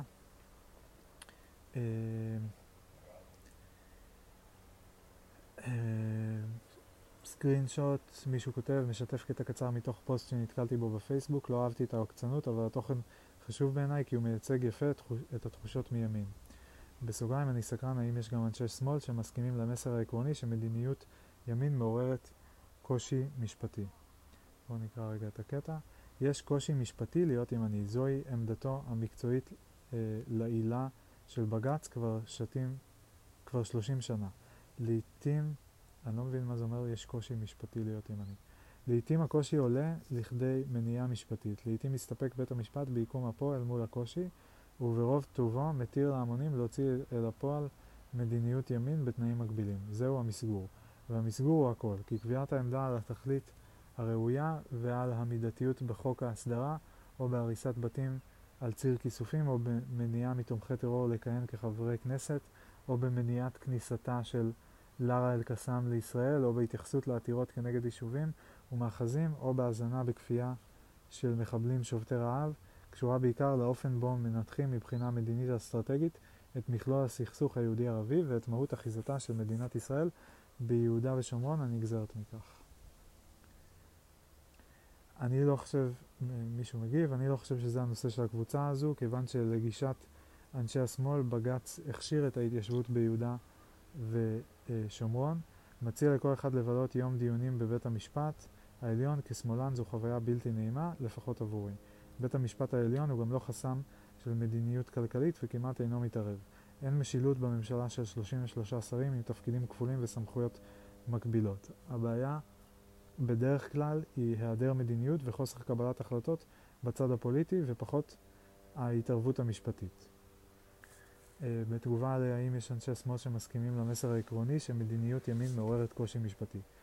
אה, מישהו כותב, אין לי תשובה כי זה תלוי למה אתה קורא מדיניות הימין. אני חושב למשל שלפחות חלק מהמהלכים שמוזכרים בפוסט מעוררים קושי משפטי, גם בלי ההקשר הקוסמופוליטי, בסוגריים למעשה דווקא בלעדיו, לפעמים רק המאפיינים החריגים של הסכסוך יכולים להצדיק פעולות שמצב רגיל ברור שהן פסולות. אבל יש לי הבחנה מעניינת. חשבתי על הדוגמאות שיצא לי לשמוע עד כה בדיונים, בסוגריים גם במפגש הקודם וגם במקומות אחרים, למקרים שבהם בג"ץ קיבל החלטה שהזיקה לשמאל. נדמה לי שלמעט פסק דין אה, דרעי פנחסי, שמוזכר כדוגמה חיובית להחלטה מוצדקת, בכל המקרים היה מדובר על החלטות שלא להתערב בפעולות הממשלה או הכנסת.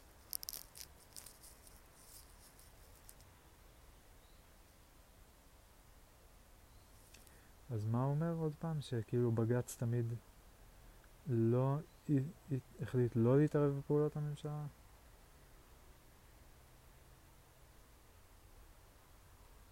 דוגמאות שבהן בג"ץ קיבל החלטה שהזיקה לשמאל, והוא אומר למעט פסק דין דרעי, בכל המקרים היה מדובר על החלטות שלא להתערב בפעולות הממשלה או הכנסת.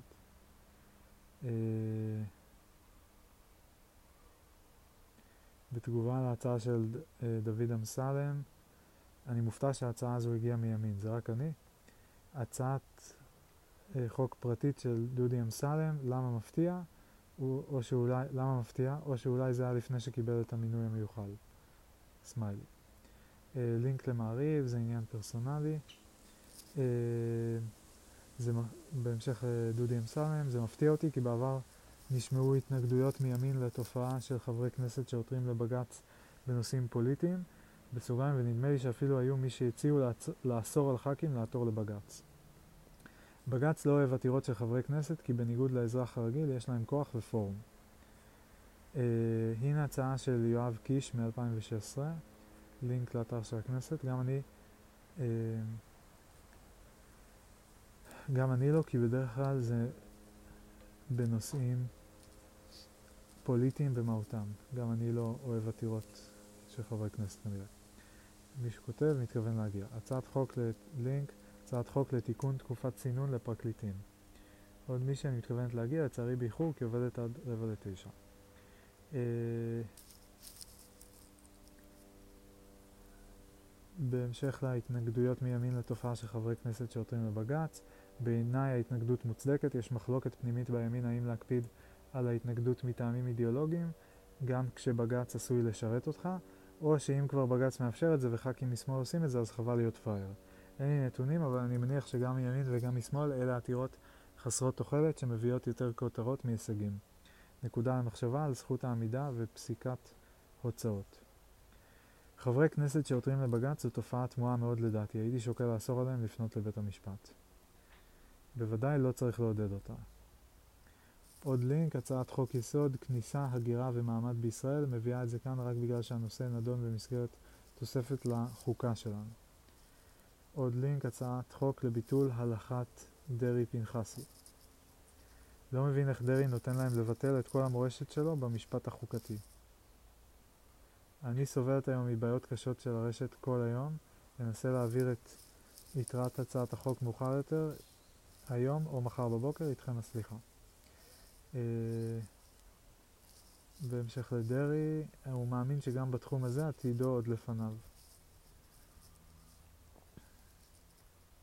אה, בתגובה לפוסט מהפייסבוק אה, על התחושות של הימין, אני לא מצליחה להבחין איפה הגבול בין העוקצנות לבין הדיבור ברצינות.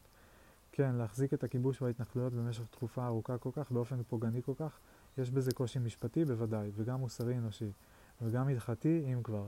זאת אחת השאלות הגדולות שנותרו בעמימות ולא זכו להתייחסות, להתייחסות ראויה והגעה להבנה כללית בציבור של ההתרחשות וההשלכות. ולכן כמובן שיש חוסר הסכמה אקוטי לגביה בציבור הישראלי. יש פה כמה דברים שהיה לי קשה, עד אפילו זוועתי לקרוא. החל מהכשרת השרץ של גזל אה, על ידי, במרכאות, הסדרה, דרך, או הסדרה, דרך מניעה, ציטוט, מניעה מתומכי טרור לכהן כח"כים, בעוד שכידוע טרוריסט אחד לפחות מכהן היום כשר הביטחון הלאומי, לא פחות, וכלה באזכור התעללות באסירים ביטחוניים, פשוטו כמשמעו. עוד לינק, תגובה, תשובה של משפטנ... משפטנים בריטים להשוואת חקיקת לוין רוטמן לדין באנגליה.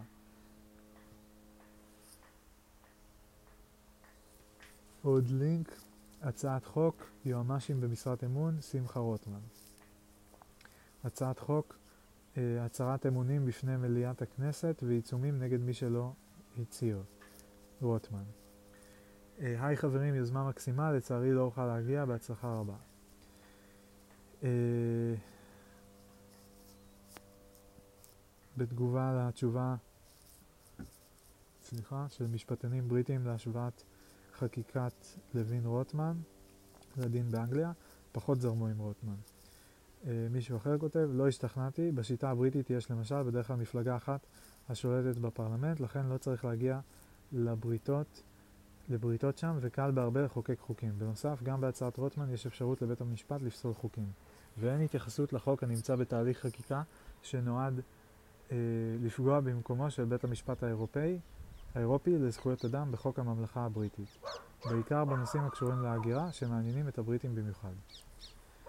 Uh, בתגובה לא השתכנעתי, אני מבין את האמירה שלך, במידה מסוימת הם אומרים שגם אם uh, חוקי, חוקי הכדורגל בישראל ובאנגליה זהים, עדיין כדורגל אנגלי וכדורגל ישראלי זה לא באמת אותו משחק. לא ניתן לנתק מתרבות, מורשת ומקום. אצל רוטמן אין אפשרות אמיתית לפסול חוקים כי אתה צריך הרכב מלא של בית המשפט בהחלטה ללא מיעוט. 15 מתוך 15. נניח מחר שתמנה את רוטמן כדוגמה לעליון עד גיל פרישה, אז לעולם לא תבוטל חקיקה. אפשר לפסול ויכולה להיות התגברות. זה מנגנון של בלמים. לא קל לחוקק שוב אחרי הערה מבית המשפט. פסילה אמיתית אכן קשה יותר. פוסט נוסף של אלון שלו על פוליטיקה של פשרות בפייסבוק. אה, זה מתקשר להערה שלי בקשר לתלוי תרבות ומקום. שאלה לתומכי הרפורמה, האם גם לכם יש חששות מהאיום על הדמוקרטיה, או שזה לגמרי חשש של שמאל מרכז? מקווה שהשאלה שלי לא תמימה מדי, שואלת בכנות. להבנתי את העולם, המצב הנתון כרגע, בסוגריים בג"ץ, הוא לא דמוקרטי, מאחר ואי אפשר להחליף שופטים בבחירות. בבחירות. תשובה כנה, תגדירי דמוקרטיה כדי שאוכל לענות. כשיש איש אה, ממשלה כושל לטעמי, אני יכול פשוט לא להצביע לו בפעם הבאה. כשיש שופט במקום כזה, אני לא יכול להחליף אותו. מהצד השני, ביקורת שיפוטית על, החלטה, על החלטות של דרג ממונה, כלומר אנשים לא נבחרים, זה בעיניי ממש סבבה, להבדיל מדרג אחר. אה,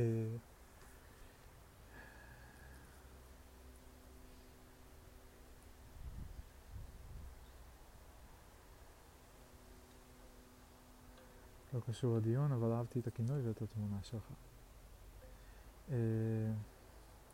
יש לי חשש אמיתי שבית המשפט ימצא דרכים להמשיך באקטיביזם השיפוטי וימשיך לבטל את הדמוקרטיה. הוא כבר עשה את זה על ידי סילוף חוקים והמצאת עיקרון השוויון, כך שבכנות אני באמת מוטרד. האם העובדה שהדרג הנבחר אה, נבחר מקנה לו זכויות בלתי מוגבלות או שיש גבול? ואם יש, איפה הוא עובר?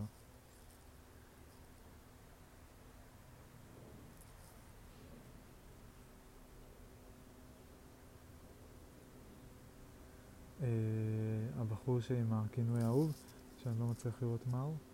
איך אני, למה אי אפשר לראות... אה,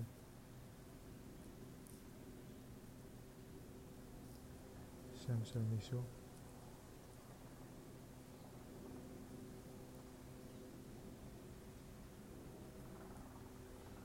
אה, for work groups, ככה קוראים לכינוי שלו. שם for work groups.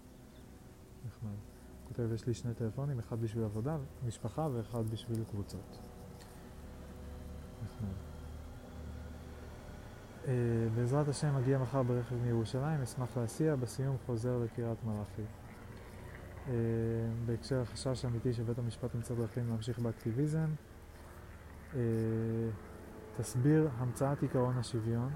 מדינת ישראל תהיה פתוחה לעלייה היהודית ולקיבוץ גלויות, תשקוד על פיתוח הארץ לטובת כל תושביה, תהא מושתתת על יסודות החירות, הצדק, השלום, לאור חזונם של נביאי ישראל, תקיים שוויון זכויות חברתי ומדיני גמור לכל אזרחיה בלי הבדלי דת, גזע ומין, תבטיח חופש דת, מצפון, לשון, חינוך ותרבות, תשמור על המקומות הקדושים של כל הדתות, ותהיה נאמנה לעקרונותיה של מגילת האומות המאוחדות.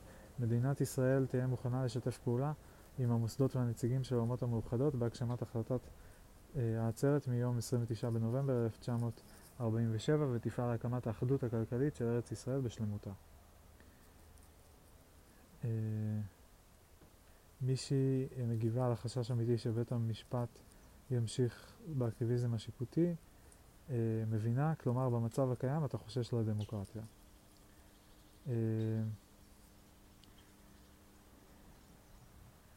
בתגובה לביקורת שיפוטית על החלטות של דרג ממונה, כלומר אנשים לא נבחרים, זה בעיניי ממש סבבה להבדיל מדרג נבחר. סליחה על הבורות, לא הספקתי לקרוא חומרים. ומה ישמור על איזון שבעתיד מישהו שייבחר לא ישתמש בכוח שלו כנגד האזרחים? כלומר, איך יאזנו? אה, בתגובה לציטוט של אה, מגילת העצמאות נדמה לי, אה, זה הצהרתי ולא מופיע אפילו בחוק. הכנסת בכוונה לא הכניסה את עקרון השוויון לחוק יסוד כבוד האדם וחירותו, כדי שבית המשפט לא יעשה בו שימוש לרעה. בית המשפט המציא את העיקרון הזה כנגזרת מחוק היסוד ופסל חוקים והחלטות ממשלה על בסיסו. אתה לא מסכים עם עקרונות מגילת העצמאות, משהו לא נכון בהם. אה, עוד תגובה לזה, לזה הצהרתי, לא הכניסה שוויון כי החרדים התנגדו ולא לעניין שימוש לרעה, אלא כי אין בתפיסתם שוויון, שוויון במובן הדמוקרטי המהותי, נשים, גויים וכו'. יש הבדל עמוק בין הצהרה לבין יישום בשטח ופסילת חוקים. במציאות לא באמת ניתן לקיים שוויון בעולם כי העולם מורכב. אני לא חושב שזו הסיבה, אלא כדי שלא לכפות דברים שאינם ישימים בשטח. Uh, כדאי להתחיל מהצהרה, עצם זה שהתנגדו להצהרה בסיסית כזו מסיבות אידיאולוגיות פוגע בנו אנושות עד היום ומעכשיו עוד יותר. זה שבית המשפט משתמש בהמצאה הזו לאקטיביזם פוגע בנו ובדמוקרטיה הרבה הרבה יותר. אז לשיטתך, בנושאים שבהם לא נקבע באופן מפורש שיש לנהוג בשוויון השלטון, יכול, שיש לנהוג בשוויון, השלטון יכול להפלות, או שצריך שתהיה חקיקה ספציפית שמאפשרת אפליה. הכלל הבסיסי של השיטה הוא שוויון או היעדר שוויון. לינק ל-wdg.coil משהו, ועוד לינק ל-gov.il. זה מורכב, לפעמים יש צורך לסטות מהעיקרון היישוב הזה. זה לא שפיט כשמדובר בעניין השנוי במחלוקת ציבורית קשה. צריך להבין שכולנו שונים והמצבים שונים, ולכן לא באמת ניתן לקיים שוויון בכל זמן ובכל מקום. כפייה של השוויון בעניין גיוס ערבים וחרדים למשל תוביל לבעיות לא פשוטות. זו הסיבה ששמרנים מתנגדים לחוקה. שהרי אי אפשר לדעתנו להשתית את הכל על כמה עקרונות פשוטים. יש אומרים פשטניים, כמו חירות, שוויון, אחווה. זה מוזר בעיניי שאתה טוען ששמרנים מתנגדים עקרונית לחוקה, גם כי לא שמעתי את זה עד היום וגם כי חוקות הן המנגנון הנפוץ והמנוסה בדמוקרטיות. והוא עובד טוב. דווקא המודל הישראלי הוא הניסוי והוא לא כל כך הצליח. בוודאי מנקודת מבט שמרנית. האמת שזה לא באמת מורכב. בשביל זה יש את פסקת ההגבלה. העיקרון הוא שוויון וניתן לסטות ממנו במסגרת פסקת ההגבלה.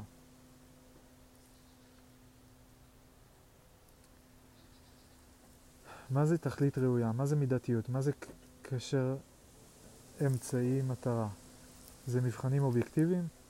ערכים הם לא מתמטיים והם בבסיס כל שיטות המשפט. אני לא חושב שיש הגדרה מקובלת לשלטון דמוקרטי שאינה כוללת את ערך השוויון. אפילו אי אפשר להגדיר שזה מבחנים שהוגדרו לגמרי על ידי המחוקק. מבח... מבחני המידתיות זה מבחן שפיתחה הפסיקה. נכון, זה מה שעושים בתי המשפט בכל העולם הדמוקרטי. אז צריך לקבל את זה שתפקיד השופט בישראל הוא כמעט פוליטי לחלוטין בכל מה שקשור למשפט חוקתי. ושזה כל ככה, ושזה ככה יש היגיון לקואליציה, יהיה כוח גדול יותר לבחירת שופטים. לא באופן מוחלט כמו ברפורמה לדעתי. צריך לקבל את זה שלשופטים יש כוח, ולכן באמת יש חשיבות לאופן בו הם נבחרים. הצגתם כדמויות פוליטיות אינה נכונה. הרפורמה במרכאות באמת מתייחסת לנקודות שדורשות התייחסות. הבעיה איתה היא העברה, העברת הלקוח לשלטון. באופן אישי אני לא סומך על אף שלטון ולכן אני רוצה ביזור סמכויות. במדינה בלי חוקה הנושא עוד יותר אקוטי. אם היו מחוקקים בארץ את התיקון הראשון לחוקה, היה לי הרבה יותר קל להעניק יותר כוח לממשלה. בשיטה הישראלית גם אין הפרדה אמיתית בין הממשלה לכנסת. בסוגריים נושא שעוד יותר התעצם עם החוק הנורבגי. אתה צודק שהרפורמה לוקחת את כל הצעדים הנכונים, אבל אחת רחוק מדי. צריך לתת יותר כוח לקואליציה בוועדה, אבל תוך איזון עם אופוזיציה והצעת השופטים ועורכי דין. מתווה אה, לפי פרופסור גדעון ספיר. צריך לשנות את מעמד היועצים המשפטיים, אבל לא כמשרות אמון, בסוגריים נגיד שהשר יוכל רק להטיל וטו. פסקת ההתגברות ברוב גדול יותר. הבעיה עם היועצים המשפטיים הצטמצמה דמוק... דרמטית עם קציבת הכהונה. לפני זה היה קטסטרופה. שר ומנכ"ל חזקים לא באמת מנוהלים על ידי הייעוץ המשפטי ויודעים להבחין בין המלצה לקביעה. לא יכול להיות ששר דתות מש"ס צריך לעבוד עם יועץ, יועץ משפטי שמינה כהנא. אני חושב שצריך לתת להם אפשרות מינימום להטיל וטו על מינוי. לינק לכנסת. אה, בוא נגיד שזה לא, מקרי שהוא, לא מקרה שעוזי לנדאו כשר התשתיות ביקש את הנייר. במועד הכנת הנייר הכהונה לא הייתה קצובה. אה, יועץ משפטי שיודע שהוא לתקופה מוגבל ואינו מסמר ללא ראש מתנהל בצורה מאפשרת במסגרת החוק. רוב הדברים אינם שחור לבן. אסתכל בזה, תודה רבה. ולסיום, לפני שאלך לישון, מניסיוני הבעיה המרכזית של הממשלות זה חובבנות של השרים, פיצול אינסופי של משרדים וסמכויות, מינוי מנכ"לים לא מתאימים, תחלופה גבוהה של אנשים.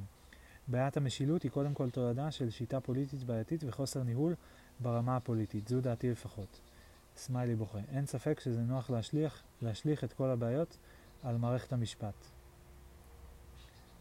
הוא לא משליך על מערכת המשפט, הוא משליך על הממשלה, נראה לי.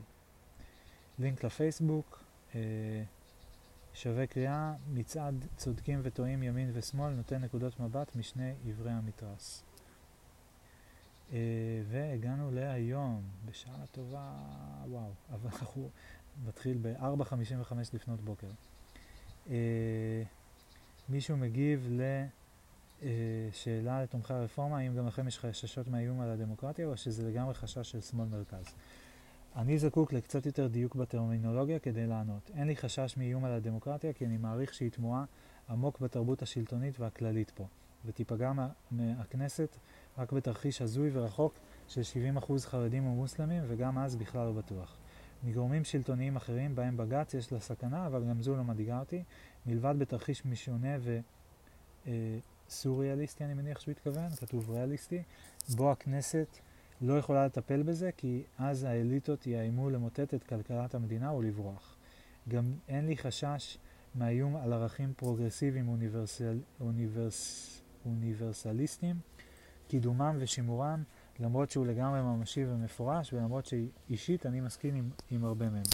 הם שנויים במחלוקת פוליטית ואין מקום להמשיך לכפות אותם באמצעות בג"ץ, רק כי אפשר. יש לי מספיק אמון בדמוקרטיה ככלי ובערכים האלה כטובים, כדי להעריך די בביטחון שהם ימצאו את דרכם למקומם הראוי בקצב הנכון. יש לי חשש מהאיום על זכויות הפרט אה, היסודיות שלנו, או על הליברלית אה, שבאוקסימורון הנהדר והרצוי, דמוקרטיה ליברלית. חשש ריאלי, גם אם לא מיידי, מילא הימין, נניח שהוא לא מלחיץ, השמאל הסמכותני והמרכז הפופוליסטי לא עד כדי כך אה, רחוקים מהשלטון, גדול ומטריד שהולך וגדל ככל שהמוחים מתרחקים ממנו וככל שהתומכים מתעקשים להימנע ממסך הבהירות המתבקש. למרות שעבורם זה לא דמיון מודח אלא זיכרון מכאיב.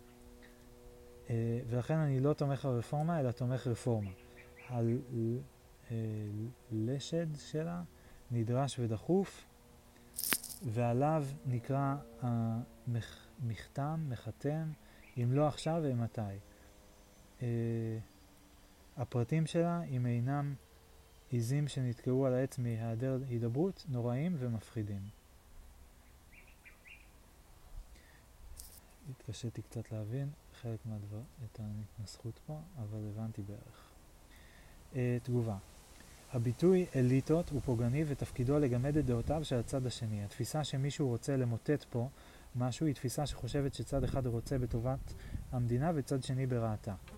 אה, חשבתי ש, אה, שפה, אה, שעברנו את השלב הזה, לפחות כך רציתי להאמין. אני חושבת ששני הצדדים צריכים קודם כל לכבד את הצד השני ואת דעותיו, וזו נקודת הפתיחה לכל דיון, ובעיקר לכל דיון, ובעיקר לעצם קיום המדינה הזאת וקיומנו כעם אחד. מקווה שתוכל לפחד פחות מהאליטות ומרצונם להשמיד פה משהו. כנציגתם הבלתי רשמית, אני רוצה להגיד לך, הסר דאגה מלבך, אין לאף אחד כוונה כזו. Uh, בתגובה להודעה מוקדמת אפשר לפסול ויכולה להיות התגברות, זה מנגנון של בלמים, לא קל לחוקק שוב אחרי הערה מבית המשפט.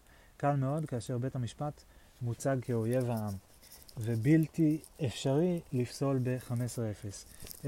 אין כזה דבר בשום מקום בעולם, זה סתם משחק כלפי חוץ. Uh, בתגובה להודעה על uh, האליטות ו... אה, מכבד. תראי, כשאנשים מוציאים את הכסף בהפגנתיות, בסוגריים, למרות שתכננו, תכננו כבר מזמן לעשות את זה, כדי ליצור הרגשה שהכלכלה נופלת, זה בהחלט מראה שהם רוצים להפיל את הכלכלה. כי כפי שכל ילד שצפה במרי פופינס יודע, ככה בדיוק גורמים לכלכלה לקרוס. הייתי עונה לך כאן תשובה, אבל היא הייתה קיצונית מדי לפורום הזה, וגם חסרת שליטה וגם חסרת שליט שלי, שליטה שלי, מתוך כעס על הטלת האשמה במצב הנוראי של הכלכלה הישראלית ברמת רעידה, אה, רעידת אדמה טורקית על אזרחים כאלו ואחרים, ולכן אני מרסן את עצמי מלענות לך. יום טוב לכולם, בשורות טובות, אמן. בתגובה לאותו אה, בחור שמדבר על הוצאת הכסף, אתמול הייתי בכנס של משקיעים, יכול להיות שיש תוספת ענק לשיח, אך כל, פשוט כל האנליסטים אמרו, מי שמילא אה, מעביר כסף לנזיל לא דואג ללקוחות שלו. לא הבנתי. בוקר טוב, אשמח לדעת כמה משתתפים צפופ... צפויים להשתתף היום, עד איזה שעה המפגש אמור להתקיים, האם יש תוכנית, האם מישהו מנחה את המפגש. אה, בתגובה, שוב הודעה על הוצאת הכסף, יש רבים שמוציאים בשקט, בלי הפגנתיות, ועוד כאלו שלא מכניסים ולא יכניסו כסף, קרנות, משקיעים, שותפויות, טכנולוגיות. אתה עוצם עיניים ומסביר שהמציאות לא קיימת. המשמעות של דוח OECD היא שישראל תהפוך למרכז תמיכה כמו הודו. כשאין הגנה על זכויות, זכויות קניין, נכסי הידע לא יישארו כאן ולא יפותחו כאן. יחד עם הבעירות המובנית בחינוך אה, והשוואת תעודת דת לידע הנדסי, זהו העתיד התעסוקתי של מדינה דמוקרטית כמו טורקיה, הודו, פולין. לעולם הכלכלי, לעולם הכלכלי-טכנולוגי-מדעי מערבי יש חוקים משלו, והוא כבר נוהג בהתאם. כשההגנה על שוויון היא בידי השלטון, אין מעצורים למיסוי. אה, אין מעצורים למיסוי, הפקעה, הלאמה של אוכלוסיות או יחידים ספציפיים, זה פשוט. ולא, אלו לא המשקיעים או האזרחים המגינים על כספם שמזיקים למפעל המפואר כאן, אלו צעדי ממשלה. אגיד שבמקרה הזה הרציונליות וההפגנתיות מכתיבים תוצאה דומה. צריך גם להבחין בין התנהלות פרסונלית ביחס לכסף פרטי שלנו לבין התנהלות ביחס לכסף שמנוהל עבור אחרים. מנהלי חברות, ניהול השקעות וכיוצא בזאת. אה, הודעה, אחת המשקיעות הגדולות בהייטק הישראלי, לשקול העברת מזומן לחו"ל. אה, הודעה בכלכליסט. טרי מהבוקר, אחת מקרנות ההשקעה, בסוגריים VC, הזרות החשובות בישראל. אה, כנס הראל מאתמול, הם לא היו היחידים. זה הרבה יותר רחב מהרפורמה, אבל למנות את מירי רגב לשרה בתחום כלכלי שמהווה מנוע צמיחה זה חוסר אחריות. רוטציה באוצר זה חוסר אחריות. משרדים מומצאים עם סמכויות כפולות זה חוסר אחריות. אה, המעוות פופוליסטיות, המעות פופוליסטיות להקפיא ריבית על משכנתאות זה חוסר אחריות. הודעות אולי? פופוליסטיות להקפיא ריבית על משקאות זה חוסר אחריות. הכפלת הכספים לתלמידי ישיבות זה חוסר אחריות. מערכת חינוך בלי ליבה זה חוסר אחריות. ביטול נבחרת הדירקטורים זה חוסר אחריות. רוטציה במשרד האנרגיה זה חוסר אחריות. הכל בכיוון אחד, אין מתינות והכל קצת מהמקפצה. אפילו מתווה הגז הוא בראש ובראשונה תוצאה של היעדר ניהול ממשלתי. בסוגריים, עד שנובל אמרה די והקפיאה את פיתוח לוויתן ואיימה בבוררות בינלאומית. בתי המשפט בניגוד אה, לאגדות לא מנעו כלום בתחום הגז. נראה שהמדינה שלנו מאוד עשירה, מאיפה כל הטוב הזה? בעיקר אנשים מאוד מוכשרים בסקטור הפרטי ומדיניות פיסקלית ומוניטרית אחראית על פני תקופה ארוכה. בסוגריים, הרבה בזכותו של נתניהו. ומצד שני, תשתיות ברמת עולם שלישי, הרבה מאוד כסף זר שזרם לתחום ההייטק וכרגע עוצר. פיתוח מאגרי הגז שמאפשר מחירי אנרגיה זולים יחסית בישראל והגדלת יתרות מטבע החוץ. בסוגריים פחות יבוא של פחם ומזוט וגם ייצוא בח... אה, בשנים האחרונות. איך הרפורמה קשורה לכלכלה? האם אידיאולוגית? מה בעצם החשש? בלי בתי משפט אין השקעות. אה, עוד מישהו שואל, שאלת ברצינות? עונה לו, כן. אתה מוכן להשפיע, להשקיע כספים בטורקיה או ברוסיה, מדינות שבהן השלטון ולא בתי המשפט קובעים?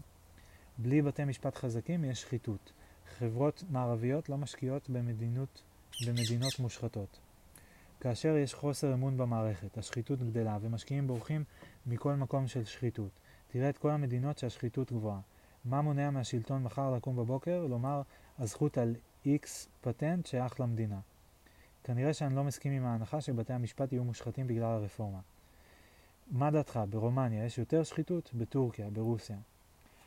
בתחומים של תשתיות ואנרגיה, ההשקעות נעשות בדרך כלל בתוך מסגרות של אמנות השקעה עם מנגנוני בוררויות בינלאומיים והגנות אחרות. גם אם זה מאפשר בסוף השקעה, זה נעשה בפרמיית סיכון גבוהה. סליחה שאני מתפרצת לדיון, אני תוהה כמה מכם חושבים שימשיכו להיות כאן בחירות אחרי המהפכה השלטונית. אה, מישהו מגיב עדיין לשרשור אה, הקודם, ההנחה שבתי המשפט יהיו, לא מסכים עם ההנחה שבתי המשפט יהיו מושחתים בגלל הרפורמה, מצמצמים את היכולת של בתי המשפט להתערב ולכן השחיתות תגדל. זה המשמעות של צמצום עילת הסבירות והיכולת לעתור כנגד החלטות מנהליות. אה,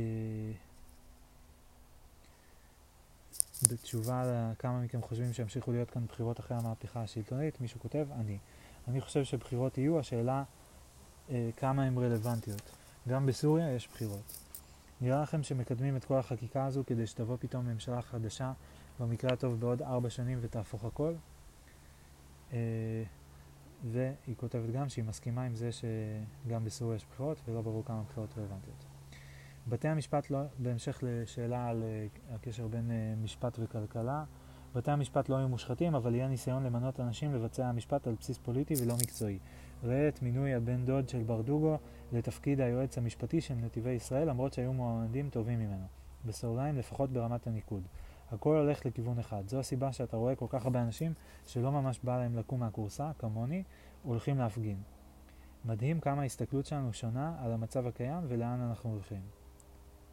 מעניין. נכון, עשו לו כמה חיצים. ובגדול, אני לא מחבב אף פוליטיקאי.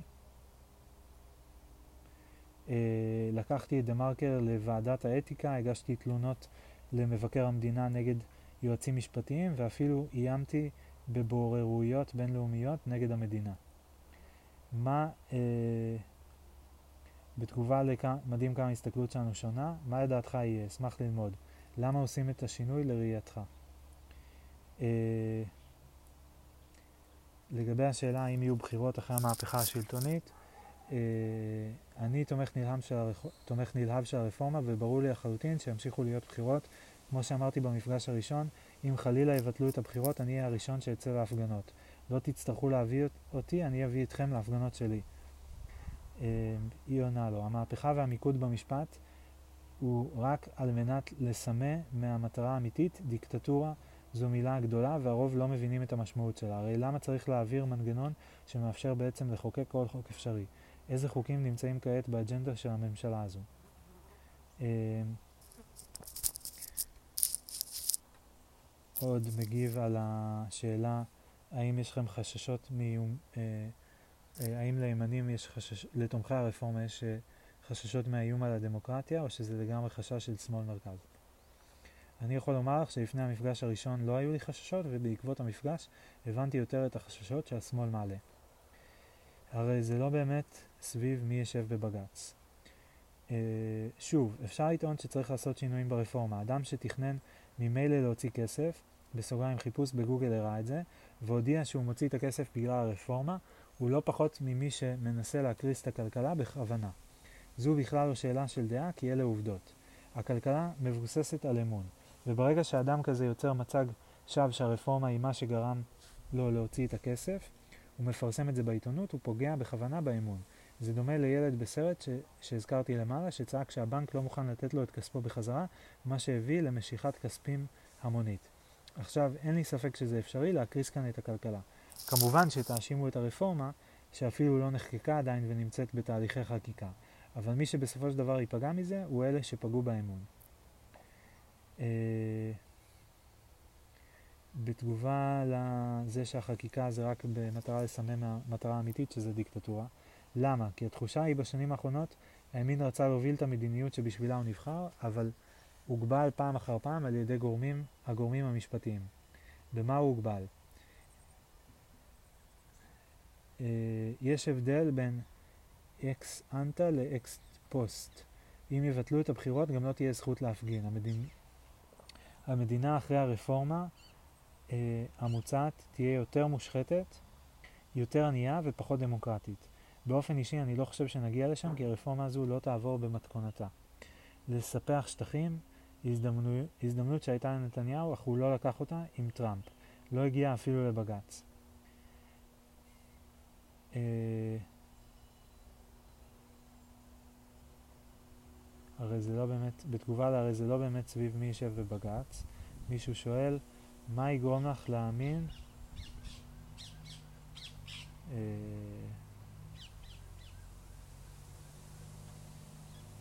מה יגרום לך להאמין בכנות שלי ושל עוד שני חבר'ה. אה, לגבי השאלה כמה משתתפים צפויים אה, ועד איזה שעה, שאלה מצוינת, אני חושב שהתשובה שלי תלך לאיבוד כאן בתוך הדיונים, אז אענה עליה בקבוצת העדכונים השקטה. אה, מה יגרום לך להאמין בכנות שלי, בתגובה.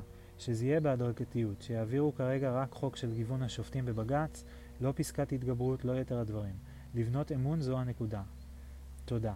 וגם הדהירה הזו לחקיקה בלי שיש רוב או הסכמה על הדבר רק מעוררת תחושה של מחטף. אה, למה עושים את השינוי לראייתך? מישהו שאל מקודם. בגדול מאוד ההנחה אה, שאל מישהו מתומכי הזה. בגדול מאוד ההנחה שבית המשפט טהור והמחוקקים והאזרחים שבוחרים בהם ייבחרו בשחיתות מוטעית. אה, ניגוד העניינים קיים בבית המשפט ובשופטים לא פחות ולדעתי יותר, וכך גם השחיתות. שילוב הידיים של המושכים בחוטים בבית המשפט, הפרקליטות ובתקשורת מאפשר שחיתות במקום אחד ומייצרים או אוכפים, ברר, אה, אוכפים בררנית שחיתות במקום אחר. וכמו שכתב בנימין, אנחנו רבים, רבים וטובים, אנשי חוק ומוסר, בסוגריים ולעיתים גם חסד. ביום שאריח שחיתות אלחם בה בכל כוחי. ודאי לראות אה, את השחיתות הקיימת היום בבחירת שופטים, בניגוד עניינים וכו'. אה, היא תהיה גם פחות ליברלית ויותר דתית. בהקשר אה, לתשובה, ההנחה שבית המשפט טהור והרעה, אין בעיה מקבלת, תטפלו בכך. מה עם הענקת מושכות החקיקה לממשלה בלבד? נטרול מנגנון איזון. אה, עוד שאלה, לדעתך דרעי מושחת. הבעיה ברפורמה היא פחות הרכב בית המשפט ויותר הפרת האיזונים בין הרשויות. הממשלה לא רוצה ביקורת שיפוטית, כל ההצעות דוחפות לכיוון של פחות ביקורת שיפוטית, וכשלייקס הם גם רוצים שהביקורת תישאר, שתישאר תהיה בידי שופטים פוליטיים. זו המשמעות של מינוי שופטים על ידי הממשלה המכהנת. אה, לגבי ההודעה מקודם, אדם שתכנן ממילא להוציא כסף והודיע שהוא מוציא אותו עכשיו, הוא לא פחות מאשר אחראי על קריסת הכלכלה. תגובה, ראייה שטחית וילדותית של מה שקורה עכשיו בכלכלה הישראלית, הן מבחינת הציבור והן מבחינת החברות הישראליות והזרות. המשקיעים הישראלים והזרים ובנקי ההשקעות, מערכת גלובלית שמגיבה ומנוהלת על ידי אנשי מקצוע אחראיים. לא מקבלת החלטות על סמך גוגל, או איזה מצג במחאה, או מישהו שהחליט משהו. Uh, הבעיה ברפורמה היא פחות הרכב, בתגובה לבעיה ברפורמה היא פחות הרכב בתי המשפט ויותר הפרת האיזונים. זה לא היעדר ביקורת, זה היעדר מנגנוני בלימה ומה השלב הבא אחריהם. מה האינטרסים. האינטרס של החרדים בכך? מה האינטרס של הציונות הדתית? אם המצב היה הפוך והשמאל היה מוביל, גם הייתי שואל מה האינטרס של מרץ? של מרץ? אוקיי. Uh, בתשובה השאלה איך הרפורמה קשורה לכלכלה. אתן את שני הגרוש שלי בתחום הכלכלי. 1. ברגע שהשלטון אינו שקוף ואין ודאות מבחינה חוקתית, דירוג המדינה בשווקים הבינלאומיים יורד. מכאן עלות הגיוס של המדינה עולה, קרי ריבית גבוהה יותר בגיוסים ובחו"ל מוביל לנטל גבוה יותר על המדינה ואזרחיה בהחזר חובות. השפעה ישירה על כל אחת ואחד במדינה, עלויות משכנתה, ריביות בבנק, מיסים וכו'. ברגע שהמדינה הופכת להיות מדורגת נמוך יותר, כל נושא הפרויקטים בתחום התשתיות שמעורבים בהם חברות בינלאומיות לא מתקיימים משתי סיבות. א', כי חברה בינלאומית לא תרצה להיכנס לפרויקט במדינה בה יש חוסר ודאות לגבי המדיניות הכלכלית, היות שהריבון יכול לחוקק כל חוק. ב', מימון של הבנקים הבינלאומיים, אשר בדרך כלל נכנסים לקונסורציום עם בנקים מקומיים, אשר לא נושאים בנטל לבד, לא מתקיים, וכן ביטוח בינלאומי על ההשקעות. זה מוביל בהכרח לעצירת ההשקעות במשק בתחומי התשתיות הבינלאומיות. 3. השקעות של משקיעים זרים בישראל תרדנה דרסטית כל עוד דירוג המדינה ירד. ישנן הגבלות רגולטוריות בכל מדינה מבחינת תמהיל ההשקעות בדירוגים שונים בתיקי השקעות של גופים, גופים מוסדיים, וזו השפעה ישירה הן על הגיוס בארץ והן על מעורבות של גופים אלה בשוק הישראלי. יש עוד, אבל לא אמשיך. אה, אוקיי. עוד בתגובה לאדם שתכנן ממילא להוציא כסף. אה, ציטוט של אחד מבכירים במשק, לא ויזל וכאלה, ממש בכיר, אני לא משקיע בחברות שאין במדינה בית משפט בו אני יכול לתבוע או לקבל צדק. זה מאוד פשוט. אה, בתגובה לשרשור על האמון ומה שהגברת אמרה שיהיה בהדרגתיות, אה, תגובה. לזכותו של אהרן ברק ייאמר שהוא פעל בהדרגתיות. התחושה של הגורמים שדוחפים כבר שנים את התיקון, בסוגריים סמוטריץ', לוין ורוטמן, אה, אל תייחסו את זה לאף אחד אחר, שיש כאן הזדמנות חד פעמית ואין זמן להדרגה. אם הייתה נכונות מצד האופוזיציה לשיתוף פעולה בהמשך, היה בהחלט הרבה יותר מקום להדרגה. וכמו שכתב מישהו אמש, לחלק מהתומכים יש תחושה שהכניסו עיזים בשביל המשא ומתן ונתקעו איתם על העץ. הדמוניזציה של אהרון ברק, נרטיב מהליסט. אין בעיה, אני גם מקבלת את זה. אה, ניסו, לא עבד. תתקנו בכיף. גם סער הציע רפורמה במשפט.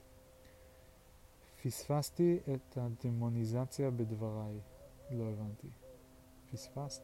לא הבנתי. אה.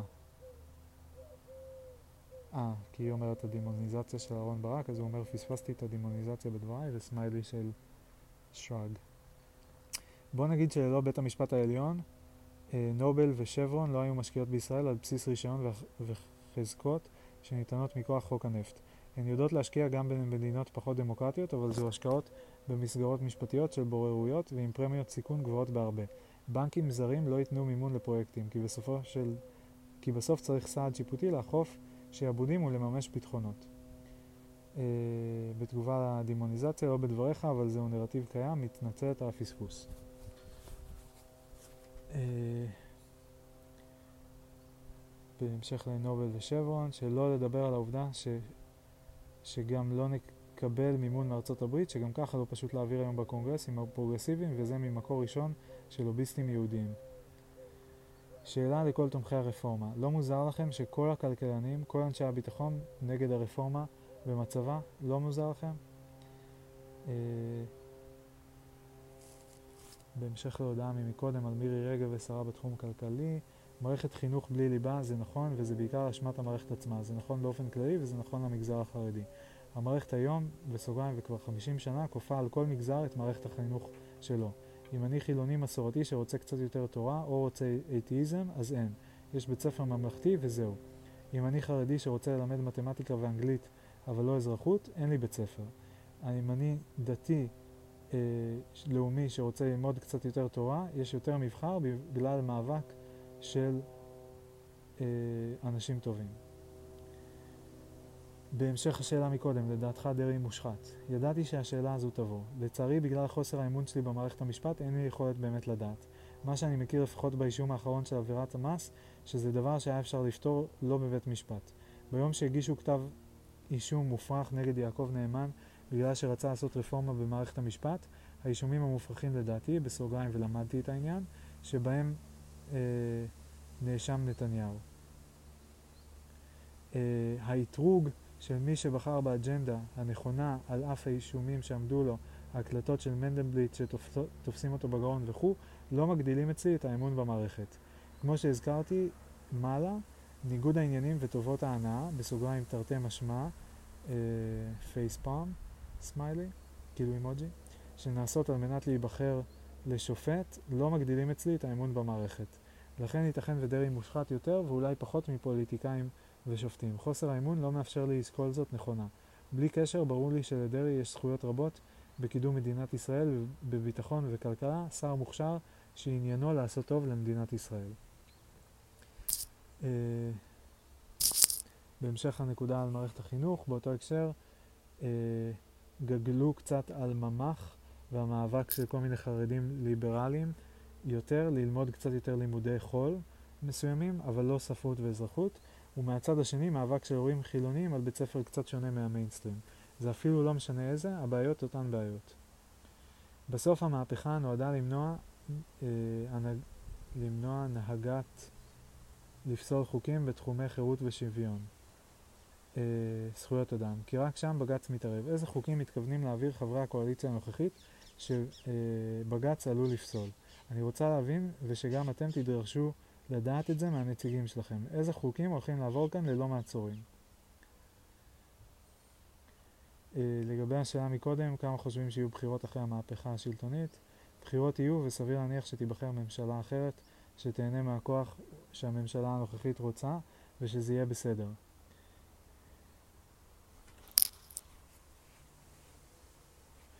אה, שוויון זה לכפות על בעל עסק אה, בתגובה למהפכה נועדה למנוע לפסול חוקים. שוויון זה לכפות על בעל עסק באלימות לשרת אנשים שהוא לא רוצה לשרת אותם. אם כן, אז לא תודה. הרכוש הפרטי שלי הוא שלי. לא מבין בדיוק את ההקשר. אה, לגבי דרעי, רשמת בפוסט אחד את הכל. אתה לא מאמין במערכת הצדק של המדינה. אז על מה יש להישאר? במידה והצדק לא קיים, מה עוד יש? למה אברג'יל שטוען שתפרו לו תיק אשם ודרעי לא? היכן מבחן בוזגלו? למה בוזגלו או במקרה קובי פרץ או בר רפאלי שונים מדרעי? איך אתה לא מאמין במערכת המשפט, אז לא נראה לי, אם אתה לא מאמין שבמערכת המשפט, אז לא נראה לי שנסכים, וחבל. אה, בהקשר של התערבות בג"ץ, הלוואי שרק שם הוא היה מתערב, בפועל הוא מתערב גם בהרבה דברים שנראים לו לא סבירים ולא מידתיים, בלי קשר לזכויות אדם.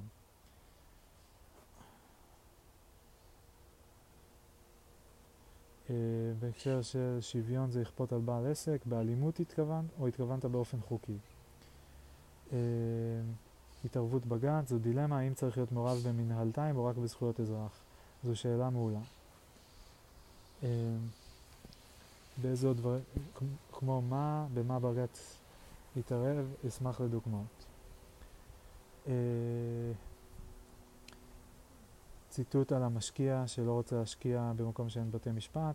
תגובה, רוב חברות ההייטק גם ככה לא מוכנות לשפוט בישראל בגלל הלכת אפרופים, אה, או כמו שסבא, זיכרונו לברכה, אמר, לעולם לא תדע מה יצא מרגל של סוס ומראש של שופט. דרעי, על אף היותו גורם מתון בדיונים ביטחוניים, בדומה לדוד לוי, לא קידם את האוכלוסייה אותה הוא מייצג. לגבי עבירות המס, אני באופן אישי לא הגשתי למס הכנסה תצהירים כוזבים, ואני לא רואה בזה דבר קל ערך.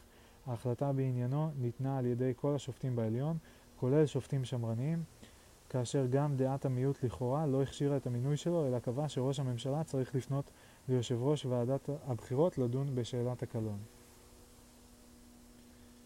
אה, שאלה בתגובה לשאלה האם אה, לתומכי הרפורמה לא מוזר שכל הכלכלנים ואנשי הביטחון אה, מתנגדים. קודם כל יש לנו ניסיון לא טוב עם מומחים למיניהם, במרכאות. מומחי הביטחון גם תמכו באוסלו ובהתנתקות וראינו את התוצאות הביטחוניות של זה. מעבר לזה יש בעיה בעצם הטענה. אתה טוען שאם רוב המוסכניקים תומכים ברפורמה אבל רוב הכלכלנים מתנגדים לה, צריך להקשיב לכלכלנים דווקא? האם זה לא סותר את העיקרון של כל אחד לכל אחד? אנשי ביטחון תמכו גם בהתנק... בהתנק... התנקנקות, לצערי הם לא מדד למשהו. אה, משה ארבל מש"ס הוא חבר הכנסת החביב עליי והוא יכול להיות גשר. לא יודע באיזה הקשר זה נאמר. נתחיל מהפסילה אה, לגבי התערבויות בג"ץ, נתחיל מהפסילה של דרעי. בלי קשר לדעתי עליו, חלק מהשופטים פצלו אותו בגלל שלדעתם זה מינוי לא סביר. אה, בהקשר של הניסיון לא טוב עם המומחים, ממש לא. השאלות הרלוונטיות כמו שאתה בונה בניין, Uh, אתה בודק הנדסית, אך גם סביבתית. במידה ויש ברפורמה גם השלכה כלכלית, חשוב להקשיב למומחים. כמו שפינוי ח'אן אל-אחמר, ח'אן אל-עמר נראה לי, יש לה השלכות מדיניות וביטחוניות ולא רק חוקתיות, חוקיות. Uh, לגבי ההודעה על משה ארבל, הגבאי אצלנו איש נדיר. Uh, עוד דוגמה לבג"ץ שעצר דברים שלא קשורים לזכויות אדם. מינוי בכירים בממשלת מעבר, אין שום מניעה חוקית לזה, אבל בג"ץ יועמ"ש החליטו שזה לא ראוי. הם גם תמכו ביציאה מלבנון, אנשי הביטחון והשלום מול מצרים. אז אה, אנשי הביטחון, כן אמרתי. כמה עוד יש לי? עכשיו אני בשעה עשר לפנות בוקר, כרגע השעה היא ארבע. כלומר נשארו עוד שש שעות, כרגע אני לא רואה טייפים כל כך הרבה. אפשר וראוי לטפל בעילת הסבירות, אבל אתה צודק, חלק מהעבודה של בג"ץ זה גם לדאוג למנגנוני השלטון. בעינייך זה ראוי, בעינייך זה ראוי, אוי, נפל משהו. בעינייך זה ראוי? היועמ"ש אמר שלא ראוי, אבל בכל זאת עשו. לבנון שילמנו מחיר יקר ב-2006 ואין לי תשובה. בטוח שאיך שברחו משם זה היה אסון. וגם כמה דברים שסיפרו לנו כשהייתי ביום עיון של כלי תקשורת בפיקוד העורף. סליחה. בעיניי לא ראוי למנות ראש ממשלה חלופי. איפה בג"ץ או היועמ"ש מקבלים מקום בשאלת מה ראוי. בקלפי יצביע למי שיתחייב לא לעשות זאת. איזה קלפי? סמיילי צוחק. זה לא משנה מה דעתי. אם חושבים שזה לא ראוי, צריך לחוקק את זה על ידי רוב העם. למה שהשופטים יחליטו מה ראוי ומה סביר? כי זה תפקידם, לתת חוות דעת. יש הבדל בין חוות דעת למחויבות חוקית. אתה לא מתייעץ עם עורך דין לפני מהלך חשוב? Uh, בתגובה ללבנון, לחמת בלבנון? תודה לברק שהעיף אותנו מהמקום הארור הזה. מתי נילחם על החיים ולא על אבנים? לב ודגל uh, ישראל. Uh, בתגובה השאלה שוב על תומכי הרפורמה, האם לא מוזר שהכלכלנים ואנשי הביטחון uh, מתנגדים? כמעט כל גורמי הביטחון טענו שהיציאה מגוש קטיף לא תביא אלינו טילים. הבעיה העיקרית בזה שאלו עקרונות לא מוגדרים היטב, וזה נותן פתח לחוסר שוויון לפני החוק. ואז לפיד יכול לנהל משא ומתן בממשלת מעבר, ופתאום אין עם זה בעיה. אבל איזה הכשרה יש להם, אה, בהקשר של השופטים? איזה הכשרה יש להם שהופכת אותם למומחים בענייני סבירות? הם למדו אתיקה? זו שאלה קצת מצחיקה, לא? כאילו, מן הסתם הם למדו אתיקה והם למדו חוקים. זה מה ששופטים לומדים, נראה לי, לא? כאילו, אם הייתי צריך להגיד שני דברים שהם לומדים, אז הייתי מנחש את החוקים ואת האתיקה, שזה מה שהחוקים אמורים לייצר. Uh, אני צעיר מדי מכדי להילחם בלבנון, אבל הייתה לי פעם שיחה בפקע"ר שפקחה לי את העיניים. Uh, אבא שלי לעומת זאת לחם שם במשך עשרות שנים בתפקידו כאיש מודיעין והוא מאוד לא אהב את המערך הזה. Uh, בתגובה לעקרונות לא מוגדרים, מסכימה, ראוי לטפל בזה ולחוקק חוק. תפקיד הממשלה להיות המחוקק ולא תפקיד הרשות השופטת לחוקק על עצמה חוקים. אה, אבל איזה הכשרה, בתגובה השאלה איזה הכשרה יש להם, אה, האם הם מומחים בענייני סבירות, הם למדו אתיקה? כן, ואם כבר למישהו יש הכשרה זה להם, ואם לא בוחרים אנשים על בסיס הכשרה זה אולי הבעיה, כמו שרת התחבורה, שר האוצר, החינוך. אה, איזה משא ומתן הוא ניהל? על מי מדובר? אה, לפיד. אה, הברירה הייתה או להגיע להסכמה או שתיפתח מערכה צבאית. לא ממש ברור לי מה היו ההחלטות שהיו מקבלים כל מי שנמצא בתפקיד אחראי. האם אפשר לזהות עלייה בקצב ההודעות בקבוצה לקראת המפגש היום? סמיילי. אה, מישהו הגיב וסמיילי צוחק. אה, יש להם הכשרה משפטית, הם יודעים מה חוקי ומה לא, אבל בשאלה מה סביר, אין להם שום יתרון עלייך או עליי. אוקיי, יש הבדל בין סביר לראוי. אמרתי כבר את דעתי על הסבירות. האם כל המומחים מתנגדים מסיבה שבתחום מקצועיותם, כלכלה, ביטחון, רפואה, או גם מסיבות שקשורות בהשקפת עולמם? האם ייתכן שמישהו יתנגד מסיבות של השקפת עולם, אבל יאמר בכנות, אני לא חושב שיש לשינוי השפעה על תחום המומחיות שלי. ריבוי העצומות המקצועיות מעמידות את המתנגדים באור לא כל כך חיובי ביחס לשאלה הזו. חלק מעבודת השיפוט היא גם שיקול דעת של שופטים. הם נבחרים בתהליך ממושך הבוחן את המקצועיות והידע המשפטי שלהם, אבל לא רק אותם. הידע המשפטי שלהם זה רק תנאי הבסיס להיותך שופט. ראוי וסביר שמי שיש לו אישום פלילי והואשם בשוחד, מרמה והפרת אמונים לא יכהן במשרה אה, ציבורית ובטח שלא יחלוש על הקופה הציבורית. ראוי וגם סביר. תפקידים פחות משמעותיים לא יכולים להיות מאוישים על ידי מישהו שהואשם בפלילים. מאמין לגמרי במערכת הצדק, כמובן אף אחד לא חף מטעויות, לצערי בית משפט עליון בגלל דרך בחירת השופטים, אג'נדה ואינטרסים גורמת לחוסר צדק, לא בכדי האמון הציבורי נמוך מאוד במערכת הזו. אז נותר לנו לסמוך על חברי הממשלה שהשניים מוביל, שמובילים אותם הם נאשם ומואשם בפלילים. יותר סביר לסמוך עליהם. בשאלה, היא שואלת, אז נותר לנו לסמוך על חברי הממשלה. ששניים שמובילים אותם הם נאשם ומואשם בפלילים. יותר סביר לסמוך עליהם, עדיין יותר סומכת על המומחים.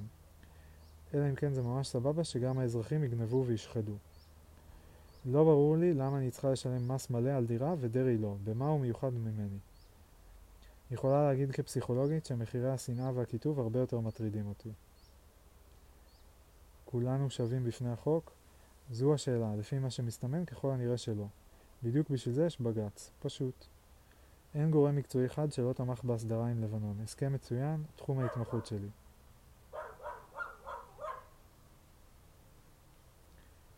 הסכנה שלדעתי מומשה זה שיתפרו תיקים ודרך זה לייצר דה-לגיטימציה ובפועל הפיכה. זה בדיוק העניין.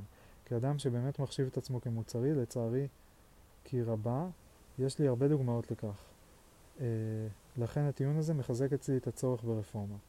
מסתבר שהרבה לא מרגישים שווים בפני החוק ולא סומכים על בג"ץ. זו עובדה. איך משנים ככה שנצליח לחיות יחד?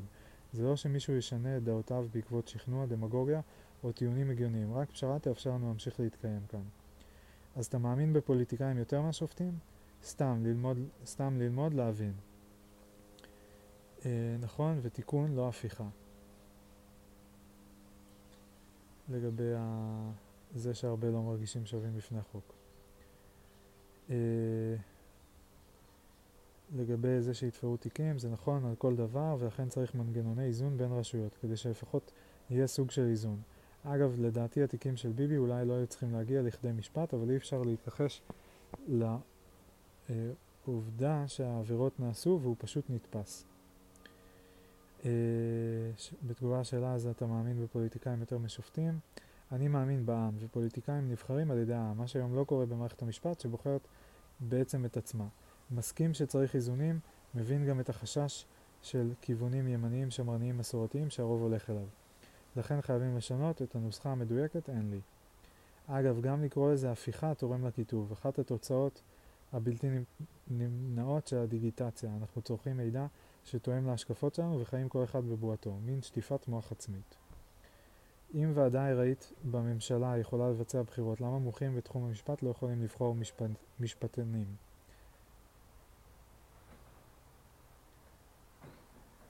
אין ברירה, יש צורך בדרמה. ממליצה בחום לשמוע את הפרק שעוסק בתופעת הקיטוב של הדור הזה בכל העולם. מרתק. איך אנחנו מגיעים לפרק?